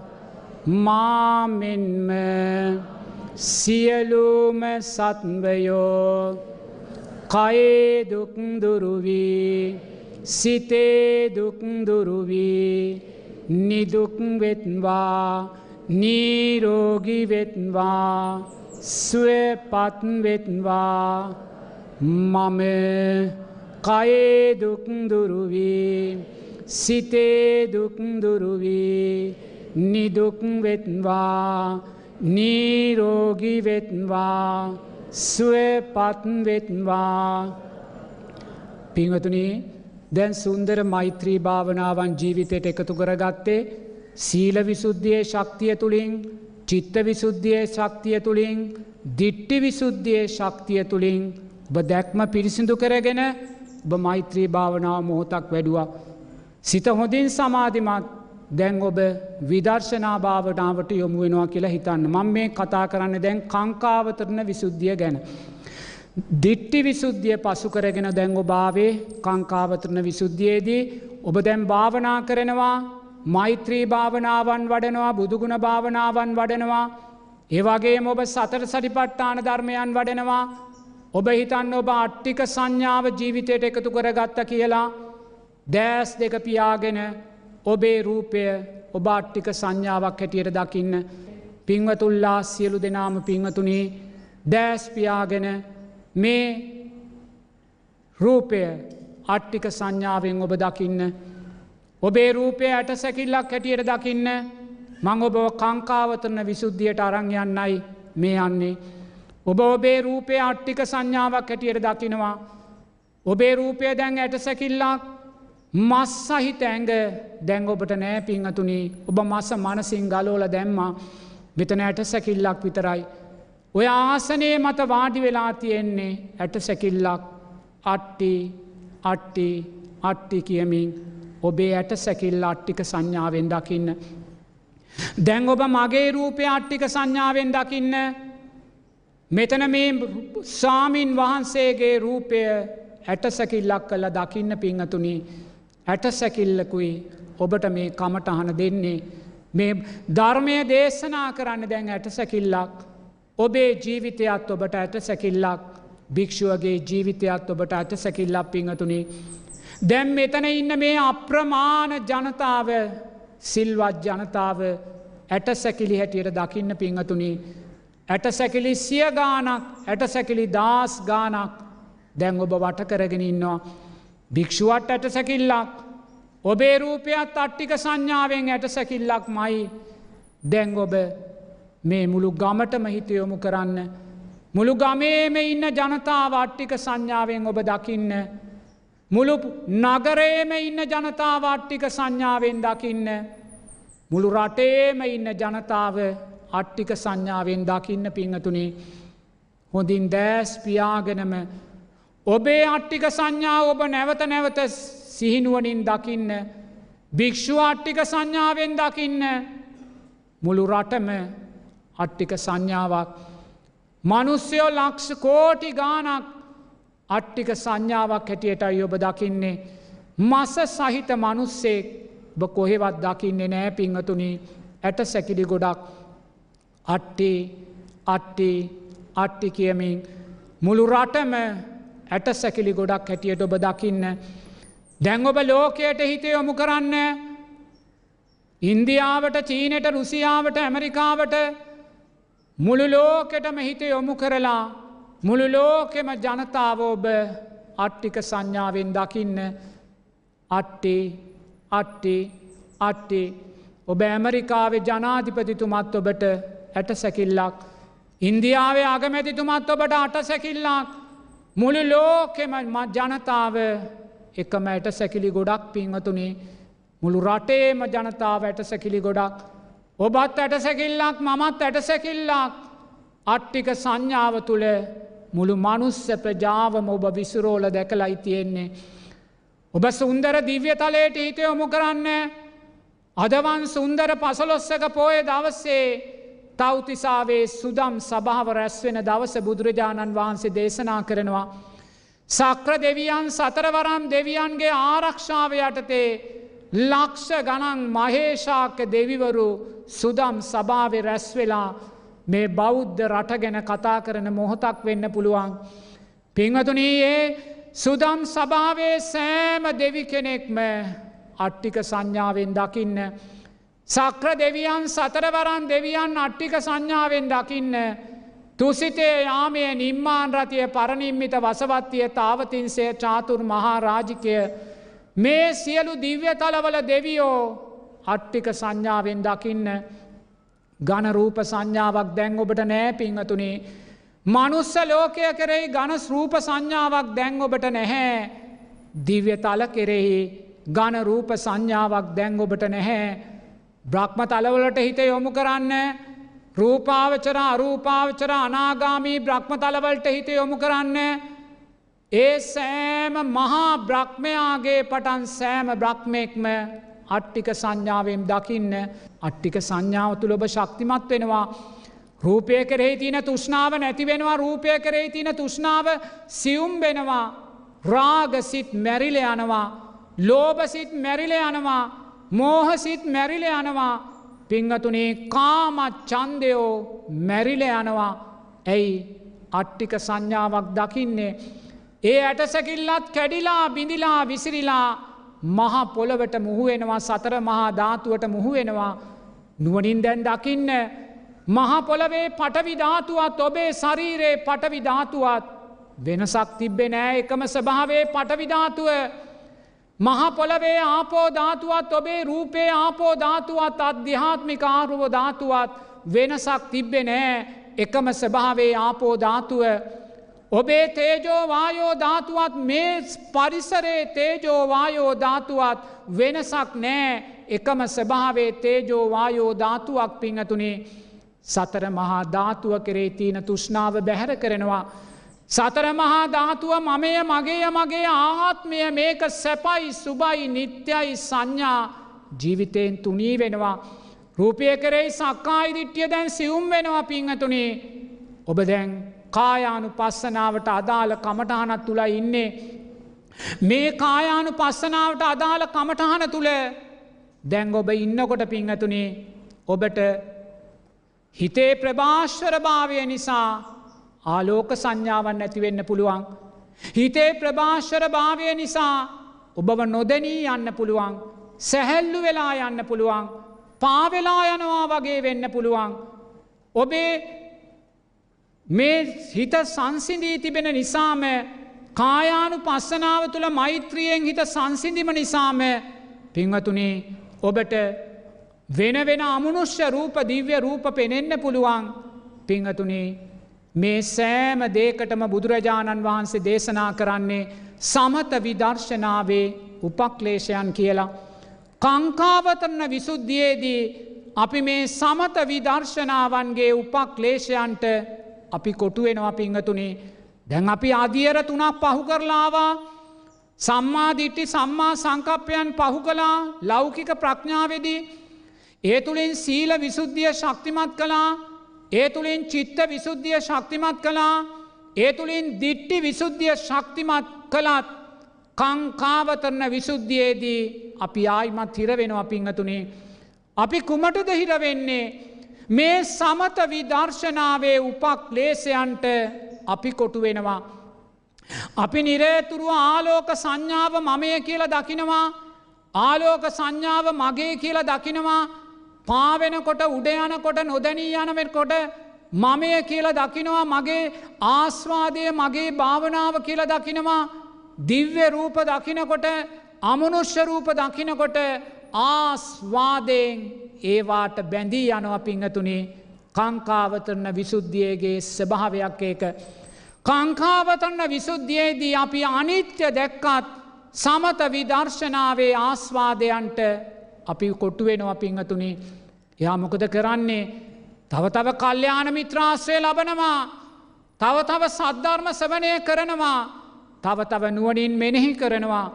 බුදුරජාණන් වහන්සේ දේශනා කරනවා සෝවාන් පලය ලබුව තැන කල්්‍යාන මිත්‍රාශ්‍රය නවතින්නෑ පිංහතුනේ සෝවාන් පලය ලැබුව තැන කල්්‍යාන මිත්‍රාශ්‍රය නැවැත්තුවොත් එයා සෝවාන් පලයෙන් ඔබ්බට යන්න යන්නේ නැහැ. එයා එතන ආත්ම භාව හතක් හෝ නවාතැන් ගන්නයි බලන්නේ. එනිසා සෝවාන් පලයට පත්වන පින්වතාටත් කල්්‍යයාන මිත්‍රාශ්‍රය අවශ්‍යයි. අනාගාමී පලයට පත්වෙච්ච පින්වටාටත් කල්්‍යයාන මිත්‍රාශ්‍රය අවශ්‍යයි. කල්්‍යයාන මිත්‍රාශ්‍රය ඔහුට නොලැබුණොත් ඔහු මේ ජීවිතේ චතුරාර් සත්‍යය අවබෝධ කරන්න නැතුව අනාගාමී බ්‍රහ්මතලයකට ගිහිල්ලා චතුරාර් සත්‍යය අවබෝධ කරනවා කියෙන චිත්තයට එන්න පුළුවන්. එනිසා කල්්‍යයාන මිත්‍ර ආශ්‍රය අනාගාමී පලය දක්වා අත්‍යආවශ්‍ය දෙයක් බවට පත්වෙනවා පිංහතුනේ උතුම් රහත් පලයට පත්වෙච්ච තැන ඔහුයි මේ ලෝක ධාතුවේ ඉන්න බුදුරජාණන් වහන්සේට දෙවනු සැබෑම කල්්‍යයාන මිත්‍රයා බවට පත්වෙන්නේ. එහෙමනන් දැන් ඔබ නිරේතුරුවම දිට්ටි විසුද්ධිය තුළින් ඔබ දැන් ආවෙ කොතෙන්ටද කංකාවතරන විසුද්ධියට. ඔබ භාවනා වඩනවා විපස්සනාව විදර්ශනාව වඩනවා සතර සටිපට්ඨානයන් වඩනවා මෛත්‍රිය විදර්ශනාව බවට පත් කරනවා. බුද්ධානුස්සතිය සතර සටිපට්ඨානාවෙන් පෝෂණය කරනවා. නමුත් ඔබ සමත විදර්ශනාවේ උපක්ලේෂයන්ට කොටුවෙනවා පිංහතුනේ. ඔබ හරි උජාරුවෙන් කතා කරනවා හරි සතුටෙන් කතා කරනවා. මට දැන් සුදුපාට ආලෝක පේනවා. මට දැන් නිල්පාට ආලෝක පේනවා. මාව දැන් උඩ යනවා. මාව නොදැනී යනවා. මාව නොපෙනී යනවා. මට දැන් අනුන්ගේ හිත් කියන්න පුළුවන්. හෙට මගේ මහත්තයාට ලෙඩක් හැදෙනවා නම් මට අද කියන්න පුළුවන්. මගේ මහත්තයාට ලෙඩක් හැදෙනවා නම් මට බෙහෙත් කියන්න පුළුවන්. කොහාටද මේ ගිහිල්ල තියන්න පිංහතුනේ වෛද්‍යවරයෙක් වෙන්න නෙමේ අපි මේ යන්නේ. දොස්තර මහත්තයෙක් වෙන්න නෙමේ අපි මේ යන්නේ. ආස්වාදයන් දකින මැජික්කරුවෙක් වෙන්න නෙමේ මේ අපි යන්නේ. විඤ්ඥානය නැමති මැජික්කරුවා දමනය කරන්නයි අපි යන්න පිංහතුනේ විඤ්ඥානය නැමති මැජික්කරුවා දමනය කළ යුතුව තියෙද්දී විඤ්ඥානය නැමති මැජික්කරුවා කංකාවතරන විසුද්ධියයේදී අපිට මැජික් පෙන්න්නනවා පිංහතුනේ ආලෝක සංඥා පෙන්නනවා නොපෙනී යනවා නොදැනී යනවා පාවෙනවා අමනුස්්‍යයෝ පේනවා දෙවියෝ පේනවා. ආස්වාදයට බැඳෙනවා පිංහතුනේ බැඳුනට පස්සේ එයා හෙට භාවනාවට වාඩි වෙන්නේ ආලෝක සංඥා දකින්න. එයා හෙට භාවනාවට වාඩි වෙන්නේ දෙවියෙක් දකින්න. එයා හෙට භාවනාවට වාඩි වෙන්නේ අමනුස්සෙක් දකින්න. එයා හෙට භාවනාවට වාඩි වෙන්නේ නොදැනී යනවා නොපෙනී යනවා පාවෙනවා දකින්න කංකාවතරන විසුද්ධියයේදී සමත විදර්ශනා උපක් ලේසයන්ගේ ගොදුරු බවට පත් වනා පිංහතුනි.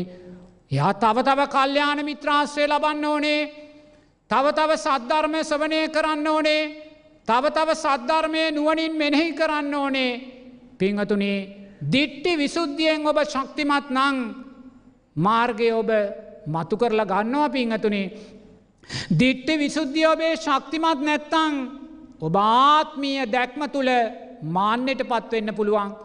එතනිදී ඔබේ චිත්ත විසුද්ධියත් සීල විසුද්ධියත් දුර්වල වෙලාම යනවා. එනිසා දැංග ඔබ කංකාවතරන විසුද්ධියයේදී සමත විදර්ශනාව තුළ හිටියත් ඔබ සමත විදර්ශනාවේ උපක්ලේසයන්ට කොටු වෙලා ඉන්න පිංහතුනේ ඒ නිසා ඔබ දැන් කල්්‍යාන මිත්‍රාශ්‍රය ලබනවා. මොකදද දැම්මං කරන්නේ. මට දැන් ආලෝක සංඥා පේනවා මාව නොපෙනී යනවා නොදැනී යනවා. මට අමනුෂ්‍යයෝ පේනවා අන්න දැන් ගුරුවරයා කියනවා කල්්‍යාන මිත්‍රයාට කියනවා ඔබට ආලෝක සංඥාවක් දැක්කොත් නිරේතුරුවම ඒ දැක්කා වූ හිත චිත්තානු පස්සනාවෙන් පිරිසිදු කරන්න කියලා අන දැන් කියලා දෙනවා. ඔබට ඔබ නිරේතුරුවම ආලෝක සංඥාවත් දැක්කොත් ඒ ආලෝක සංඥාව පිළිබඳ හබායන්න එපා පස්ස පච්චයා වේදනා පස්සේ නිසා සකස් වෙන්න වූ විඳීමක් ඔය සකස් වෙන්නේ. ඔය ආලෝක සංඥාව දකින මොහොතේම ඔබ අනිත්‍යයි කියල දකින්න. ඒ දැක්කා වූ හිත අනිත්‍යයි කියල දකින්න ආලෝක සංඥාව මැකිලයාවි පිංහතුනේ. ඔබ පාවෙනවා කියලා ඔබට සිතුවිල්ලක් ඇතිවුණොත් ඒ මොහොතේ මේ හිත අනිත්‍යයි කියලා චිත්තානු පස්සනාවෙන් පිරිසිදු කරගන්න. හිතට බැඳෙන්න එපා සමත විදර්ශනාවේ උපක්ලේෂයන්ට කොටුවෙන්න පාපිංහතුනේ ඔබව උඩේ යනවා කියලා දැනුනොත් ඔබ උඩේ යනවනේ මේ ඔබ ඉන්න බිමමයි.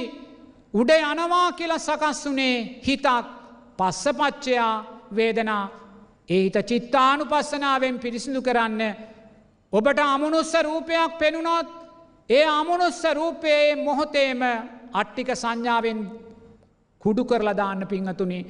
ඒ අමනුස්ස රූපය අට්ටික සංඥාවට අරගෙන ඒ ඇට සැකිල්ල කැඩිලා බිඳිලා විසිරිලා බාහිර සතර මහධාතුවට මුහු කරන්න.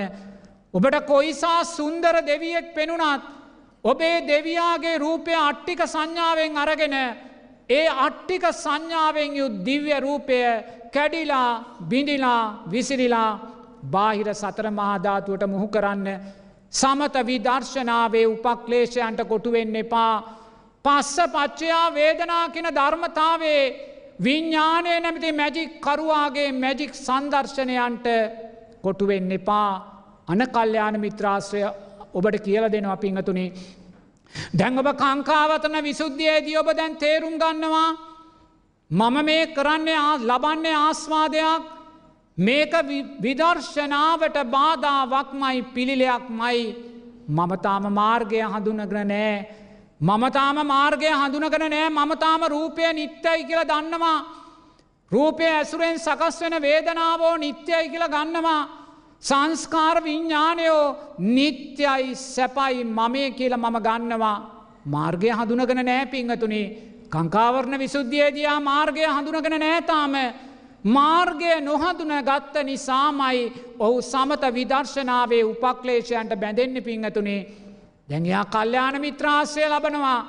තවතව අහගන්නවා දැනගන්නවා ධර්මය කියවනවා සතර සටිපට්ටාන සූත්‍රය කියවනවා. එහෙම කියවමින් එයා සමත විදර්ශනාවේ උපක්ලේෂයන් හඳුනගන්නවා පිංහතුනේ. එයා දැන් ආලෝක සංඥාව දකිද්දී අනිත්‍යයි කියල දකිනවා. එයා දැන් පාවෙනවා දකිද්දී එහිත අනිත්‍යයි කියල දකිනවා.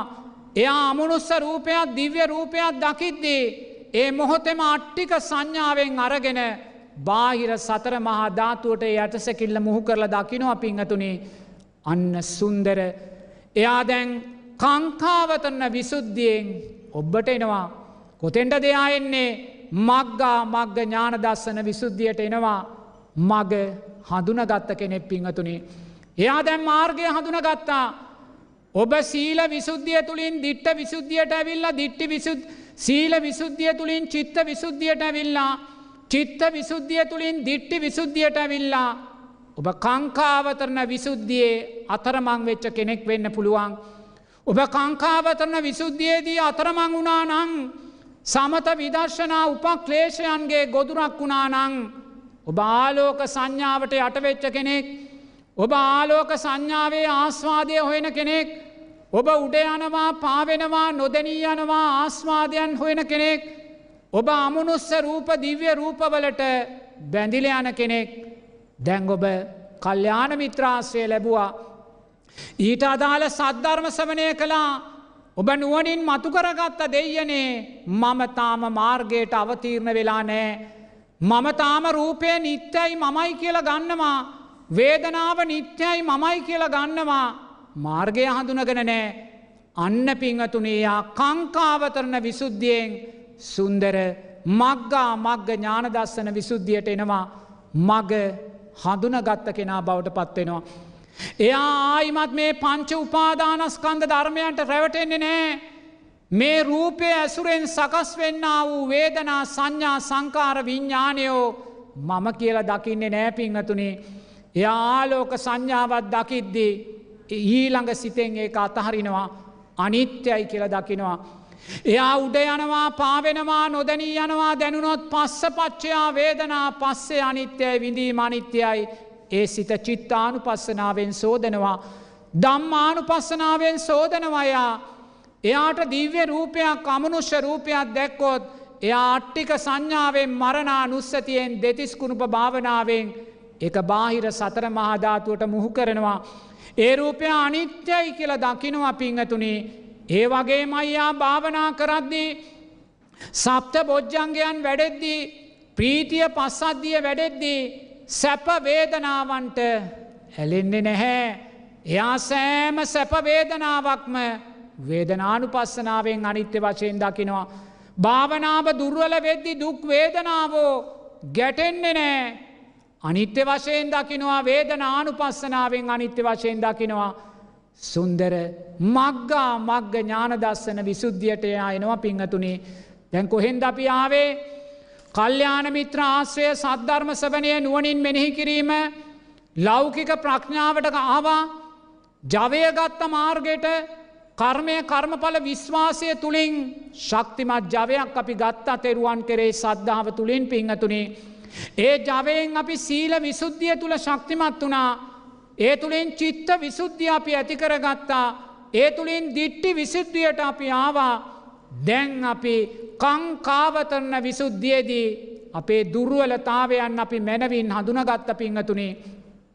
දැන්යා දන්නවා දෙයනේ පාවෙනවා කියන්න උඩයනවා කියන්නේ නොදනී යනවා කියන්නේ. ආලෝක සංඥා පේනවා කියන්නේ භාවනාවේ පිංහතුනේ උපක් ලේෂයන්ට රැවටීමක් මයි කෙළයා දන්නවා.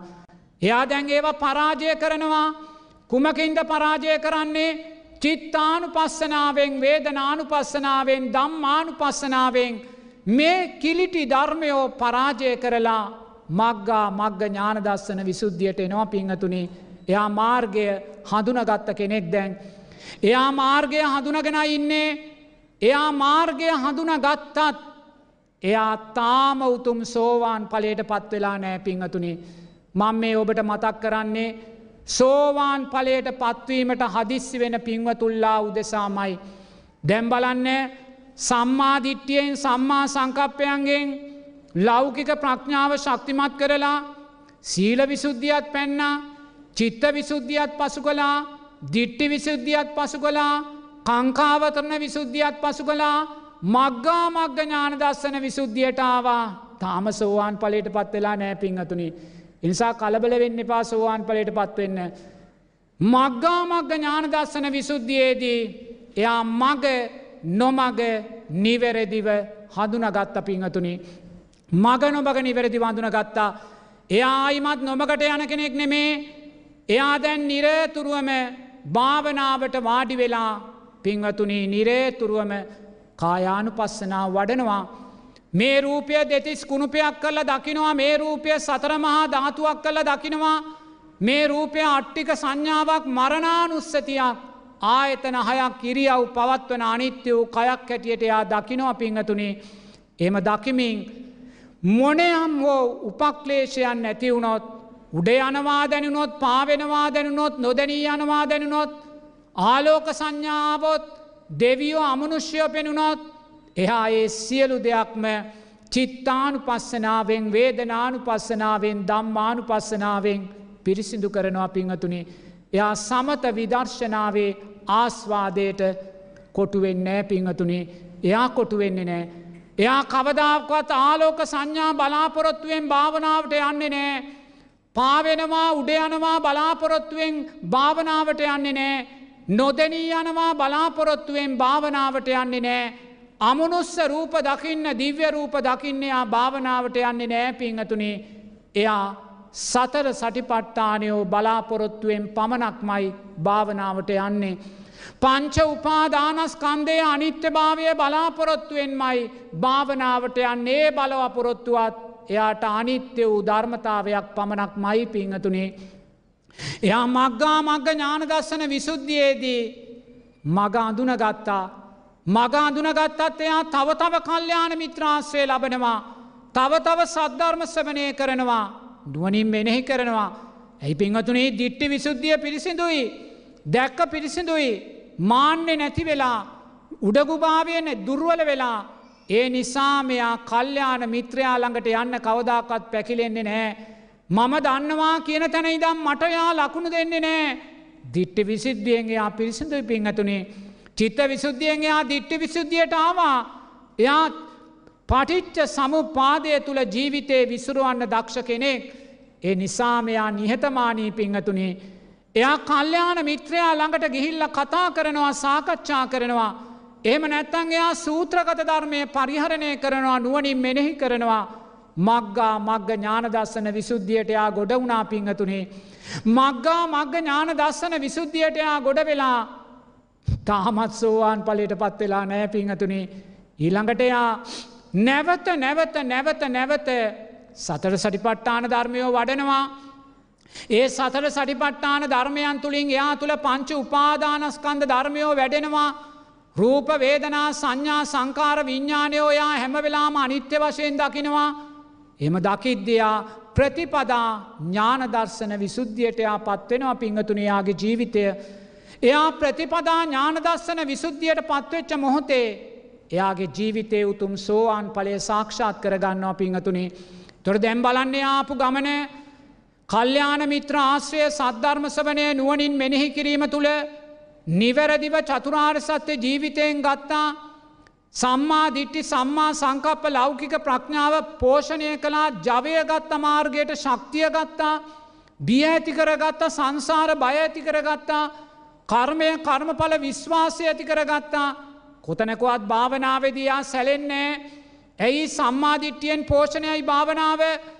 භාවනාවේදී බාධාවක් වුණොත් බාධ භාවනාවේදී ඇඟපත රිදෙන්න ගත්තොත් භාවනාවේදි මොකක් හරි සද්ධ ඇහුණොත් භාවනාවේදි කවුරු හරි බාධා කළොත් භාවනාවිදි කවුරු හරි හිරිහර කළොත් ඒ සියල්ල මෙයා භාර කරන්නේ තමාගේ මාතීත සංස්කාරයන්ට පිංහතුනි. එයා මාරයාට ඒව භාර කරන්නේ සමහරු ඇවිල් අපිට කිනෝ සාමීන් වහන්ස මාරයාමට බාධ කරනවා කියලා. පිංහතුනේ කෞුද මේ මාරයා තමාගේම පටිච්ච සමුපන්න සංස්කාර මාරයයි පිංහතුනේ. ඇයි මේ ප්‍රශ්නය ඔහු විසඳගත්ත නැත්තේ. ඇයි ඔහු අදත් හිතන්නේ ඔහුට මාරයා බාධ කරනවා කියලා.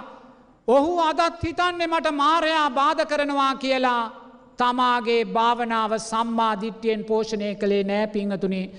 ඔබ සම්මා දිට්ටියෙන් ඔබේ භාවනාව පෝෂණය කලා නං ඔබේ භාවනාවට එන බාධාව ඔබ බාර දෙන්නේ කර්මය කර්මඵල විශ්වාසටයි පිංහතුනේ.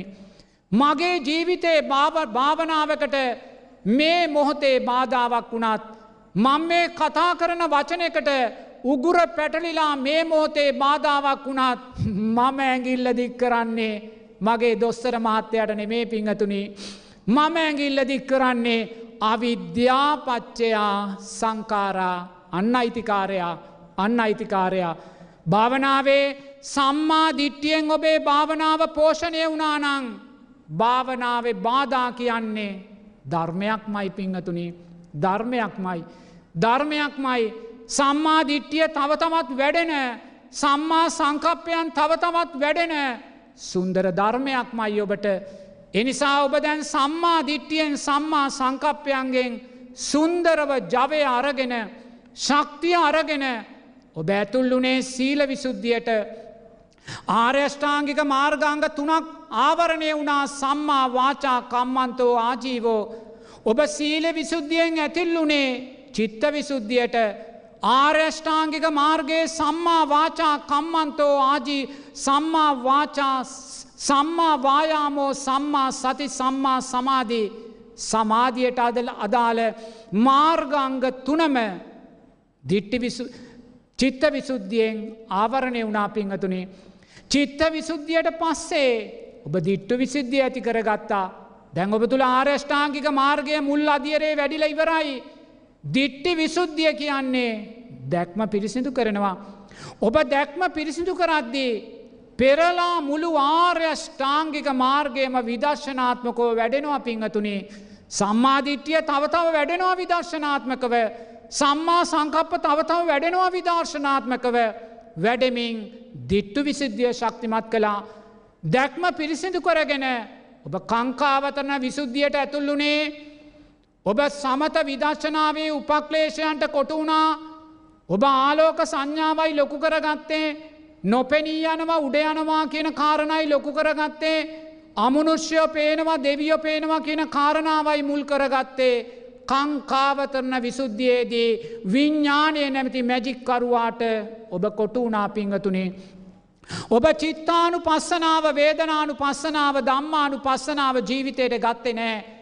ඔබ කංකාවතරන විසුද්ධියයේදී ඔබ සතියසීය ඇති කරගෙන තව තව කල්්‍යාන මිත්‍රාශ්‍රය ලැබවා තව තව සද්ධර්ම සමනය කෙරුවා නුවනින් මෙනෙහි කළා ඔබ දැනගත්තා මේ සමත විදර්ශනාවේ ආස්වාදයටයි මම කොටු වෙලා ඉන්න කියලා. ඔබ එතනින් බැහැරට එනවා කල්්‍යාන මිත්‍ර ආශ්‍රය ලබමින් කොතෙන්ට දොබ එන්න දැන් මක්ගා මක්ග ඥානදස්සන විසුද්ධියට භාව පිංහතුනේ. ඔබ නිරේතුරුව සතර සටිපට්ඨාන ධර්මයන්ගේ අනිත්‍ය භාවය දකිනවා. පංච උපාදානස්කන්ද ධර්මයන්ගේ අනිත්‍ය භාවය දකිනවා. ඔබ තුළ වැඩෙන සප්ත බොජ්ජංගයෝ නිරේතුරුවම පංච උපාදානස්කන්දේ අනිත්‍ය භාවයක් හැටියට ඔබ මතු කල්ල දකිනවා පිංහතුනේ. ඔබ තුළ ප්‍රීතිය ඇති වුණත් ඔබ තුළ පස්සද්ධිය ඇති වුණත් ඔබ තුළ සමාධිය ඇති වුණත් ඔබ තුළ උපේක්කාව ඇති වුණත් ඔබ සියලු ධර්මයෝ රූප වේදනා සංඥා සංකාර විඤ්ඥානයන් තුළ විසිරෝල දකිනවා. අනේ මේ රූපය ඇසුරෙන්මයි මේ ප්‍රීතිය ඇති වුණේ මේ රූපය ඇසුරෙන්මයි මේ පස්සද්ධිය ඇති වුණේ මේ රූපය ඇසුරෙන්මයි මේ සමාධිය උපේක්කාව ඇති වුණේ රූපය අනිත්‍යනං මේ සියලු ධර්මයෝ අනිත්‍යයි කියලා සප්ත බොජ්ජංගයෝයා පංච උපාදානස්කන්දයෝ තුළ විස්සරෝල දකිනවා. පිංහතුනේ ප්‍රතිපදා මක්ගා මක්ග ඥානදස්සන විසුද්ධිය. මාර්ගය හඳුනගත්ත එයා ආයිමත් නොමග යන්නෑ පිංහතුනේ. නොමග නොයන දරුවෙක් බවට එයා පත්වෙනවා මාර්ගෙදී. එයා මක්ගා මක්ග ඥානදස්සන විසුද්ධිය තුළ තවදුරට සතර සටිපට්ඨාන ධර්මයන් වඩනවා වැඩෙන සප්ත බොජ්ජන්ගයෝ පංච උපාදානස්කන්ද ධර්මයෝ තුළින් අනිත්‍ය වශයෙන් දකිමින් යා ප්‍රතිපදා ඥානදස්සන විසුද්ධියට යනවා කියලා බුදුරජාණන් වහන්සේ දේශනා කරනවා. ප්‍රතිපදා ඥානදස්සන විසුද්ධියයේදී එයා උතුම් සෝවාන් පලේ සාක්ෂාත් කරන්න පිංහතුනේ නමුත් රහත් පලේ සාක්ෂාත් කරල නෑ. එයා ප්‍රතිපදා ඥානදස්සන විසුද්ධියෙන් උතුම් සෝවාන් පලේ සාක්ෂාත් කරගෙන එයා තවදුරටත් පංච උපාදානස්කන්දයෝ අනිත්‍ය වශයෙන් දකිනවා. එයා සකෘදාගාමී පලයට පත්වෙනවයා තවදුරටත් පංච උපාදානස්කන්දයෝ අනිත්‍ය වශයෙන් දකිනවා. එයා අනාගාමී පලයට පත්වෙනවා. ඒ පත්වෙන මොහොත දක්වා එයා කල්්‍යාන මිත්‍ර ආශ්‍රය ලබන්න ඕන පිංහතුනේ. එයා සද්ධර්ම සමනය කරන්න ඕනේ. එයා සවනය කලා වූ සද්ධර්මය නැවත නැවත නුවනින් මෙනෙහි කරන්න ඕනේ. කරමින් එයා නැවත නැවත පංචු උපාදානස්කන්දයන්ගේ අනිත්‍ය භාවය දකිමින් පිංහතුනේ. එයා උතුම් අනාගාමී පලය සාක්ෂාත් කරගෙන පිංහතුනේ ඥානදර්ශන විසුද්ධියයේදී එයා උතුම් රහත් පලය ශාක්ෂාත් කරගන්නවා කියලා බුදුරජාණන් වහන්සේ දේශනා කරනවා පිංහතුනි. එනිසා මෙවන් සුන්දර මාර්ගයක් බුදුරජාණන් වහන්සේ අපිට කියලතිනවා. ඒ සුන්දර මාර්ගය නිවැරදිව ජීවිතයට එකතු කරගන්න සම්මාධිට්ටිය අර්ථයන් ඔබේ භාවනාවේ හැම අංගයක්ම පෝෂණය කරගන්න කර්මය කර්මඵල විශ්වාසය අත්‍යවශ්‍ය වෙනවා භාවනාවට බාධා එන හැම මොහොතකදිම අපි සැලෙනව පිංහතුනේ. අපි අනුන්ට ඇතදික් කරනවා. අපි අමනුෂ්‍යයෙන්ට අතදික් කරනවා. අපි මාරයාට අතදික් කරනවා. නමුත් මේ සෑම භාවනාවේ බාධාවක්ම අපිට මතුවෙන්නේ. සීලේ බාධාවක් මතුවෙන්නේ සමාධයේ බාධාවක් මතුවෙන්නේ සම්මා දිට්ටියේ ශක්තිය තුළින් ඒ බාධාව අපි විසඳ ගන්න ඕනේ. සම්මා දිට්්‍යයි අපිට කියල දෙන්නේ. ඔබට මේ බාධාව මතු කළේ අනුන් නෙමේ. ඔබේම සංස්කාර විසින් කියලා ප්‍රශ්නය විසඳුව පිංහතුනේ සම්මාධිට්්‍යය ප්‍රශ්න විසඳවා. ඔබට ප්‍රශ්නයක් තියෙනවනං භාවනා කරද්දි බාධා වෙනවා කියලා සිල්රකිද්දි බාධා වෙනවා කියලා සමාධිය වඩද්දි බාධා වෙනවා කියලා මාරයාට ඇගිල්ල දික් කරන්න එපා. ගෙදර පුංචි දරුව කෑගානවා කියලා ඇගිල්ල දික් කරන්න එපා. මහත්තයා ඉඩ දෙන්න කියලා ඇගිල්ල දික් කරන්න එපා. ඔබට බාධා එන්නේ ඔබේම කුසල් සංස්කාර ප්‍රශ්නය විසඳන්නේ සම්මාධිට්‍යයයි පිංහතුනි සම්මාධිට්‍යයයි. එනිසා සම්මාධිට්්‍යය පෝෂණය කරන්න ශක්තිමත්ව සමස්ත මාර්ගයටම ජවය දෙන්නේ ලෞකික ප්‍රඥාවයි. ලෞකික ප්‍රඥාව කියන මාර්ගය නෙමේ සීල සමාධි ප්‍රඥා මාර්ගයට අපිව යොමු කරන අපිට ජවය දෙන අපිට බලය දෙන අපිට පෝෂණය කරන ශක්තියයි සම් ලෞකික ප්‍රඥාව කියල කියන්නේ ආරෂ්ඨාංගික මාර්ගයේ. එනිසා ඔබ මේ සුන්දර මාර්ගයට එන්න. කංකාවතන විසුද්ධියයේ ගොදුරක් වෙන්න එපා. කංකාවතන විසුද්ධිය ඔබ ගොදුරක් වෙන්නේ දිට්ටි විසුද්ධියයේ දුර්වලතාවය නිසා. දිට්ටි විසුද්ධිය දුර්වල වෙන්න චිත්ත විසුද්ධිය දුර්වලතාවයක් නිසා.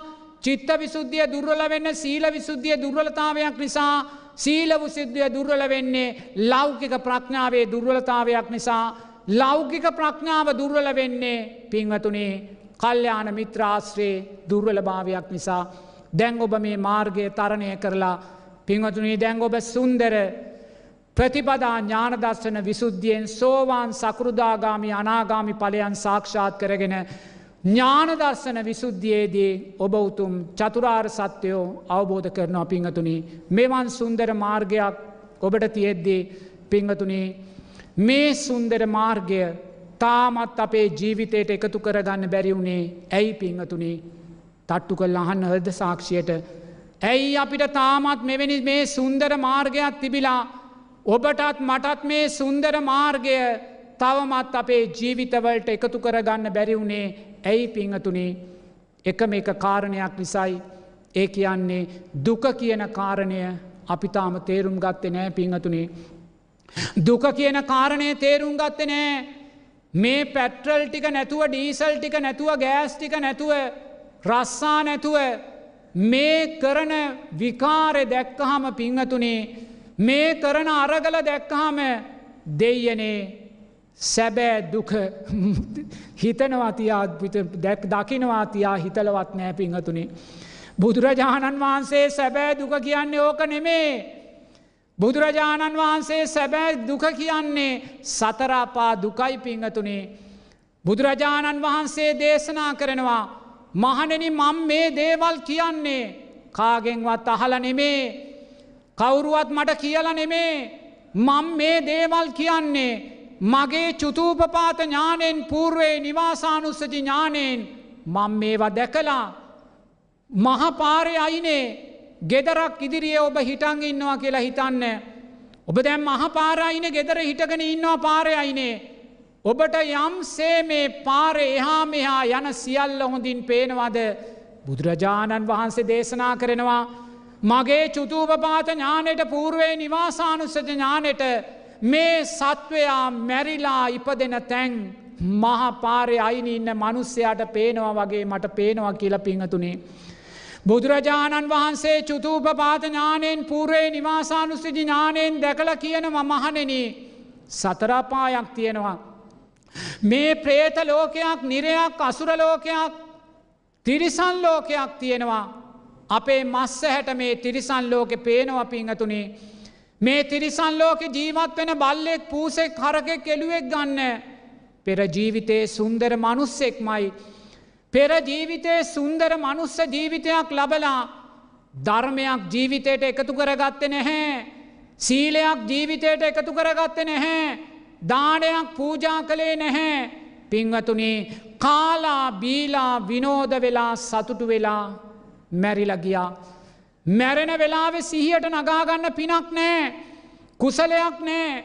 කර්මය කර්මඵල විශ්වාසයක් දැනගෙන හිටිය නෑ. මැරිලා ගිහිල්ලා තිරිසන් ලෝක ඉපදෙනවා පිංහතුනේ දෙයි ආමුදුරුවනේ බලන්න.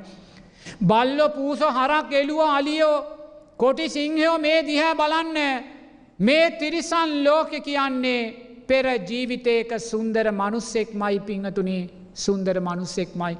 ඔබ හිතන්න පසුගිය මාස දෙකක තුනක කාලය තුළ අපේ රටේ පින්වත් ජනතාව සතර අපායට අදාළ කොච්චරනන් සංස්කාර රැස් කලාද පිංහතුනේ. ගහන්න මරන්න කොටන්න කැරලි ගහන්න විනාස කරන්න ගිනිතියන්න මේ චේතනාවන් සකස් කරගෙන දෙයි හාමුදුරුවනේ සතර අපායට අදාළ කොයි සානම් සංස්කාර රැස් කලාද කියල බලන්න. බුදුරජාණන් වහන්සේ දේශනා කරනවා මේ තිරිසන් ලෝකට වැටෙන සතෙක් ආත්ම භාව පන්සීයක් එකම කුලේ ඉපදෙනවා කියලා. මොකදයා මැරෙන වෙලාවට යාට උපාදානය වෙන්නේ රැලමයි පිංහතුනි වෙන දෙයක් නැහැ. ආත්ම භාව පන්සීයක් එකම කුලේ ඉපදිලා ඒ කරගන්නා වූ ලෝබ දේශ මෝහයන් නිසා කල්ප ගානක් නිරයට වැටෙනවා. සුන්දර මනුස්්‍යයෝනේ පිහතුනී මේවා තේරුම් ගන්න. අපේ මීදු මහෝත්තමයාණන් වහන්සේ මීට වසර දෙදස් තුන්සියකට පෙරාතුව මේ රටට වැඩම කරලා. මෙන්න මේ ප්‍රේත ලෝකයේ නොපෙනෙන දේවලුයි අපිට දේශනා කළේ. මේවා දේශනා කළේ සංසාර බය ඇති කරන්න. සංසාර දුක දැනෙන්න සංසාර ගැඹුර තේරුම් කරලා දෙන්න පිංහතුනේ මොනසා අවාසනාවත් දෙයක්ද පිංහතුනේ අවුරුදු අසුවක් ජීවිතයකට හැත්තෑවක් ජීවත් වෙන්න ලබලා මේ බුද්ධෝත් පාද කාලෙක මේ සුන්දර මනුස්ස ජීවිතය ලබලා ගෑස්ටික නෑ කියලා තෙල්ටික නෑ කියලා මිලමුදල් නෑ කියලා පිංවතුනි කල්ප ගානක් සතර අපායකට අපි තීන්දු වෙනවනං මොනසා වාසනාවද්ද මොනසා වාසනාවද්ද සම්මා දිට්ටියෙන් ජීවිතය පුරෝගන්න සම්මා දිට්ටියෙන් ජීවිතය පිරෙද්දී ඔබ දන්නවා ඔබාද තෙල් පෝලිමේ ඉන්නේ. කාගෙන්වත් වරදක් නිසානෙමේ ඔබේම සංස්කාරය මගෙන් මහත්තෙක් ඇවිල්ල ප්‍රශ්නයක් ඇහ්වා. සාමීන් වහන්සේ විශාල පිරිසත් දෙතුන් සීයක් පෝලිමේ ඉන්නවා. දවසත් දෙකක් පෝලිමේ ඉන්නවා. නමුත් හිතවතුන්ට තෙල් දෙනවා. සාමීන්වහන්ස මේක මොකක්ද කියලා. මොකද මේ මහත්තය අහන්නේ පැයගනම් පෝලිංවල ලත වෙනවා අව්වේ කාස්ටකේ වේලිවේලි නමුත් හිතවතුන්ට තෙල් දෙනවා හිතවත්තු ඇවිල්ල ගහගෙන යනවා කොයින් අරි ක්‍රමයකින් කියලා. ඒ මහත්තය අහන්නේ එහෙම වෙන්නේ ඇයි කියලා මංකිව්ව මහත්තයෝ එහෙම වෙන්නේ කුසලය අකුසලය නිසා කියලා. කුසලය අකුසලය නිසයි කියලා. අර පෝලිමේ අප්‍රමාණ දස්ගානක් කර අව්වේ වේලිවේලි ඉන්න සිද්ධ වෙලා තියෙන්නේ අකුසලයක් නිසා මයි පිංහතුනි මං ඒක නොබියව කියනවා නිවැරදිවීම උදෙසා නිවැරදිවීම උදෙසා. ඒ වගේ මෙම දෙසීයක් තුන්සීයක් පෝලිමේ ඉද්දී කෙනෙක් ඇවිල්ල හොරපාරෙන් තෙල්ටික ආරං යනවනං ඒකයාගේ කුසලයක් පිංහතුනි ඒකයාගේ කුසලයක්. මේක පිනයි පවයි අතර තියෙන ප්‍රශ්නයක් මෙතනත් තියෙන්නේ. මොකද මං පසුගියදා කුටිය ඉන්නකොට ඔය මේ පැට්ටල් සෙට්තින මහත්තුරු දෙන්නෙක්කාව නෝනල දෙන්නෙක්. ඒ නෝල්ල දෙන්නම මේ ඔය ඉන්දනහල් තියෙන නෝල්ල දෙන්නෙක්. ඇවිල්ල මට කියනවා සාමීන් වහන්ස ඔබ වහන්සේට ගමන් බිමන් යන වාහනවලට තෙල් ඕනෙ නං ඕන වෙලාවක කියන්න ගහල දෙන්නම් කියලා. දැ මොකක්ද මේ වෙන්නේ. පුතේ මම කුටිය ඇතුළ ඉඳං ඉන්න මනුස්සයා. කුටියට මාවමුඩ ගැහින්න ඉල්ල මට කියනවා ඔබට තෙල් ඕනෙ නං ඕන වෙලාවක කියන්න දෙන්නම් කියලා. මංකිව්වා අනේ නෝනා ඕවා මට අවශ්‍යත් නෑ මට වාහනත් නෑ ඕවා අරගෙන සංසාරයේ මන් තෙල් පෝලිං වල ලගින්න කැමතිත් නෑ කියලා. පිංවතිනේ මොකක්ද මේ ප්‍රශ්නය ඔබ මේ මොහොතේ තෙල්පෝලිමේ වේලෙන්නේ ඔබේ සංස්කාරයක් නිසාමයි. අර හොරපාරෙන් ඇවිල්ල ගහගෙන යන්නේ එයාගේ කුසල් සංස්කාරයක් නිසාමයි. නමුත් එක දෙයක් තේරුම් ගන්න ඕනේ. සීයක් පෝලිමේ ඉද්දී හොරපාරෙන් ඇවිල්ල යමෙක් තෙල් ගහගෙන යනවනං. ඔහු දක්ෂ වෙන්න ඕනේ ඔහු කැමති වෙන්න ඕනේ ඊළඟ ආත්ම භාවලවල පැය ගනන් හැතැක්ම ගනන් පෝලිංවල තැපලා තෙල් නැති දුක්කිත දුක විඳින්න පිංහතුනේ තෙරුම්ගන්න තෙරුම්ගන්න කර්මයකම්බපල විශ්වාසය. එනම් දැන් ඔබට තේරෙනව ඇති නිලතලතිීන බලතලතිීන ධනවතුන් ගෙදෙට්ටම තෙල් බෞසරය අරං යනවා. නිලතිීන තින බලතලතිීන ඇය යාලුකමට තෙල් අරගෙන යනවා. අර අහිංසකයෝ පැය ගණන් දවස් ගණන් දුක්කිඳිනවා නමුත් නිලය බලය ධනය උපයෝගී කරගෙන පෙර සංසාරයේ තෙල්ගත් අය තමයි අද පෝලිං ගොල වේලෙන්නේ. තේරුම් ගන්න. තේරුම් ගන්න. තේරුම් එනිසා කර්මය කර්මඵල විශ්වාසයට ඔය කොයික ගැලපුවත් පිංහතුනේ අද තේරුම් ගන්න කවුරුවත් තමන්ගේ නිලය තමන්ගේ බලය තමන්ගේ ධනය උපයෝගී කරගෙන ඔබලාර අහිංසක මනුස්්‍යය අව්ව වේලෙද්දී තෙල් අරං යනවනං ගෑස්ටිකාරං යනවනං ඔබලා සූදානම් වෙන්න ඊළඟ බවගමනේදී හැතැක්ම ගණන්දිග පෝලිං වල දවස් ගණන් වේලෙන්න කියන කාරණය ධර්මානුකූලව මතක් කරල දෙන්න ඕන පිංහතුනි කර්මය කර්මඵල විශ්වාසය. මේ කර්මය කර්මඵල විශ්වාසය තිබ්බනං පිංහතුනි සියල්ල වැඩිලා පිංහතුනි සියල්ල වැඩිලා. එනිසා තිරිසන් ලෝකය ගැන මංගොපට කිව්වා ප්‍රේතලෝකය අපි ඉදිරියේ තියෙනවා. අපිට පේන්නේ නෑත් ප්‍රේතලෝකයක් අපි මරණාසන්න මොහොතේ ලෝබ දේශ මෝහයන් උපාදානය කරගත්තොත් ප්‍රේතයින් වෙලා පිප දෙනවා. දෙයි හාමුදුරුවනේ ඔය පැට්‍රොල් පෝලිංවල ඩීසල් පෝලිංවල මේවා උපාදානය කරගෙන දේශය වෛරය දරාගෙන ආණ්ඩුවලට බනිමින් නිලධාරීන්ට බනිමින් ඉන්න මොහොතක මැරු නොත් දෙයනේ හිතන්න කොහෙද යන්න කියලා. හිතන්න ගෙවල් ඇතුළේ දේශය දරමින් ආණ්ඩුවලට බනිමින් ජනතාවට නිලධාරීන්ට බනිමින් තමන්ගේ අකුසල්වලට තමන්ම බනිමින් ජීවත්වෙද්දී මියගියොත් කොහෙද අපි යන්න පිංහතුනේ අනුන්ගේ අකුසල් නිසා අපිට අකුසල් වුනොත් ඒකට ඊට වඩා බලවත් අපේ අකුසල් නිසා අපි අකුසල් කරගන්න. අපේ අකුසල් නිසායි අපිට මේවා නොලබෙන්නේ. පෙර සංසාරයේ අර විදියට නිලවතුන් බලවතුන් වෙලා අහිංසකයොත් අලලා පෙළලා පෝලිංවල තියලා ඒ අපිට විපාග දෙනවා. එක තේරුම් ගන්න. ඒකයි ඇත්ත කතාව පිංහතුනේ.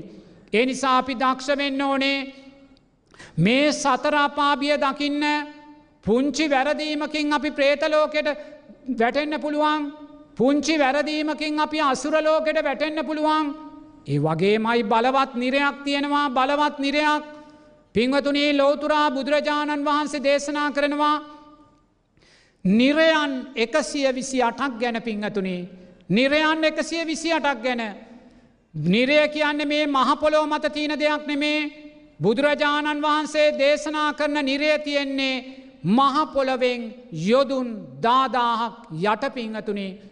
මහපොළවෙන් යොදුන් දාදාහක් යට චතුස්කන්නය චතුස්දවාරය කියෙන මහා නිරය පිහිටල තියෙනවා පිංහතුනේ.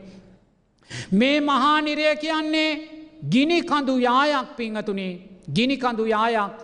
ගිනිකඳු යායක් කියන මේ මනුස්ස ලෝකය ඔබ බලන්න. ස්භාවික ගිනිකඳු තියෙනවා. එක එක පරිසර කලාපයන් තියෙනවා.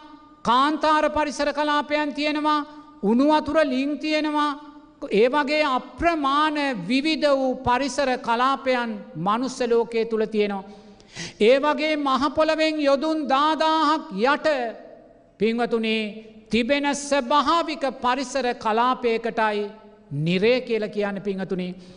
මේ පරිසර කලාපේ චතුස්කන්නය චතුස්දවාරය කියන මහා ගිනිනිරයන් දෙක පිංවතුනී ගිනි ජාලාවක් මහා ගිනිකඳු යායක් යොදුන් ලක්ෂ ගානක් විශාල ගිනිකඳු යායක් පිංහතුනේ මේ ගිනිකඳු යාය වටකරගෙන විශාල යකට පවුරක් තියෙනවා කියනවා. මේ යකට පවුර කවුරුත් හදපු දෙයක් නෙමේ යකට ගෙනල්ල හදපු පවුරක් නෙමේ මේ යකඩ පවුර කියන්න පිංහතුනේ ගිනිකඳු යායෙන් ගලාගෙන ගිය ලාවා ගලාගෙන ගිහිල්ලා ශක්තිමත්ව හැදුනා වූ පවුරක් පිංහතුනේ. ලාවා ගලාගෙන ගිහිල්ලයි පවුර හැදිල තියෙන්නේ. දැන් මනුස්සේ මනුස්සලෝකයේ ජීවත් වෙනවා. දැන් එක රෝගී මහත්මෙක් ලෙඩ ඇඳේ ඉඳම් මරණාසන්නව කෑගහනවා. මට මාව පිච්චෙනෝ මාව දනෝ මාව පිච්චෙනෝ මාව දනෝ කෙලයා කෑගහනවා රෝහලේ. දොස්තර මහත්තය වතුරහියනවා නර්ස්ම නෝන වතුර දෙනවා ඒත් මෙයා කෑගහනවා මාව පිච්චෙනෝ මාව දනෝ කියල පිංහතුනේ මෙයා මැරෙනවා. මෙයා මැරිලා ගිහිල්ලා චතුස් කන්නේ චතුස් දවාරේ ගිනි නිරේ ඉපදෙනවා පිංහතුනි ගිනිනිරේ ඉපදෙනවා. එයා මැරෙන්න පෙර සංස්කාරපච්චයා විඤ්ඥාන කියන ධර්මතාවය තුළ දැනීම් සකස් වනා පිංහතුනි. අර පිච්චීමයාට ඇති වුණා සංස්කාරයන්ගේ බලවත් භාවය නිසා අකුසල් සංස්කාරයන්ගේ. මෙයා ඕප පාතිකව ගිනිනිරේ ඉපදෙනවා. චතුස්කන්න චතුස්දවාරය ඉපදුනා දැන් ඔබ හිතන්න මම මැරිලා ලෝප දේශ මෝහයන් වඩලා මරණාසන්න මොහොතේ දේශය උපාදානය වෙලා චතුස්කන්න ඉපදෙනවා පිංහතුනේ. ඔබ හිතන්නකෝ මහා ගිනිකඳු යායක ඕප පාතිකව ඉපදුනොත් මොකද වෙන්න පිංහතුනේ. මේ ඉපදෙනවා මේ පිච්චෙනවා මේ මැරෙනවා පිංහතුනේ. මේ ඉපදෙනවා මේ පිච්චෙනවා මේ මැරෙනවා අවුරුදු දාහක් දසදාහක් ලක්ෂයක් ඉපදි ඉපදී පිච්චි පිච්චි පිච්චි පිච්චි මැරෙනවා පිංහතුනේ ඔබෙත් මගෙත් අතීත පංච උපාදානස්කන්ද දුකේ කතාවයි බුදුරජන් වහන්සේ මේ කියන්න පිංහතුනේ. ඔබත් මමත් මේ ජීවිතයේදී උතුම් සෝවාන් පලයට පත් නොවනොත් ඔබෙත් මගෙත් අනාගත පංච උපාදානස්කන්ද දුකේ ඇත්ත කතාවයි බුදුරජාණන් වහන්සේ මේ ඔබට කියන්න පිංහතුනේ. දැන් ඉරිසතා වැටුණා පිච්චෙනවා ඉපදෙනවා මැරෙනවා දෑස්පියාගන්න දෑස්පියාගෙන ඔබත් මමත් සංසාරයේ අකුසල් වඩලා මේ චතුස් කන්න චතුස් දවාරයට වැටුන වෙලාවේ පිච්චි පිච්චි පිච්චි පිච්චි ඉපදුන හැටි සිහට නගාගන්න පිංහතුනේ කල්පයක් දෙකක් පිච්චි පිච්චි පිච්චි පිච්චි මැරිමැරි ඉපදුන හැටි සිහියට නගාගන්න ගෑස් පෝලිමේ දුක මොකක්ද පිංහතුනේ ඩීසල් පෝලිමේ දුක මොකක්ද? පැට්‍රල් පෝලිමේ දුක මොකක්ද? මේ හොර දේශපාලන නඩය තිරින් සකස් කරන දුක මොකක්ද? මෙන්න දුක. මේ දුක දකින්න ඔය සිල්ලර දුකට රැවටිලා මේ මහා දුකට වැටෙන්න එපා පිංහතුනේ වැටෙන්න එපා. ඔබ දැන් චතුස්කන්න චතුස් දවාරය මැරිමැරී මැරිමැරී ඉපදෙනවා. අවුරුදු දසදහස් ගානක් ලක්ෂ ගානක් ඉපදිලා එයාට පේනවා පිංහතුනේ. අර මහා ගන පවුරෙන් දොරටුවක් විවෘත වෙලා තියෙනවා. ආවාටයක් පේනවා එයා ගිහිල්ල එකෙන් පයිනවා පිංහතුනි. මොකදද මේ ආවාටය මේ මහා ලාවාවලින් හැදුනේ පවුරේ ස්වභාවික හේතුන් නිසා යම් තැනක් දිය වෙලා එයාට ආවාටයක් පේනවා. දොරක් වගේ කවුලුවක් විවෘත වෙලා පේනවා. එයා ඒ කවුලුවෙන් පයිනව පිංහතුනේ. එයා මේ පයින්නේ සැපහොයාගෙන අනේ මන් දුකෙන් මිදුනා කියන හිත ඇතිකරගෙනයි පයින්නේ වැටෙන්නේ උනුවලු නිරේට පිංහතුනේ. වැටෙන්නේ උනුවලු නිරේට මොකදද මේ උනුවලු නිරේ කියන්නේ මිනිස්සු අලුදාලා උනුකරපු නිරයක් නෙමේ පිංහතුනේ මේ උනුවලු නිරේ කියන්නේ අර මහා ගිනිකඳු යායෙන් චතුස්කන්න චතුස්දවාරය ගිනිකඳු යායෙන් ලාවා ගලාගෙන ගිහිල්ලා ඒ ලාවා නිවිලා අල්ලු බවට පත්වන යොදුන් ලක්ෂගානක් විශාල ප්‍රදේශය පිංහතුනේ උනුවලු නිරය. දැන් නිරිසතා වැටුනේ උනුවලු නිරේට සැපහොයාගෙනයි පැන්නේ. වැටුනේ දුකටයි පිංහතුනේ. මෙන්න දුක. දැන් උනුවලු මත කකුල තියන්න බෑ. තියන තියන දෙපා පිච්චෙනවා. පිච්චි පිච්චි පිච්චි පිච්චි මැරෙනවා පිංහතුනේ. අවුරුදු දහස් ගණන් දසදහස් ගණන් ලක්ෂ ගණන් මේ උනුවලු නිරේ පිච්චි පිච්චි මැරෙන නිරිසතා සිහට නගාගන්න සිහට නගාගන්න ඔබත් මමත් සංසාරයේ මේ උනුවලු නිරේට වැටිලා කල්ප ගනම් පිච්චි පිච්චි පිච්චි පිච්චි මැරි මැරි ඉපදුන ඇති සිහට නගාගන්න ඔබෙත් මගෙත් අතීත පංච උපාදානස්කන්ද දුකේ ඇත්ත කතාවයි බුදුරජාණන් වහන්සේ මේ කියන්න පිංහතුනේ. දැම් මේ නිරිසතා උනුවලු නිරේ අවුරුදු ලක්ෂ ගණන් දුක්හිඳලා එතනිනුත් එහාට යනවා කියනවා. කොහාටද මේ ගුටනිරේට පිංහතුනේ. ගුටනිරේ කියන මොකක්ද අප්‍රමාණ පනුවන්ගෙන් පිරුණා වූ ප්‍රදේශය පිංහතුනේ බුදුරජාන් වහන්ස කියනා මේ පනුවෙක්ගෙ තුඩ අඟල් දෙහෙක ඇනයක් වගේ තිවුණුයි කියලා. ක්‍රමාණුකූලව දැන් උෂ්ණත්වය අඩුවෙනවා පිංහතුනි. චතුස්කන්න චතුස්දවාරය මහා ගිනිනිරය උනුවලු නිරය උනුවලු නිරයෙන් පස්සේ පනුවන් ජීවත්වෙන ප්‍රදේශය ක්‍රමාණුකූලව උෂ්ණත්වය අඩුවෙනවා. පනුව කෝටි ගානත් ජීවත්වෙනවා.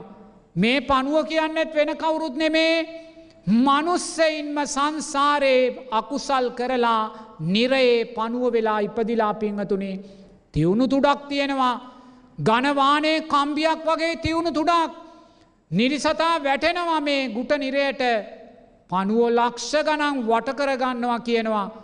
තිවුණු තුඩෙන් මස කනවා කියනවා හම කනවා කියනවා ඇට කනවා කියනවා ඇටමිදුළු කනවා කියනවා. කාල ඉවර කරනවා කියනවා.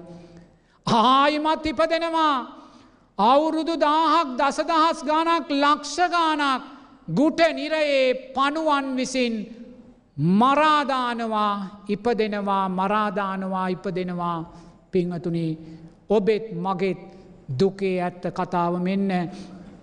ඔබෙත් මගෙත් දුකේ ඇත්ත කතාව මෙන්න. මේ ජීවිතේ උතුම් සෝවාන් පලයට පත් නොවනොත් සතර අපායෙන් නොයිදුනොත් ඔබෙත් මගෙත් අනාගත පංච උපාදානස්කන්ද දුකේ කතාව මෙන්න පිංහතුනේ. ගුට නිරේ අවුරුදු ලක්ෂ ගණන් දුක්විඳලා මේ නිරිසතා එතනින් පයිනවා කියනවා හිඹුල් වනයට. හිඹුල් වනේ කියන මොකක්ද පිංහතුනේ? නිරයේ තියන ශාක පද්ධතිය. නිරේතින ශාක පද්ධතිය ක්‍රමාණුකූලෝ දැන් උෂ්ණත්වය අඩුයි. පනුවන් ජීවත්වන ප්‍රදේශයට පස්සෙ තියෙන්නේ හිඹුල් වනය ශාක පද්ධතිය.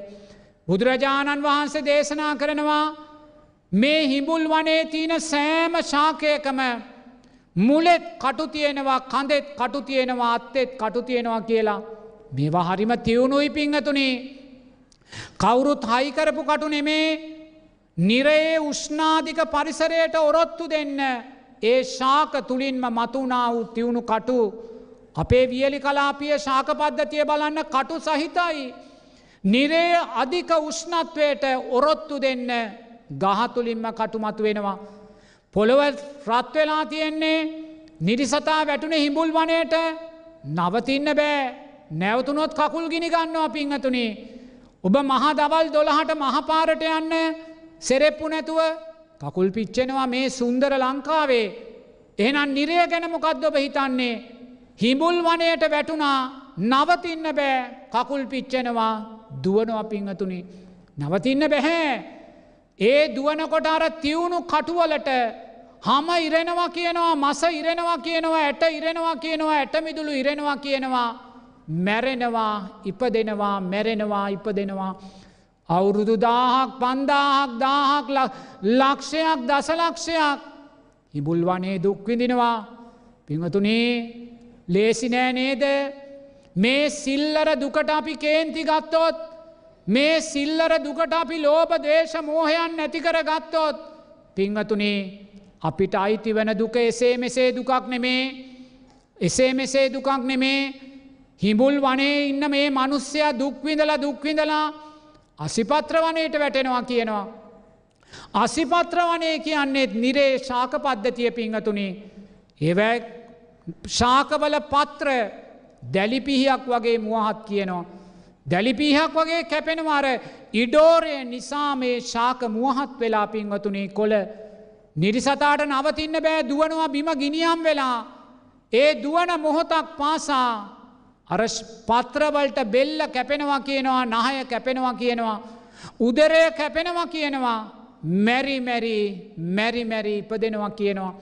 අවුරුදු දස් ගණන් දසදහස් ගනන් මින් පස්සේ එතනින් මේ නිරිසතා පයිනවා කියනවා ශාරෝධක නදියට පිංහතුනේ. ශාරෝධක නදිය කියන්නේ නිරයේ ගංගා ඇලදොල පද්ධතිය දැන් අපේ මනුස්සලෝකයේ ගංගා ඇලදොල පද්ධතියක් තියෙනවානේ ගංගා යමුණා අචරවතී සරබු මහී කියලා නිරයේ ගංගාවල වතුර නෑ පිංහතුනේ. නිලයේ නිරයේ ශාරෝධක නදීවල තියෙන්නේ ගිනිවතුර පොළවෙන් උනන්නේ ගිනිවතුර යෝධිය. නිරිසතා පයිනවා ශාරෝධක නදියට පිංහතුනේ. දීර්ඝ දුකක් විඳලයි යාවේ දීර්ඝ දුකක් විඳලා පිපාසේ බඩගින්නේම ශාරෝධක නදියට පයිනවා දිය බොන්න පිංහතුනි බොන්න ගිනි වතුර. දිව පිච්චනවා කියනවා උගුර පිච්චනවා කියනවා බඩවැල් පිච්චනවා කියනවා පිච්චි පිච්චි පිච්චි පිච්චි මැරෙනවා කියනවා පිංහතුනි දෑස් දෙක පියාගෙන නුවනින් දකින්න. ඔබෙත් මගෙත් මේ අතීත පංච උපාදානස්කන්ද දුකේ ඇත්ත කතාව නුවනින් දකින්න. මේ ජීවිතයේ උතුම් සෝවාන් පලය සාක්ෂාත් කරගන්න බැරිවුණත් ඔබත් මමත් අනාගත විඳිනේ පංච උපාදානස්කන්ද දුකේ ඇත්ත කතාව නුවනින් දකින්න පිංහතුනේ බුදුරජාණන් වහන්සේ දේශනා කරනවා. ඔබෙත් මගෙත් මහගෙදර කියන්නේ ඔබේ අම්මා තාත්තාගෙන් ලැබුණු ගෙදෙට්ට නෙමේ කියලා. අපි මහගෙදර කියන්නේ අපේ අම්මල තාත්තලාගෙන් ලැබුණ ගෙදරට ඒක මහගෙදරක් නෙමේ පිංහතුනේ. ඔබේ මහගෙදර අවුරුදු හැටක් හැත්තෑවක් ඉන්න ඇති එච්චරයි. බුදුරජාණන් වහන්සේ අපේ මහගෙදර කියල කියන්නේ පිංවතුනි සතර අපායටමයි පිංහතුනි. සතර අපාය මහගෙදර කරගෙන ඔබත් මමත් කල්ප ගනන් සංසාරයේ දුක්වින්ද පිංහතුනි සංසාරයේ දුක්වින්ද. තාමත් අපි ඒ සතරාපා බන්ධනාගාරයේ ගියවස්සුම ඉරලදාල නැහැ. ඒ ගියවස්සුම තාම අපි නිරෝධය කරලා නැහැ. ඒ ගියවසුම නිරෝධය කරන්න නං පිංහතුනේ මේ ජීවිතය ඔබ උතුම් සෝවාන් පලයට පත්වෙන්නම වෙනවා පිංහතුනේ. මේ ජීවිතය ඔබ උතුම් සෝවාන් පලයට පත් නොවුනොත් පිංහතුනේ ඒ සතරාපා දුක අපි පටිච්ච සමුපන්නව භවයෙන් භවයට අපි අරං යනවා. එනිසා මේ සංසාර දුක දකින්න මෙවන් ගැඹුරු සංසාර දුකක් සංසාර බියක් සංසාර දුරක් මේ බවාත්‍රය තුළ තියෙනවා පිංහතුනේ. එනිසා මේ මොහොතේ මේ මතු වෙලා තියෙන මේ දුක සිල්ලර දුකක් පිංහතුනේ. මෙවැනි සිල්ලර දුක් මතු කරන්නේ අරවනි භයානක සතරාපා දුක්වලට අපි ඇදලදාන්න ඒක නුවනින් තේරුම් ගන්න රට නිවැරදි වෙන්න ඕනේ රටේ නායකින් නිවැරදි වෙන්න ඕනේ රටේ නායකින් ජනතාවට සීලයෙන් පූර්වාදර්ශ වෙන්න ඕනේ ඒවා නිවැරදි කරගත යුතුයි ඒවා නිවැරදි කරගත යුත්තේ අපි ආරක්ෂා වෙලයි පිංහතුනි. අපි අනාරක්ෂිතව ලෝකය සමාජය නිවැරදි කරන්න යන්න එපා එක තේරුම් ගන්න. නිවැරදි නොකළ යුතුයි කියලා නෙමේ මේ කියන්නේ. මේවා ඉදිරියේ ඇස්කන් පියාගෙන සිටිය යුතුයි කියල නෙමේ මේ කියන්නේ. මේ වෙන දේවල් ඉදිරියේ ඇස්කන් පියාගන ඔබ හිටියොත් තව විනාස කරා මේවා ඇදගෙන යාවී. එනිසා මේවා ඉදිරියේ ඇස්පැන් පියාගෙන ඉන්න නෙමේ කියන්නේ. ඔබ ආරක්ෂා වෙලයි මේවා නිවැරදි කළ යුත්තේ කියන කාරණයයි භික්ෂෝභට මතක් කරන්න පිංහතුනි.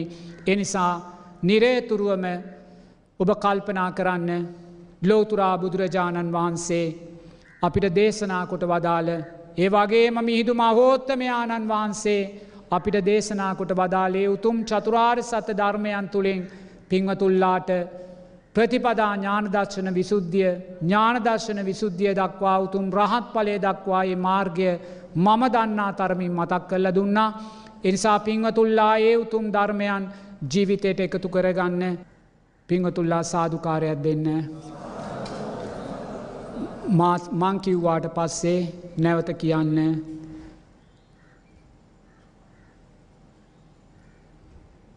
මම කයේ දුක්දුරුවී සිතේ දුක්දුරුවී නිදුක් වෙත්වා නීරෝගි වෙත්වා ස්වපත් වෙත්වා.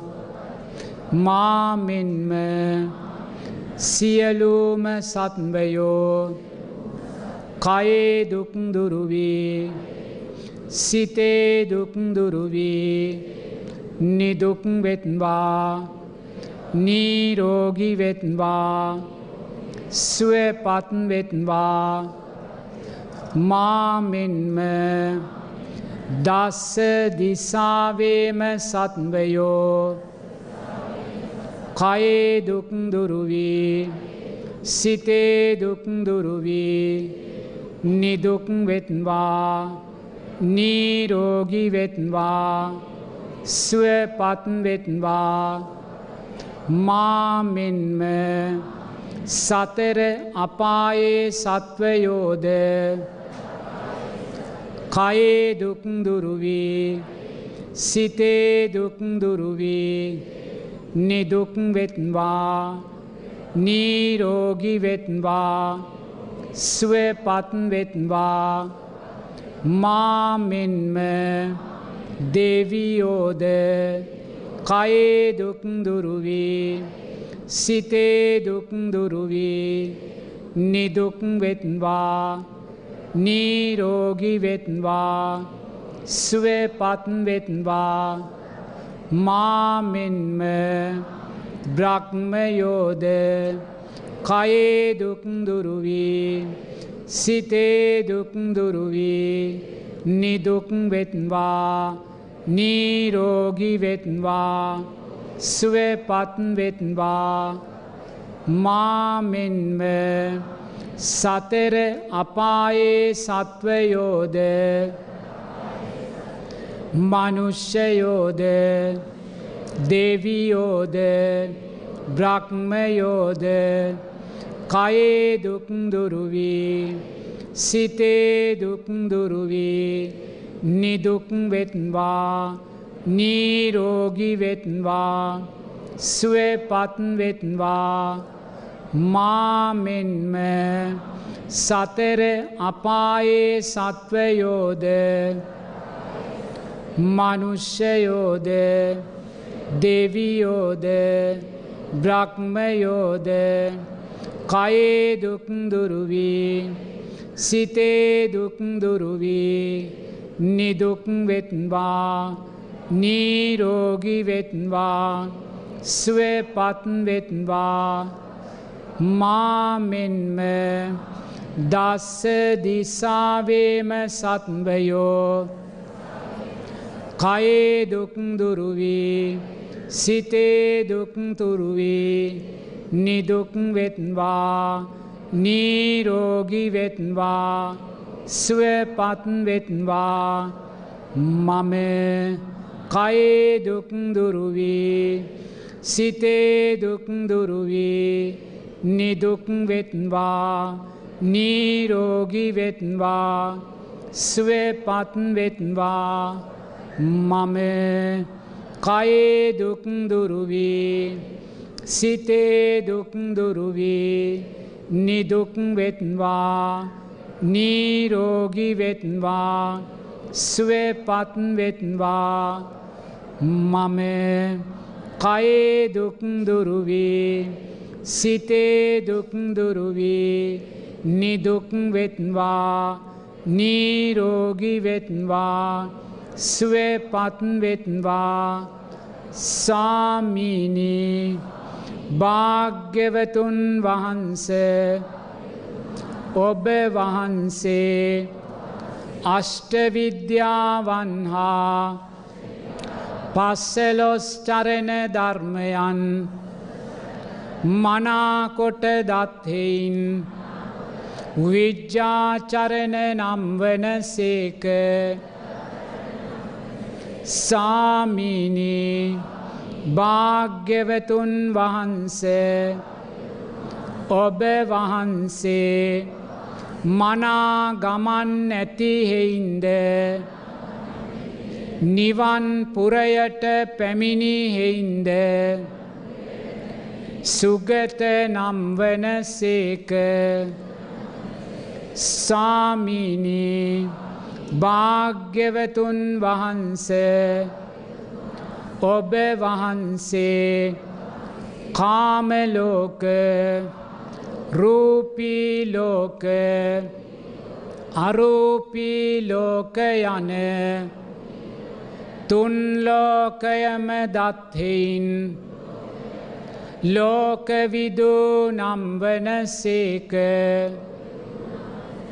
සාමීනී භාග්‍යවතුන් වහන්ස ඔබ වහන්සේ අකීකරු සත්වයන් මනාකොට දැමූහෙයින් අනුත්තරෝ පුරිසදම්ම සාරති නම්වන සේක.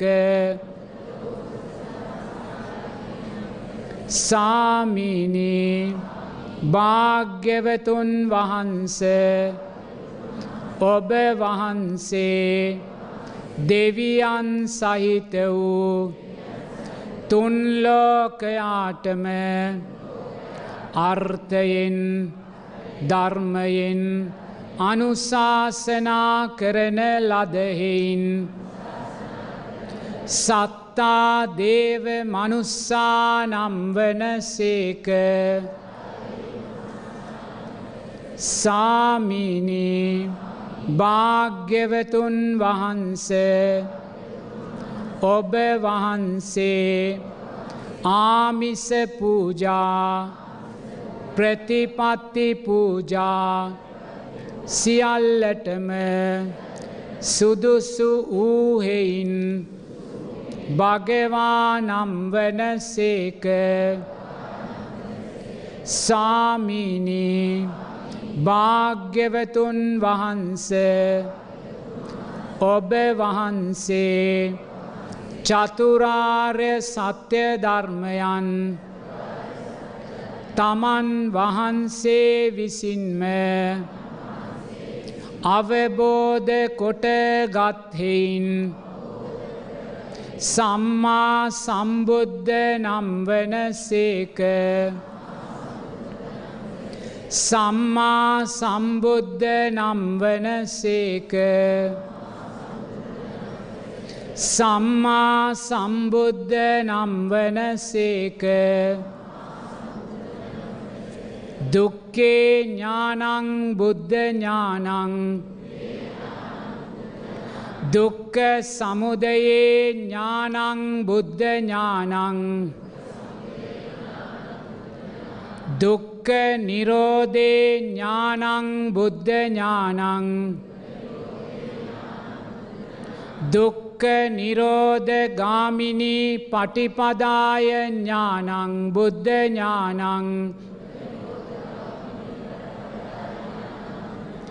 අත්ත පටිසම්බිදේ ඥානං බුද්ධ ඥානං ධම්ම පටිසම්බිදේ ඥානං බුද්ධ ඥානං නිරුත්ති පටිසම්බිදේ ඥානං බුද්ධ ඥානං පටිබාන පටිසම්බිදේ ඥානං බුද්ධ ඥානං ඉන්ද්‍රීය පරෝ පරියත්තේ ඥානං බුද්ධ ඥානං සත්තානං ආසයානුස්සයේ ඥානං බුද්ධ ඥානං යමක පාතිහාරියේ ඥානං බුද්ධ ඥානං මහා කරුණා සමාපත්තියා ඥානං බුද්ධ ඥානං සබ්බංයුත ඥානං බුද්ධ ඥානං අනාවරණ ඥානං බුද්ධ ඥානන්ති සාමිනී භාග්‍යවතුන් වහන්ස ඔබ වහන්සේ විජ්ජාචරණ නම්වන සේක. සුගත නම්වන සේක. ලෝකවිදු නම්වන සේක. අනුත්තරෝ පුරිස ධම්ම සාරති නම්වන සේක. සත්තා දේව මනුස්සා නම්වන සේක. භගවා නම්වන සේක. සාමිනී භාග්‍යවතුන් වහන්ස ඔබ වහන්සේ සම්මා සම්බුද්ධ නම් වන සේක. සම්මා සම්බුද්ධ නම් වන සේක. සම්මා සම්බුද්ධ නම් වන සේක. මාත් සමග කියන්න මාත් සමග අවිද්‍යාපච්චයා සංකාරා සංකාරපච්චයා විඤ්ඥානං විඤ්ඥාන පච්චයා නාමරූපං නාමරූප පච්චයා සලායතනං. සලායතන පච්චයා පස්සෝ. පස්ස පච්චයා වේදනා වේදනා පච්චයා තන්හා තන්හා පච්චයා උපාදානං උපාධාන පච්චයා භවු භව පච්චයා ජාතිී. ජාතිපච්චයා ජරාමරනං සෝක පරිදේව දුකදෝමනස්ස පයාසා සම්භවන්ති ඒව මේ තස්ස කේවලස්ස දුකක් කන්දස්ස සමුදයෝතිී. අවිද්‍යායත්තේව අසේස විරාග නිරෝධා සංකාර නිරෝධෝ සංකාර නිරෝධා විඤ්ඥාන නිරෝධෝ විඤ්ඥාන නිරෝධා නාමරූප නිරෝධෝ නාමරූප නිරෝධා සලායතන නිරෝධෝ සලායතන නිරෝධා පස්ස නිරෝධෝ පස්ස නිරෝධා වේදනා නිරෝධෝ වේදනා නිරෝධා තන්හා නිරෝධ තන්හා නිරෝධා උපාදාන නිරෝධ උපාධාන නිරෝධා භව නිරෝධ භාව නිරෝධා ජාති නිරෝධෝ ජාති නිරෝධා ජරාමරනං සෝක පරිදේව දුකදෝමනස් පයාසා නිරුජ්ජන්ති ඒව මේ තස්ස කේවලස්ස දුකක් කන්දස්ස නිරෝධෝති. අනේක ජාති සංසාරං සන්ධාරිස්සං අනිබ්බිසං. ගහකාරකං ගවේසන්තු දුක්කාජාති පුනප්පුනං. ගහකාරක දිට්ටෝසි පුනගේ හංනකාහසි සබ්බාතේ පාසුකාබග්ගා ගහකූටං විසංචිතං විසංකාර ගතංචිත් තන්හානංකය මජ්ජගාති පිංහතුල්ලා මං කියනදේ නුවනින් දකින්න කියන්න එපා. ඇස්ස අනිත්‍යයි. රූපය අනිත්‍යයි. ඇස නිසා හටගන්නා වූ යම් විඳීමක් වේද? එය අනිත්‍යයි. ඇස නිසා හටගත්තා වූ යම් හඳුනා ගැනීමක් වේද? එය අනිත්‍යයි. ඇස නිසා හටගත්තා වූ යම් සංස්කාරයක් වේද? එය අනිත්‍යයි. ඇස නිසා හටගත්තා වූ යම් විඤ්ඥානයක් වේද? එය අනිත්‍යයි. ඇස්ස අනිත්‍යයි. රූපය අනිත්‍යයි.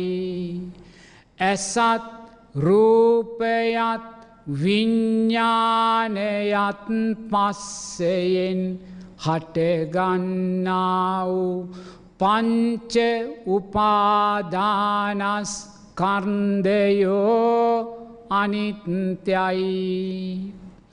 කන අනිත්‍යයි. ශබ්දය අනිත්‍යයි. කන නිසා හටගත්තා වූ යම් විඳීමක් වේද? එය අනිත්‍යයි. කන නිසා හටගත්තා වූ යම් හඳුනා ගැනීමක් වේද? එය අනිත්‍යයි. කන නිසා හටගත්තා වූ යම් සංස්කාරයක් වේද? එය අනිත්‍යයි. කන නිසා හටගත්තා වූ යම් විඤ්ඥානයක් වේද? එය අනිත්‍යයි. කන අනිත්‍යයි. ශබ්දය අනිත්‍යයි. කනත් ශබ්දයත් විඤ්ඥානයත් පස්සයෙන් හටගන්නා වූ පංච උපාදානස්කන්දයෝ අනිත්‍යයි. නාසය අනිත්‍යයි. ගන්දෙස්ුවෙන්ද අනිත්‍යයි. නාසය නිසා හටගත්තා වූ යම් විඳීමක් වේද? එය අනිත්‍යයි. නාසය නිසා හටගත්තා වූ යම් හඳුනා ගැනීමක් වේද? එය අනිත්‍යයි. නාසය නිසා හටගත්තා වූ යම් සංස්කාරයක් වේද? එය අනිත්‍යයි.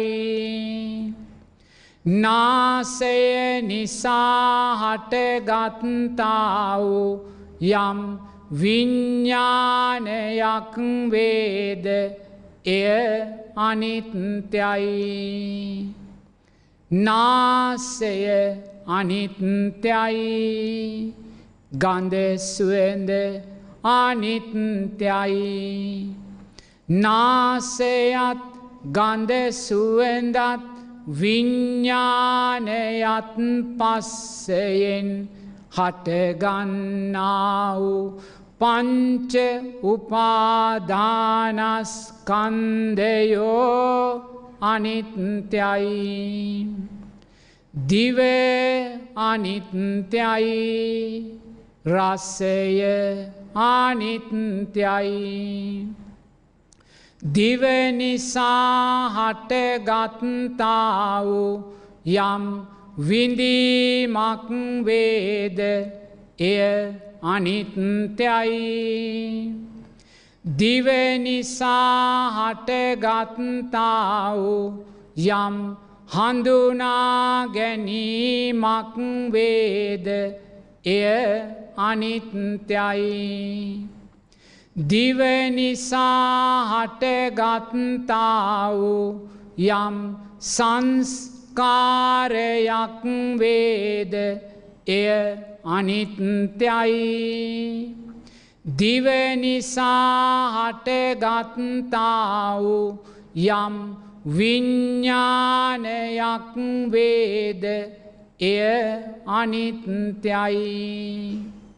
දිව අනිත්‍යයි රස්සය අනිත්‍යයි.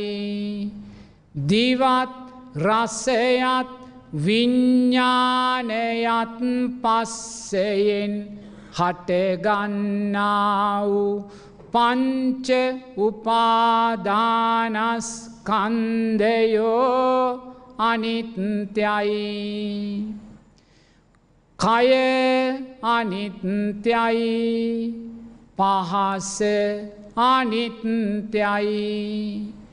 කය නිසා හටගත්තා වූ යම් විඳීමක් වේද? එය අනිත්‍යයි. කය නිසා හටගත්තා වූ යම් හඳුනා ගැනීමක් වේද? එය අනිත්‍යයි. කය නිසා හටගත්තා වූ යම් සංස්කාරයක් වේද? එය අනිත්‍යයි. කය නිසා හටගත්තා වූ යම් විඤ්ඥානයක් වේද? එය අනිත්‍යයි. කය අනිත්‍යයි. පහස අනිත්‍යයි. කයත් පහසත් විඤ්ඥානයත් පස්සයෙන් හටගන්නා වූ පංච උපාදානස්කන්දයෝ අනිත්‍යයි මනස අනිත්‍යයි සිතුවිලි අනිත්‍යයි මනස නිසා හටගත්තා වූ යම් විඳීමක් වේද එය අනිත්‍යයි. මනස නිසා හටගත්තා වූ යම් හඳුනා ගැනීමක් වේද? එය අනිත්‍යයි. මනස නිසා හටගත්තා වූ යම් සංස්කාරයක් වේද? එය අනිත්‍යයි. මනස නිසා හටගත්තා වූ යම් විඤ්ඥානයක් වේද? එය අනිත්‍යයි. මනස අනිත්‍යයි. සිතුවිලි අනිත්‍යයි. මනසත් සිතුවිලිත් විඤ්ඥානයත් පස්සයෙන් හටගන්නා වූ පංච උපාදානස්කන්දයෝ අනිත්‍යයි. මාත් සමග කියන්න ඇස්ස අනිත්‍යයි. රූපය ආනිත් කන අනිත්‍යයි ශබ්දය ආනිත් නාසය අනිත්‍යයි ගන්ධ සුවඳ අනිත්‍යයි දිව අනිත්‍යයි රසය අනිත්‍යයි මනස අනිත්‍යයි සිතුවිලි අනිත්‍යයි. කය අනිත්‍යයි. පහස අනිත්. ඇස අනිත්‍යයි. රූපය අනිත්. කන අනිත්‍යයි. ශබ්දය අනිත්. නාසය අනිත්‍යයි. ගන්ධ සුවඳ අනිත් දිව අනිත්‍යයි රසය අනිත් මනස අනිත්‍යයි සිතුවිලි අනිත් කය අනිත්‍යයි පාස අනිත් ඇස අනිත්‍යයි රූපය අනිත්. කන අනිත්‍යයි ශබ්දය අනිත්. නාසය අනිත්‍යයි ගන්ධ සුවඳ අනිත්. දිව අනිත්‍යයි රසය අනිත්. මනස අනිත්‍යයි සිතුවිලි අනිත්. කය අනිත්‍යයි පහස අනිත්. නාමරූප ධර්මයෝ අනිත්‍යයි. නාමරූප ධර්මයෝ අනිත්‍යයි. නාමරූප ධර්මයෝ අනිත්‍යයි සාදු කියන්න.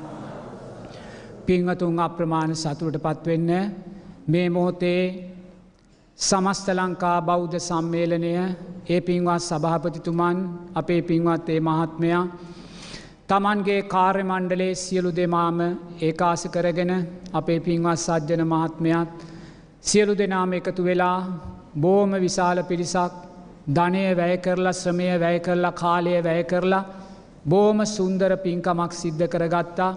ඒ වගේම සිරස මාජ්‍ය දාලය සිරස රූපවාහිනිය ඒවගේම සිරස ගුවන් විදිලිය මේ මෝතේ බොහෝම කල්්‍යාන මිත්‍රභාවයෙන් සත්පුරුෂ භාවයෙන් යුතුව ඒ පටිගත කිරීම් සිද්ධ කළා. ඒ වගේමයි පින්වතුල්ලා සෑම කෙනෙක්ම මංහිතනවා ඊයේ දවසේත් අද දවසේත් ගොඩාක් බෙහෙසමහන්සි වෙලා.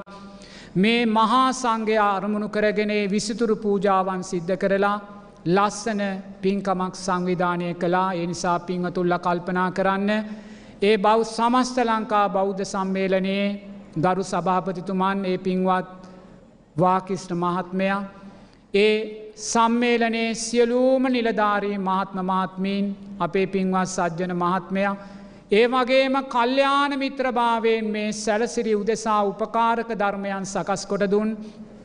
ඒ සියලූම පින්වතුල්ලා ඒ පින්වතුල්ලාගේ පවුල්ලොල සියලූම දෙනාටත් ඒ වගේම සත්පුරුෂභාවයෙන් ලක්ෂ සංඛ්‍යාත පිරිසකට මේ උතුම් සද්ධර්මය ශ්‍රවණය කිරීම උදෙසා ඒ පටිගත කිරීම සිද්ධ කළ සිරස රූපවාහිනියටත් සිරස ගුවන් විදිලියේ ඒ පින්වත් සභාපතිතුමන් ඇතුළුවේ ප්‍රධානින් සියලූම දෙනාටත් කල්්‍යාන මිත්‍රභාවයෙන් සහ සම්බන්ධ වනා වූ ඔබ සියලූම දෙනාටත් දැකබලා සතුටුවුන් සියලු දෙනාටත් ගම්වාසී රටවාසී සියලු දෙනාටත් මේ පින් නිදුක්නීරෝගේ සුවපත්භාවය දීර්ගායුෂ පිණිසම හේතුවේවා කියල සාදු කියන්න.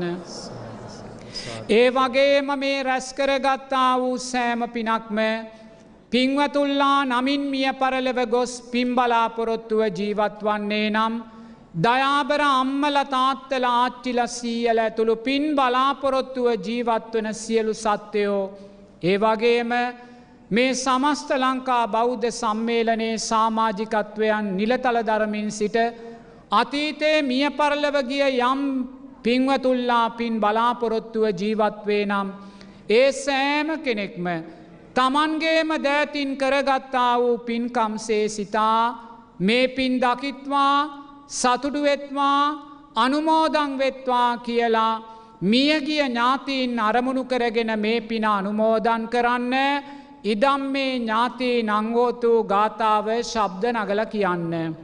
ඉදම් මේ ඥාතේ නංගෝතු සුකිතා උන්තු ඥාතයෝ ඉදම් මේ ඥාතේ සුකිතා උන්තු ඥාතයෝ ඉදම් මේ ඥාතේ නංගෝතු සුකිතා උන්තු මේ ගම්බිම් සුරකින දෙවියෝද මේ උතුම් සම්මා සම්බුද්ධ ශාසනය සුරකින සක්‍ර දෙවියන් සතරවරම් දෙවියන් ඇතුළු දිව්‍යරාජ සමූහයාද මේ පින් දකිත්වා සතුටු වෙත්වා. දෙවියෝ ප්‍රාර්ථනීය බෝධියකින් අමාමහ නිවනෙන් සැනසෙත්වා. දෙවියන්ගේ ආසිරිවාදයෙන් පින්වතුල්ලා කරන කියන ව්‍යාපාර රැකී රක්ෂා දවාදරුවන්ගේ කටයුතුවේ නම් පින්ගන්නා වූ දෙවියන්ගේ ආසිරිවාදයෙන් ඒවා සස්ත්‍රීක භාවයට පත්වේවා සෞභාග්‍යමත් භාවයට පත්වේවා කියලා දෙවියන්ටත් මේ පින අනුමෝදන් කරන්න එත්තාවචාච අම්මේහි කියලා. එත්තාවචාච අම්මේහි සම්පදම් පුං්ඥ සබ්බේ දේවානුමෝදන්තු සබ්බ සම්පත්ති සිද්ධියා එත්තාවචාච සම්පදම් පුං්ඥ සම්පදන් සබ්බේ භූතානුමෝදන්තු සබ්බ සම්පත්ති එත්තාවචාච අම්මේහි සම්පදම් පුං්ඥ සම්පදන් සබ්බේ සත්තානුමෝදන්තු සබ්බ සම්පත්ති මහා සංගරත්නය අරමුණු කරගෙන උතුම් ධර්මදානමය පින් මුල් කරගෙන කරගත්තා වූ මේ පින්කන් තුළින් රැස්වෙන්න වූ පින් පින්වතුල්ලාට මේ ගෝර කටුක භයානක සංසාරයෙන් අත්මිදී මේ ජීවිතේදීම උතුම් චතුරාර් සත්‍ය ධර්මයෝ දැකීමට අවබෝධ කිරීමට මේ පින් උත්තම ශක්තියක් වේවා කියලා මේ විදිහට නිවන් ප්‍රාර්ථනා කරගන්න ඉදම් මේ පුඤ්ඥං ආසවක්‍යයා වහං හෝතු මේ පින නිවන් අවබෝධවීම පිණිසම හේතුවේවා ඉමිනා පුං්ඥකම්මේන මා මේ බාල සමාගමෝ. සතන් සමාගමෝහෝතු යාව නිබ්භාන පත්තියා. මේ කුසලයෙන් නිවන් දකිනා තුරුම පස්පව් දසාකුසල් කරන බාලයන්ගේද අසත් පුරුෂයන්ගේද පාප මිත්‍රයන්ගේද ආශ්‍රය නොලැබේවා දානාදී පින්කම් කරන සීලාදී අනන්ත ගුණපුරණ විදර්ශනාදී භාවනා වඩන සත්පුරුෂයන්ගේද කල්්‍යාන මිත්‍රයන්ගේද බුද්ධාදී ආර්ය මහෝත්තමයන්ගේද ආශ්‍රයම ලැබේවා. මාත් සමග ශබ්ද නගල කියන්න. නමෝතස්ස භගවතෝ අරාතෝ සම්මා සම්බුද්ධස්ස නමෝතස්ස භගවතෝ අරා සම්මා සම්බුද්ධස්ස නමෝතස්ස භගවතෝ අරාතෝ සම්මා සම්බුද්ධස් කරණීය මත්ත කුසලේන යන්තන් සන්තං පදං අභිසමිච්ච සක්කෝ උජෝච සුවචෝචස්ස මුදුවනතිමානී සන්තුස්ස කෝච සුබරෝච අප කිච්චෝච සල්ල උක උත්ති සංකේන්ද්‍රියෝච අප ගබ්බෝ කුලේසු අනනොගිද්දෝ නචකුද්ජන් සමාචරේ කිංචියේන වින්නෝ පරේ උපවදේ සුකිනෝවා කේමිනෝ හොන්තු සබ්බේ සත්තා භවන්තු සුකි සත්තා ඒකේති පාන භූතත් තාවරාවා අනවසේසා දීගාවා ඒ මහන්තාවා මජ්ජිමාරස්ස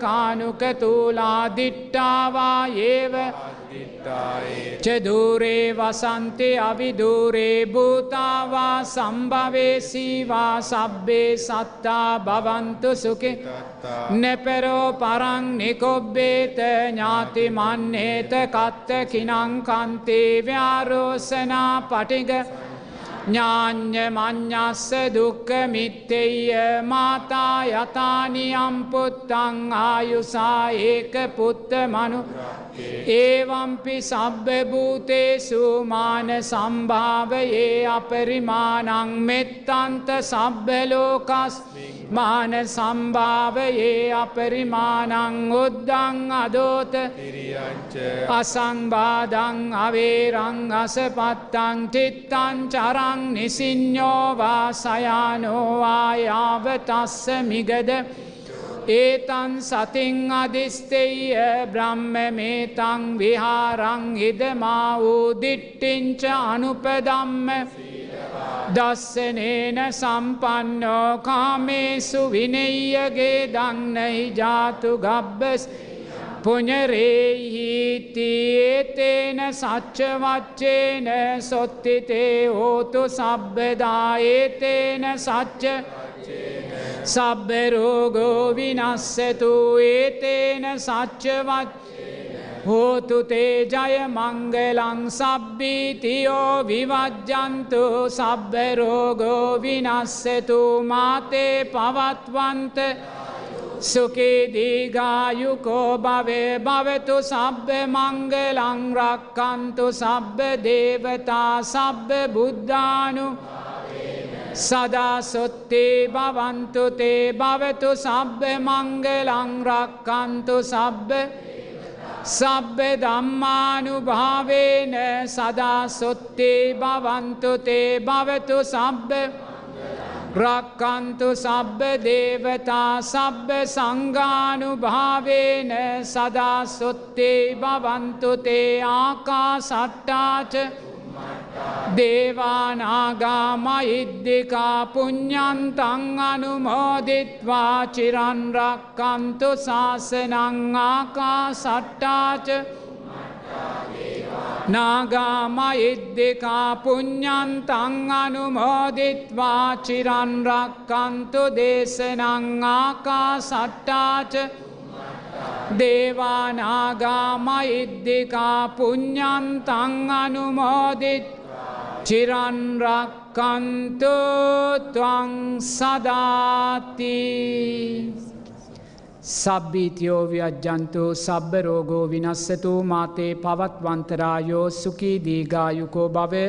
අභිවාදන සීලිස්ස නිච්චං වජ්ජාපචායිනෝ චත්තාරෝ දම්මා වඩ්ඩන්තේ ආයුවන්නෝ සුකම්බලන් ආයුරාරෝග්‍ය සම්පත්තේ සග්ග සම්පත්ති මේවච අතෝ නිබ්බාන සම්පත්තේ ඉමිනාතේ සමිච්චතු තෙරුවන් සරණින් දෙවියන්ගේ ආසිරිවාදයෙන් ජයශ්‍රී මහා බෝ සමිදුන් වහන්සේගේ සන්නමාලී මහාසෑ සමුදුන් වහන්සේගේ අනන්ත බුදුගුණ බලයෙන් පිංවතුල්ලාප කරගන්නා වූ කුසල් ධර්මයන්ගේ ශක්තියෙන් පිංවතුල්ලාටත් පිංවතුල්ලාගේ පවුල්ලොල සිරු දෙනාටත් දැකබලා සතුටු වෙන සියලු දෙනාට ගම්වාසී රටවාසී සියලු දෙනාට මේ පින් නිදුක්නීරෝගේ සුවපත්භාවය දීර්ඝායුෂ පිණිස හේතුවේවා ඒ වගේම මේ මොහොතේ ඒ උත්තරීතර මහානායක සාමීන් වහන්සේලාටත් ඒ මාගේ උපාධ්‍යානන් වහන්සේ වන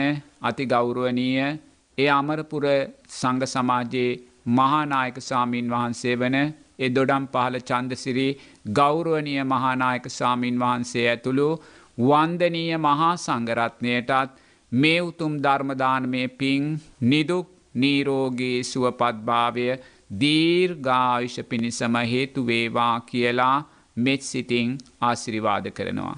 ඒ වගේම ජීවිතවලට බලපානයම් අතීත අකුසල් සංස්කාර තිබේනම් මේ කරගන්නා වූ පින්කම්මොල ශක්තියෙන් ඒ අතීත අකුසල් සංස්කාර තුනී වෙලා පින්වතුල්ලාටත් පවුල්ලොල සිරු දෙනාටත් රටවාසී සියලූම ජනතාවටත් බලාපොරොත්තු වෙන නිදුක් නීරෝගේ සුවපත්භාවය දීර්ගායුෂ සැලසේවා හැමෝටම ගොඩාක් පින්.